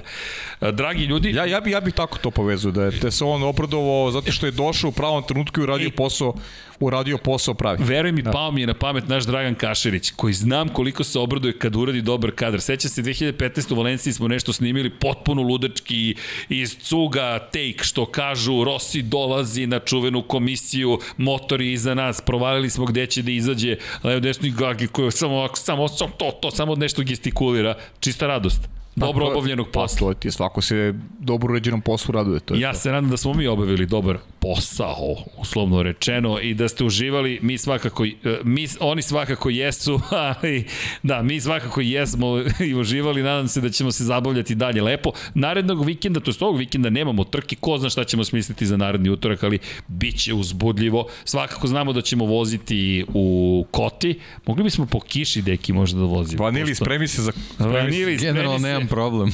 Dobro. Mili, da, da budeš dobar. Biće dobar, ne znam. Sili će da bude Sili i dalje i to je vam je to. Vanja, ti znaš da sad ide odjeva, to će da traje. Šalim se, neće mnogo da traje. Samo želimo da vam poželimo prvo da imate lepo veče, laku noć, recite nekom koga volite da ga volite, pozovite roditelje ukoliko možete, recite im da ih volite, e, budite dobri jedni prema drugima, vodite računa o svom psihičkom zdravlju, vodite računa o fizičkom zdravlju, pre dva dana je bio dan mentalnog zdravlja, svetski dan, to nisu neozbiljne stvari, naprotiv, vrlo su ozbiljne stvari i ukoliko možete, samo povedite računa i jedni o drugima i o sebi, mazite se i pazite se i volite se, vozite računa jedni o drugima, mesec je borbe protiv raka, dojke, devojke, kontrola, prevencija može biti, može biti put do prevencije. Dakle, na rano otkrivanje takve opake bolesti možete kako da znači, a potrebne ste svojim voljenima, potrebne ste nama ovde da, da gledate Lab 76 i da, da se nadam da vas zabavljamo. Momci, podržite devojke, podržite bilo koga kome je potrebna pomoć na bilo kom nivou, prosto je to neophodno. Pričali smo o tome da smo bili u udruženju studenta sa hendikepom.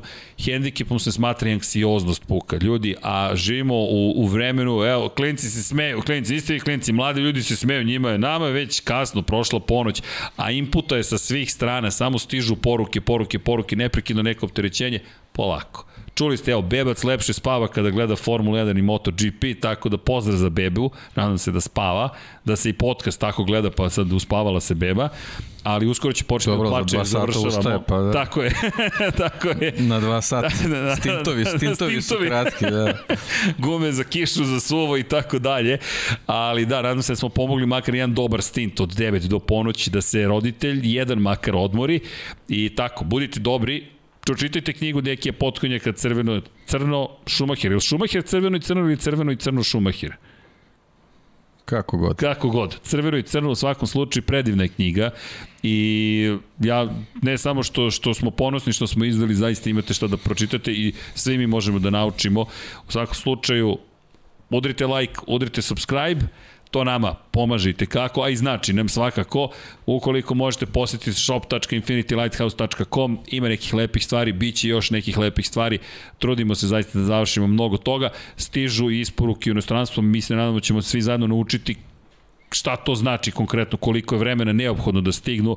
Ne zamerite što novi smo u celom procesu i procedurama, poučimo ukoliko bilo šta se desi, tu smo na raspolaganju, imate i e-mail i telefon, javite se i na kanal, pišite na store.infinitylighthouse.com, tu je ekipa, pomoći ćemo vam svakako, ali nadam se da neće biti potrebno, nego da ćemo da kažemo super, sve je sjajno prošlo. I tako. Želim vam laku noć, nadam se da ste uživali. Ide ekipa sada, ne znam, da spava, možda i ne. Ko zna šta će sada biti iza kameru. U svakom slučaju veliki pozdrav. Neću da ti kažem. Ekipe Infinity Lighthouse. Mi vam želimo sve najlepši, naravno. Mazite se, pazite se, vodite račune drugima i Ćao svima! Ćao. Ćao svima ljudi.